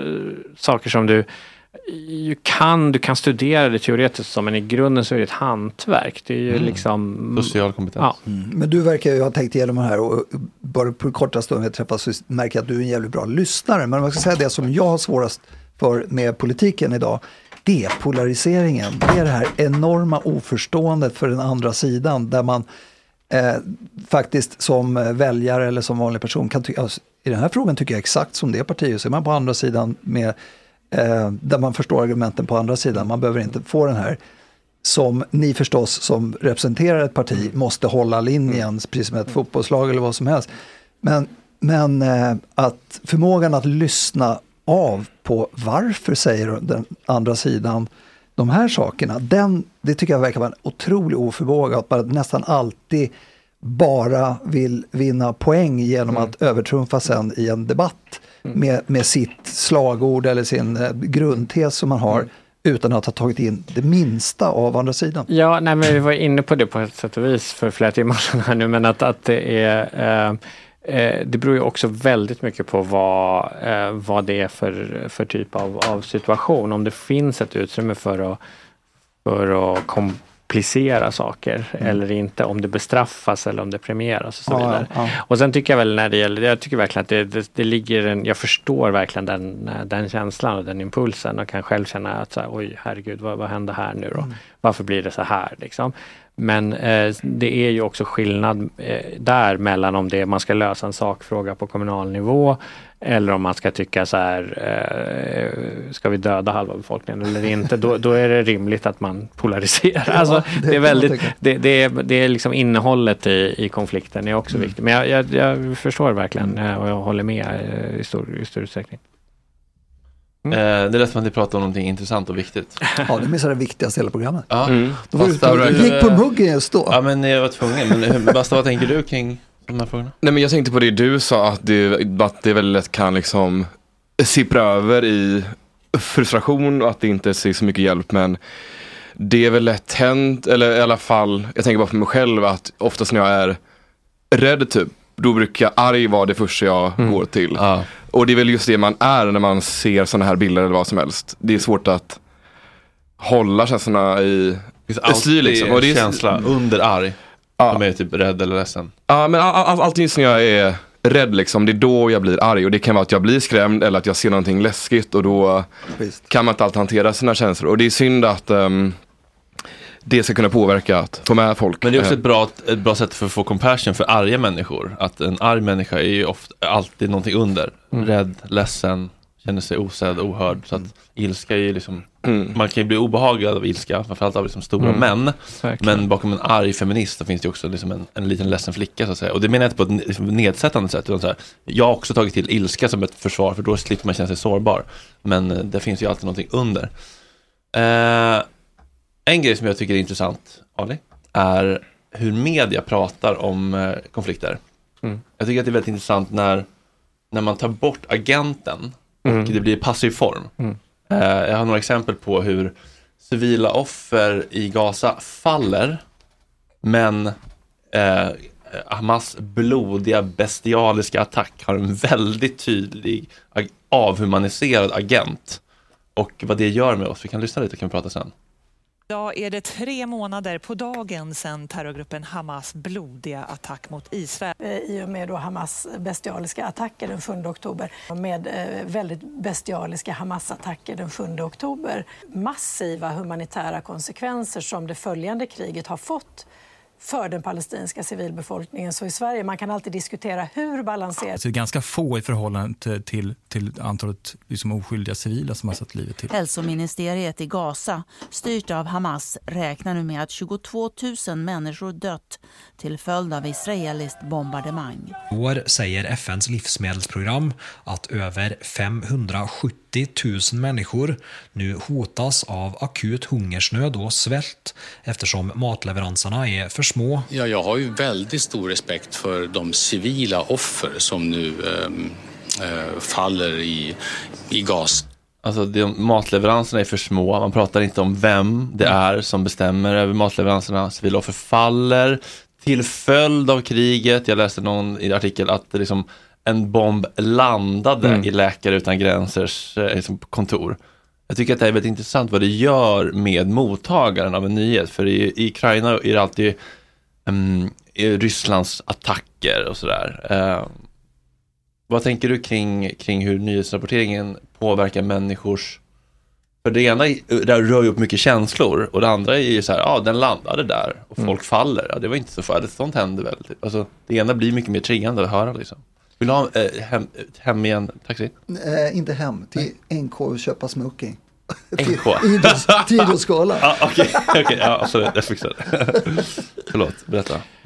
Ja, nej, men jag tror att det där är helt centralt för att förstå den här ehm, skillnaden som finns, eller liksom perspektivsförskjutningen som, som finns. Och att det är väldigt talande för hur, hur det ser ut idag i, eh, i västvärlden, synen på, eh, på den här eh, pågående, vi kan kalla det för konflikten eller slakten eller vad vi kallar det för. Eh, och, det, och det handlar ju om... vil- Drar du dig för att använda ordet folkmord? Nej, jag drar mig inte för att använda begreppet folkmord. Jag menar att det är det som är eh, eh, liksom pågår. Eh, och det är inte ett begrepp som man ska använda liksom löst och lätt och ledigt. Men här är det ju fråga om, eh, det är liksom både intention och utförande. Och det, jag tror att många tänker att det handlar om då att folkmord handlar om att man faktiskt ska döda varenda en i en befolkning. Ja, det är så himla inte det definitionen så här, är. Men det finns ju Mm. jättemånga palestinier som inte dödas. Man bara, fast det handlar inte om att 100% måste dö. Nej, och det handlar också om liksom, eh, att även eh, folkfördrivning som leder till att många människor så att säga, dör eller att ett kulturellt sammanhang försvinner och så, så vidare Mm. eh, är eh, liksom komponenter i det. Och nu är liksom, till exempel när man tar bort eh, faktiskt aktivt spränger bort samtliga universitet på Mm. Gaza som man ju har gjort, gjort nu. Så är det en del av, av den här processen. Men, men jag menar, det handlar om, precis som du var inne på, alltså det, det handlar om vem som kan vara subjekt och inte, vem som kan vara individ och inte, vem som bara kan finnas eh, i ett namnlöst kollektiv eh, och, och inte. Eh, och jag tror ju verkligen att det här är någonting som påverkar eh, våra, vår värld i, i grunden. Ehm, jag tror det är rätt många människor, miljoner och åter miljoner människor i det vi har kallat för tredje världen tidigare, som ju ser på det här och ser det här är så uppenbart att här finns det massa människor som har oförmåga att se vissa av oss som människor. Mm. Och det är, det är omskakande. Ja, för mig har det varit eh, omskakande hela vår syn på, på liksom västvärldens syn, liksom vår höga moraliska häst Mm. som vi liksom sitter på om mänskliga rättigheter och människors lika värde. Man bara, det här är ju, det här är ju tomma ord. Mm. Det här betyder ju ingenting om vi inte implementerar det. Liksom. Mm. Jag menar, eh, internationella relationer har ju i väldigt hög utsträckning väldigt länge eh, präglats av hyckleri. Mm. Självklart, alltså att det, man, man, man hycklar delvis om, om det som sker. Eh, Jag ser bara visa Rickard, hans Ah, ja, på väg. Mm. Hörrni, Tack Rickard, otroligt Tack. kul att du kom. Köp eh, all, alla dina böcker, men även den nyaste då. Allt du vill veta, eller? Allt du ville veta och champagne och lite till. Och lite till. tack för otrolig Ja, fantastisk morgon Rickard. Underbar måndags, eller morgon sa vi. Kul att träffas. Du får jättegärna komma Ja. tillbaka någon gång. Varje fredag. Varje fredag ska vi nog inte, det blir nog farligt. Men, Kom lite senare så vi efter lunch. ja men precis. Uh, förlåt Ali, fortsätt. Tack. Ha det bäst. Nej men, eh, men alltså att det, eh, att, att här kliver man liksom förbi hyckleri. Här är det inte att vi, ja vi vet att folk behandlas olika i förhållande till ett regelverk. Eh, det kan vara dåligt förstås, men här är vi liksom förbi det. Här är frågan om att ett regelverk gäller uppenbarligen inte Nej den israeliska eh, eh, eh, armén och krigsmakten och regelverket gäller uppenbarligen inte palestinier. Alltså regelverk om mänskliga rättigheter gäller inte eh, palestinierna. De räknas i det här fallet inte som människor. Eh, och det är ju faktiskt några av de sakerna som tidigt efter den här bombkampanjen, folkmordet, startade, kan föras tillbaka till, till konkreta israeliska talespersoner som pratar om att det är ingen humanitär katastrof på Gaza samtidigt som man ser att folk liksom dör och svälter. Ja, det blir ju logiskt om man tänker att det är inte fråga om människor i den grundläggande bemärkelsen. Eh, då kan det inte finnas en humanitär Och katastrof. även, även om det bär emot så är ju och även terrorister, som vi i väst väljer att kalla vissa, också människor. Ja, men, Alltså så här, vad man än gör så är man fortfarande en människa som har vissa rättigheter. Eller? Jo, jo, men alltså så här. Eh, det, det har ju varit eh, liksom någonting som har framkommit efter det att eh, Sydafrika då har dragit det här fallet till, till, till domstol så att säga och försöka få det tagit ställning till i, i förhållande till folkmordskonventionen. Det är att när eh, det israeliska försvaret helt baserar sig på eh, det som hände den 7 oktober så är ju det i den här specifika situationen faktiskt inte ett argument. För hela poängen med folkmordskonventionen är ju att det spelar ingen roll vad några personer gjorde. Eh, vi kan tycka att det var eh, liksom helt fruktansvärt hemskt eller liksom försöka sätta det i historisk kontext. Vi kan göra alla möjliga bedömningar av det. I grunden så är det ju ett, ett stort terrordåd, ja. Ja. Men det spelar ju faktiskt ingen roll för det här. Precis, För- separera. det, det, det, det är själva liksom poängen med att du har till exempel lagstiftning mot, mot dödsstraff. är ju inte att säga att det, det som den personen har gjort är okej. utan att säga att vi har bestämt oss för att det spelar ingen roll vad du gör, du, det här straffet utdöms inte. Eh, och det är poängen med att ha regler för krigföring. Det är ju inte att säga att krig är trevligt och okej, utan att så även i denna fruktansvärda absurda situation att man krigar mot varandra, så finns det vissa saker man inte får göra. Eh, och det är de här reglerna, de här liksom, jag skulle säga framstegen för mänskligheten som vi nu helt liksom drar undan mattan för om vi accepterar det som sker i, i, i Gaza.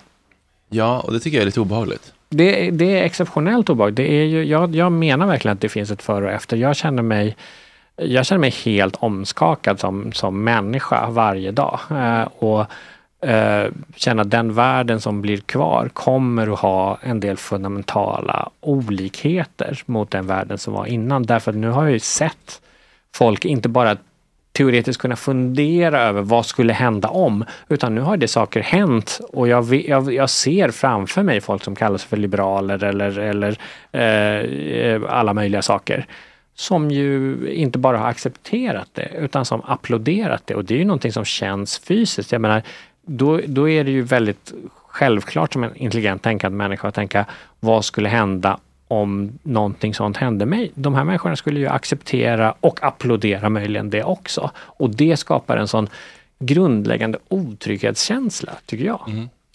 Jag vet inte om eh, August kollar på chatten om han har några eh, kritiska invändningar för att eh, det är alltid intressant att få utmana sina perspektiv. Det, det kan det absolut finnas. Ja, kan vi få höra något? Jag ska inte bli eh, triggad och bli raljant och bli politiker. Nej, de tycker att det handlar mycket om jaget. Berätta, jag. berätta. Eh, att eh, de tycker att du pratar mycket om jag. Jag, jag. Jag? Ja. Fast jag försöker väl ändå att eh, lyfta det till andra människor också. Alltså så att det handlar inte om min smärta. Mm. Men det handlar ju om, Mm. alltså jag klarar mig jättebra. Jag sitter i min otroliga studio och dricker champagne på fredag morgon i mitt morgonprogram. Jag är den mest privilegierade personen jag känner. Mm. Alltså så här, det är inte mig det är synd om. Utan jag eh, försöker ju lyfta det till ett, ett, större Men jag menar utifrån ett politiskt perspektiv så är det ju, tycker jag, eh, avgörande att kunna, kunna ställa sig den frågan. Eh, spelar det här någon roll för mig? Och jag, jag tycker att fler borde förstå att det gör det. Alltså, inte det här jag i form av så här, vad händer med mig imorgon? Men liksom om det här kan hända nu och du kan ändå förstå att du är människa på samma sätt som den där pappan som ser sitt barn bortsprängt. Då, då borde ju det betyda något för ditt jag också. Därför att ditt jag är ju faktiskt större än din kropp. Du ska ju kliva ut och vara i det här samhället. Spelar det någon roll för dig att veta att det här kan hända och det finns makthavare som applåderar det? Mitt svar på den frågan skulle ju vara ja. Och då får man ta någon slags, eh, dra någon slutsats av det. Den slutsatsen, precis som du var inne på, det kan ju se ut på många olika sätt. Men någon slutsats borde man kunna dra av det och någon reaktion borde det kunna leda till. Mm. Ja, det är så himla mycket tankar och känslor, men det är så här. Ja, det, det finns en tydlighet med, med, med, med ryssen. Liksom, så här. Den hotar Ukraina och, det, och, och, och ryssen kan komma till Gotland och sen kan den komma hit. Och så här. Det kan, då kan det bli krig här. Ja, alltså IOF kommer inte attackera oss. Det är, liksom, vi behöver inte, det är inget direkt hot mot, mot Sverige kanske, att liksom palesti, alla palestinier utplånas. Nej, det, det, det kanske inte är någonting som någonsin kommer drabba mig personligen. Men vad gör det med mig som människa att leva i en värld där det får, får hända? Alltså, Mm. Det blir nästan filosofiskt, men också Mm. liksom väldigt djupt mänskligt. Bara så här. Vad är det för system jag är en del av? Och kan jag acceptera det och bara titta bort? Eller liksom så här.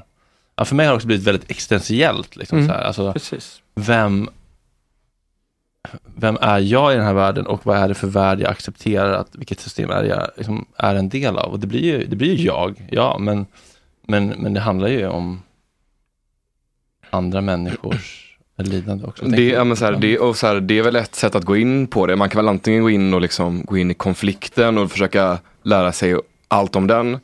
Eller en annan väg som kanske är att gå in i sig själv och bara, som du säger, vad är det här för värld jag är en del av? Det är väl bara två olika världar tänker jag, att Mm. sätta sig in i det. Att se på det sakligt eller se på det mänskligt. Och då behöver man gå in i sig själv tror jag, för att se det mänskligt. Ja, ja precis. Man tänker så här, varför har vi de här reglerna som säger att du får inte göra vad som helst i, i krig. Det är ju för att man inser någonstans att det gör något med risken för att själv drabbas av det. Det gör något med den som utför de här eh, övergreppen eh, och det gör något för idén att vara människa i, i världen. Eh, och det är ju de här sakerna som nu liksom fundamentalt eh, ifrågasätts eller undermineras. Eh, och jag tror att om man tänker efter lite så vill man nog hellre in, alltså man vill helst inte leva i den världen där det bara är nävrätten som gäller i internationella relationer. Vad heter det? Nävrätt, alltså rätten, den starkes rätt bara. Har du starkast näve så, så, Mm. så, så gäller inte de här reglerna. Och då kan man återigen då säga så här, ja men så är det, USA gör vad de vill och det är klart att starkare länder liksom dominerar folk. Ja, Jo, men det faktum att man ändå har till exempel behövt eh, hitta på saker om att nej men vi följer egentligen det här regelverket. Så det i sig fungerar ju dämpande för vad man kan göra. Man kan inte göra vad som helst men, men nu kliver vi ju över det i det här fallet och Israel gör faktiskt vad som helst eh, nu. Eh, och eh, gör saker som alla kan se på ett annat sätt om, man, om det är en konflikt som pågår där det är liksom radiotystnad så att säga. Nu kan man ju se att de spränger alla universitet och så säger de nej vi spränger bara militära mål. Nu kan man se att folk svälter på Gaza och så säger de samtidigt nej det finns ingen humanitär katastrof. Om du accepterar det, då har du accepterat att det är okej att eh, bli eh, gaslightad i någon mening men, men också den, den faktiska kärnan i detta är ju att så här, nej vi har nu bestämt att just palestinier tyvärr kan de inte räknas som människor och idén om att det stannar där då att det, okej då är det bara det, det är avgränsat, vi glömmer det. Den är väldigt korkad. Självklart kommer det inte vara så. Självklart kommer det vara fler och andra effekter av uh, att det här, uh, det här pågår. Självklart kommer inte de här människorna som överlever den här massakern, det här folkmordet, att uh, imorgon eller om ett år tänka Ja, men nu ska vi återgå till knyppling och, och att skriva insändare. Det självklart kommer finnas liksom ett, ett liksom historiskt stort hat, eh, förstörda mänskliga relationer, förstörda eh, kulturella band som kommer att få eh, utlopp som är eh, jättejobbiga och, eh, och kommer att påverka andra. Självklart kommer det israeliska samhället aldrig att kunna vara detsamma. Om du har tusentals, tiotusentals människor som har begått oerhörda övergrepp mot människor. De kommer att ta med sig det in i det eh, liksom sociala, politiska, kulturella livet. Så är det ju med, med alltså, ockupanter påverkas också fundamentalt av en ockupation. Folk som begår grova folkrättsbrott kommer att påverka det samhälle som de kommer ifrån. Så det här är, det här är eh, saker som vi som människor i en värld som ju hänger tätt samman, vi ser saker som händer live. Uh, ja, att, att påverkas av. Mm. Hur mycket eh, orkar du titta på, på människor som avrättas och eh, sprängs och eh, Alltså jag, jag, jag har även sett videos från 7 oktober och med samma fasa Mm. sett det. Alltså det, Ja, är, ja. det finns Ja. ingen skillnad i fasan över att se oskyldiga människor mördas och eh, torteras eller så. Alltså det vill jag verkligen förtydliga. Mm. men- Nej men till en gräns där det tar eh, över mig typ. Och, ehm, eller till det börjar. Jag, jag, uh, är det liksom. Jag har följt det här länge. Jag hade en vän som var i Gaza 2014. Och var där och eh, han skulle egentligen dit för att eh, dokumentera bönder bara. Men det var då liksom, ja men ett av de stora krigen drog igång liksom. Och han var där och eh, agerade som mänsklig sköld liksom. Så han var i byggnader som var bombhotade. Eh, för att inte den skulle bli bombad liksom. Och då kan jag säga att jag var liksom inne på min telefon dygnet runt. För jag tänkte bara på, på min kompis liksom. Eh, så jag har ändå följt den här, följt den här skiten, vad hemskt det låter. Eh, länge liksom. Men det är verkligen nu när man får upp det väldigt, väldigt mycket. Och eh, jag vill inte kolla bort från det. Eh, även om jag är en person som är väldigt positiv av mig i livet och vill se glädje så kommer man inte få det när man bara säger men det där vill jag inte se. Vil- Vilket man kan höra många göra liksom. Men det där är det där kan jag inte kolla på. Men det tycker jag ändå är ens ansvar att göra, hur jobbet än är.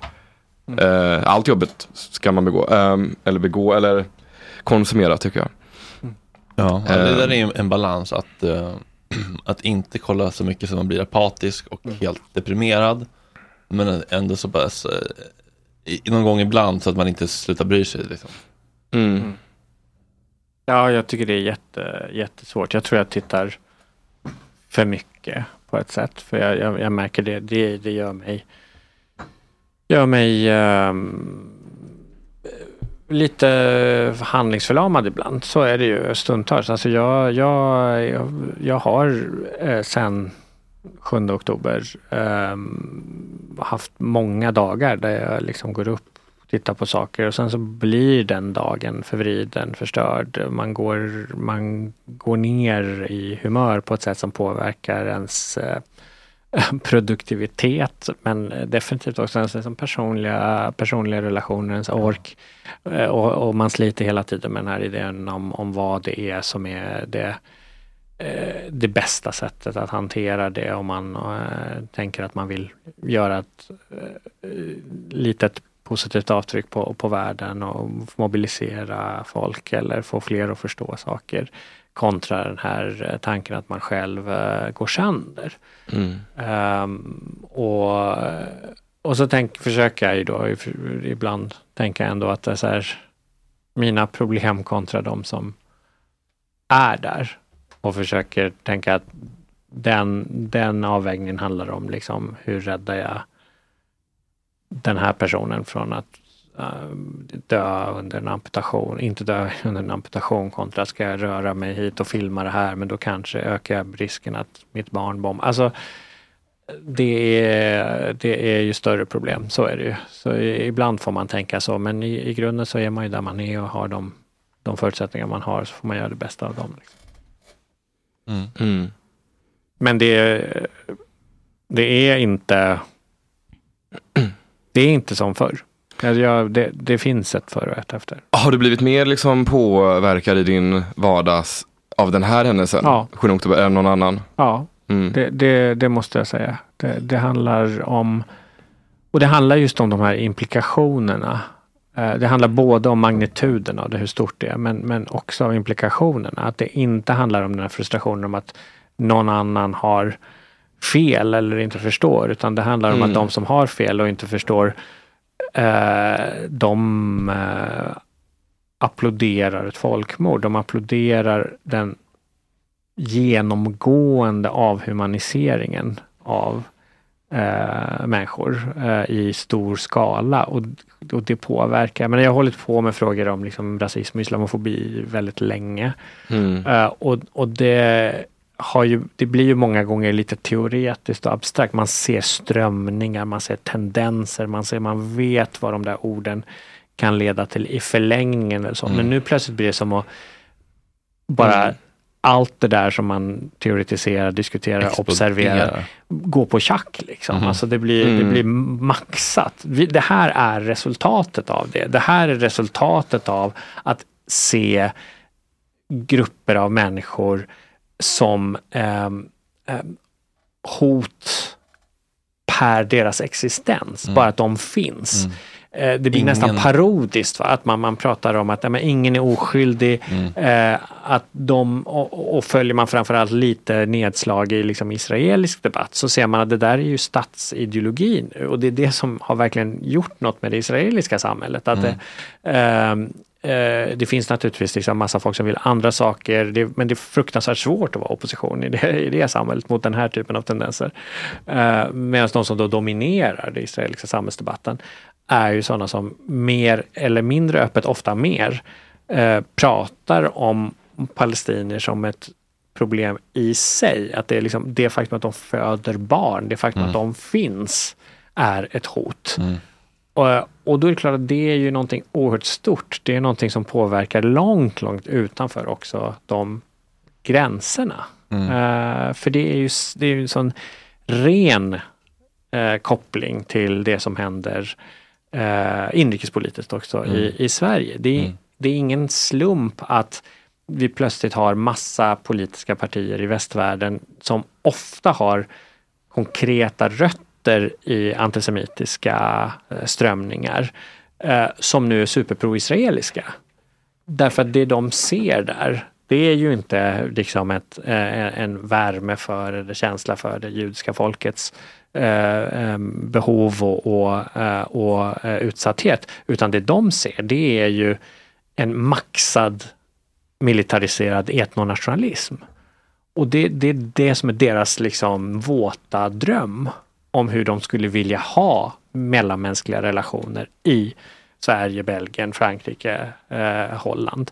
Eh, och, och, då får man den här typen av paradoxala grejer att liksom Marine Le Pen som eh, har en pappa som, som liksom verkligen har varit liksom uppenbar antisemit, själv har uttalat sig antisemitiskt, kommer från en rörelse med massa gubbar som var Vichy, eh, liksom kollaboratörer under andra världskriget. Nu är liksom superpro Eh, israeliska eh, Sverigedemokraterna, som är ett eh, nynazistiskt parti med ledande företrädare som, som, skriver, som har skrivit eh, om juden som roten till allt problem och sådär. Som nu är så heja heja Israel. Liksom. Därför att det de älskar, det är ju själva eh, övergreppen, själva liksom, etniska hierarkin, själva etnonationalismen. Det är det som är tilldragande. Eh, hos Vad är etnonationalism? Att man tänker att det som ska vara eh, eh, man har en, en syn på, på eh, nationalism där eh, man har en, en, etnisk hierarki egentligen. Liksom vita svenskar ska ha mer att säga till om.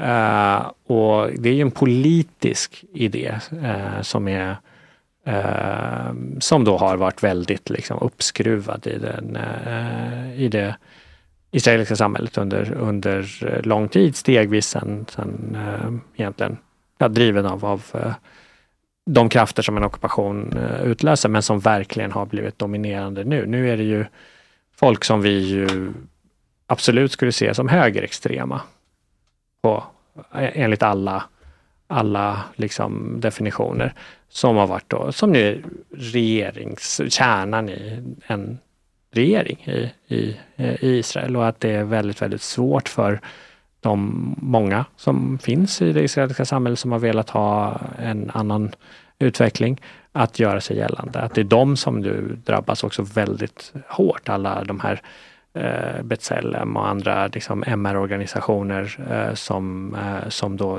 eh, klassas som liksom, hot mot, mot staten som man eh, tar polisiära åtgärder mot. Eh, som, man, som man försvårar arbetet för. Man slår ner väldigt hårt på, på eh, demonstrationer och så vidare i, inne i Israel också. Det är ju en, det är en klassisk liksom fascistoid högerextrem utveckling i det israeliska samhället och det, är ju, eh, det, det lever ju väldigt gott i symbios med det som sker. Mm. För att återkoppla till det vi började prata om med så här, politik och slash mellanmänskliga relationer. Att så här, ta ansvar och säga förlåt och vara sårbar det är liksom, det är, det är alltid det som krävs för att man ska kunna ta en relation framåt och leva bredvid varandra eller med varandra i någon månad. Så här, förlåt, jag gjorde det här mot dig, det var fel. Mm. Du kanske triggade mig, men jag tar ansvar för min del. Alltså så här, i mikro och makro så är ju det så vi människor funkar. Vi mm. måste få vår smärta validerad av den som har orsakat den och vi behöver ta ansvar för att känna oss. Men det är så är så himla svårt när det blir så himla många människor med så mm. himla många generationstrauman. Det som skulle liksom behövas för att, för att liksom man på kort sikt, det kommer ju inte gå, men så här, man skulle behöva stoppa allt våld och bara så här, okej, okay, från med nu, inget mer våld, vi säger förlåt, vi drar ett streck över det. Eh, och nu lever vi bredvid varandra och vi glömmer allt som har hänt. Eh, båda har gjort dumma saker, vem som började, det är egentligen inte så intressant kanske. Eller det är, intressant för, det är intressant men det är inte så vi tar oss framåt. Vi skulle bara behöva säga förlåt för det vi har gjort och leva i fred i samexistens. Det, det är lättare att göra mellan två mm. personer. Det är väldigt svårt när det handlar om mm. miljontals människor med länder och stater. Och, och, och, och, och eh, så många år liksom. Mm. Det är inte, det är som så här, Där det, skulle det, det behövas ledare från mm. båda sidor. Mm. Som, som, så som liksom Obama sa förlåt för liksom atombomben till mm. liksom, eh, japanerna, så som liksom Australien har bett om ursäkt till liksom, eh, urbefolkningen mm. där och så här. Där behövs ju ledare som, som för sina folks talan Mm. liksom, på något vis och acknowledgear varandras eh, smärta och trauman. Och det känns ju just nu ganska långt borta. Ja, det gör det. Och det finns ju en sån extrem asymmetri i maktrelationen som, som ju inte gör det möjligt på, på det sättet. Jag har sett att men Edward Said pratade för decennier sedan om att något av det viktigaste som kan hända nu det är att palestinier får höra någon israelisk politiker bara acknowledge, bara säga att ja men vi vet att ni har haft det Mm. för jävligt. Liksom, det- sen kan man diskutera hur gör vi med flyktingarna, hur gör vi med liksom, gränserna, hur, alltså, men, men bara notera. Ja, men I alla relationer, så här, om jag Mm. liksom gör dig illa, vi kan prata om hur vi ska fortsätta leva ihop, men vi, måste säga förlåt för att det Mm. jag gjorde var, Mm. var dumt, för att du ska liksom, återfå respekt för mig. Mm. Och vi ska reparera. Det är det som är så jävla svårt och det är så jävla många nervsystem som måste regleras. Det, är, det känns ju som en, eh, en, en jävla Titanic att vända. Ja. Eh, Det är så himla kul hur varenda att- gång eh, Titanic nämns så ser man Agge eh, kolla upp. Att han, Nej, det, var, det, det, det är ett så dåligt exempel. Liksom.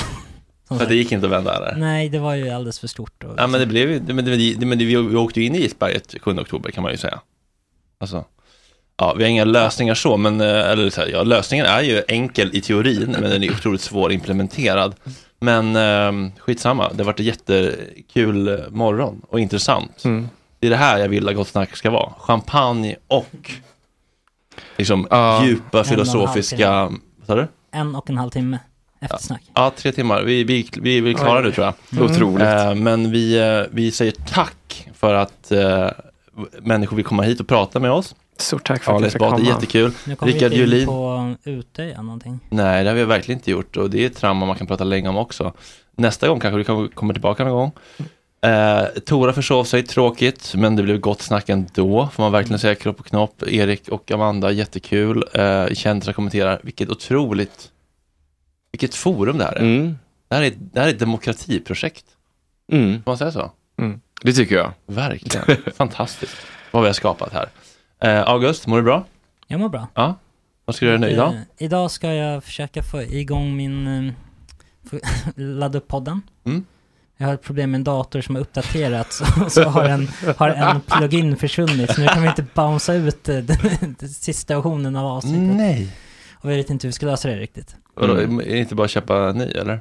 Jo men det, de har ju köpt en helt ny dator där. Jag har inte Ah, varit där så jag får väl fuck. åka dit och krishantera lite. Åh nej. Men sen ska jag bara städa, ta det lugnt och imorgon är det ju Toras eh, efterlängtade 30-årskaka. Mm. Det ska bli väldigt kul. Vad ska du göra då? Jag ska bland annat åka och lämna in eh, mina elektroniska eh, apparater med mera till, eh, till riksdagen. Mm.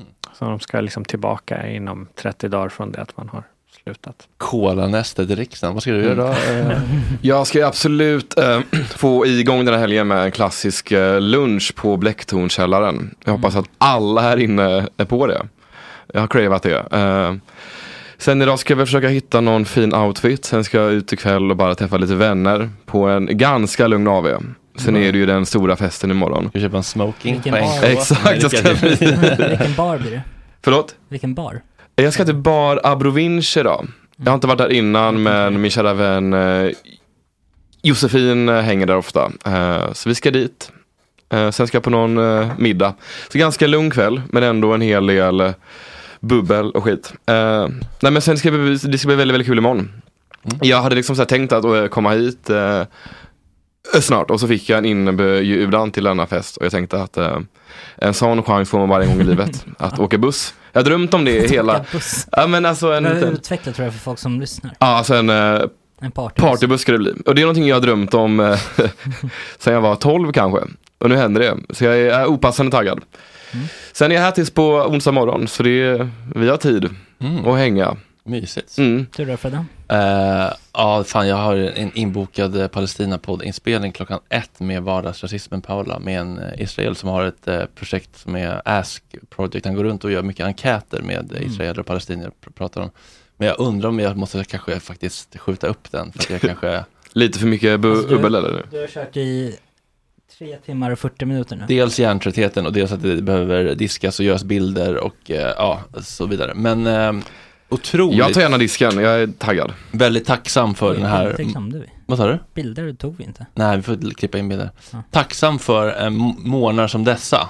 Mm. Tänk att få börja en, en fredag med så här mycket intressanta samtal och lära sig så mycket. Tänk att få komma hit. Tänk att få höra en sändning i Skövde och komma in i den live i Stockholm till eh, Ja, champagne. maratonsändning. Vi har- Jag känner mig också väldigt privilegierad ska sägas. Ja, det är vi allihopa. Eh, vi har en otroligt späckad vecka nästa vecka. Jag har inte ens tid att eh, rabbla upp hur mycket spännande saker vi har. Men ni kommer eh, följa oss på Instagram så får ni all info. Och eh, tack för att ni gör detta möjligt, våra kära Patreon som finansierar detta. Vi är så tacksamma och glada för att få göra detta. Det är ju fantastiskt verkligen. Var rädda om varandra och eh, trevlig helg. Trevlig helg. Puss och Tack. kram. Puss och kram. Vi släpper hela idag tycker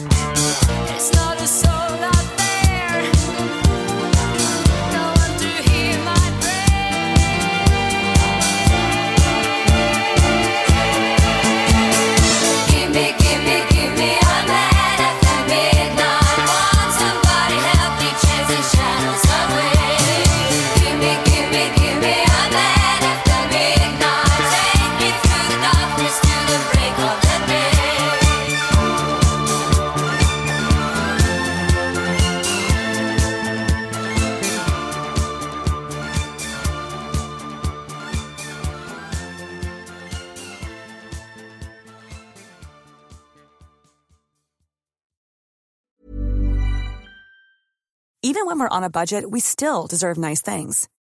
Quince is a place to scoop up stunning high-end goods for 50 to 80% less than similar brands.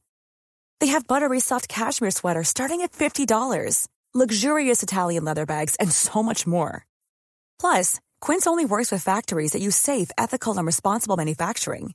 Get the high-end goods you'll love without the high price tag with Quince.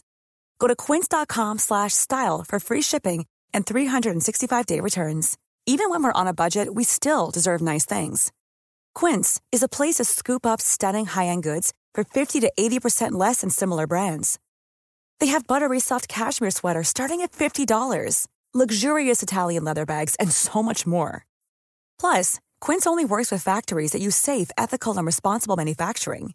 Get the high-end goods you'll love without the high price tag with Quince.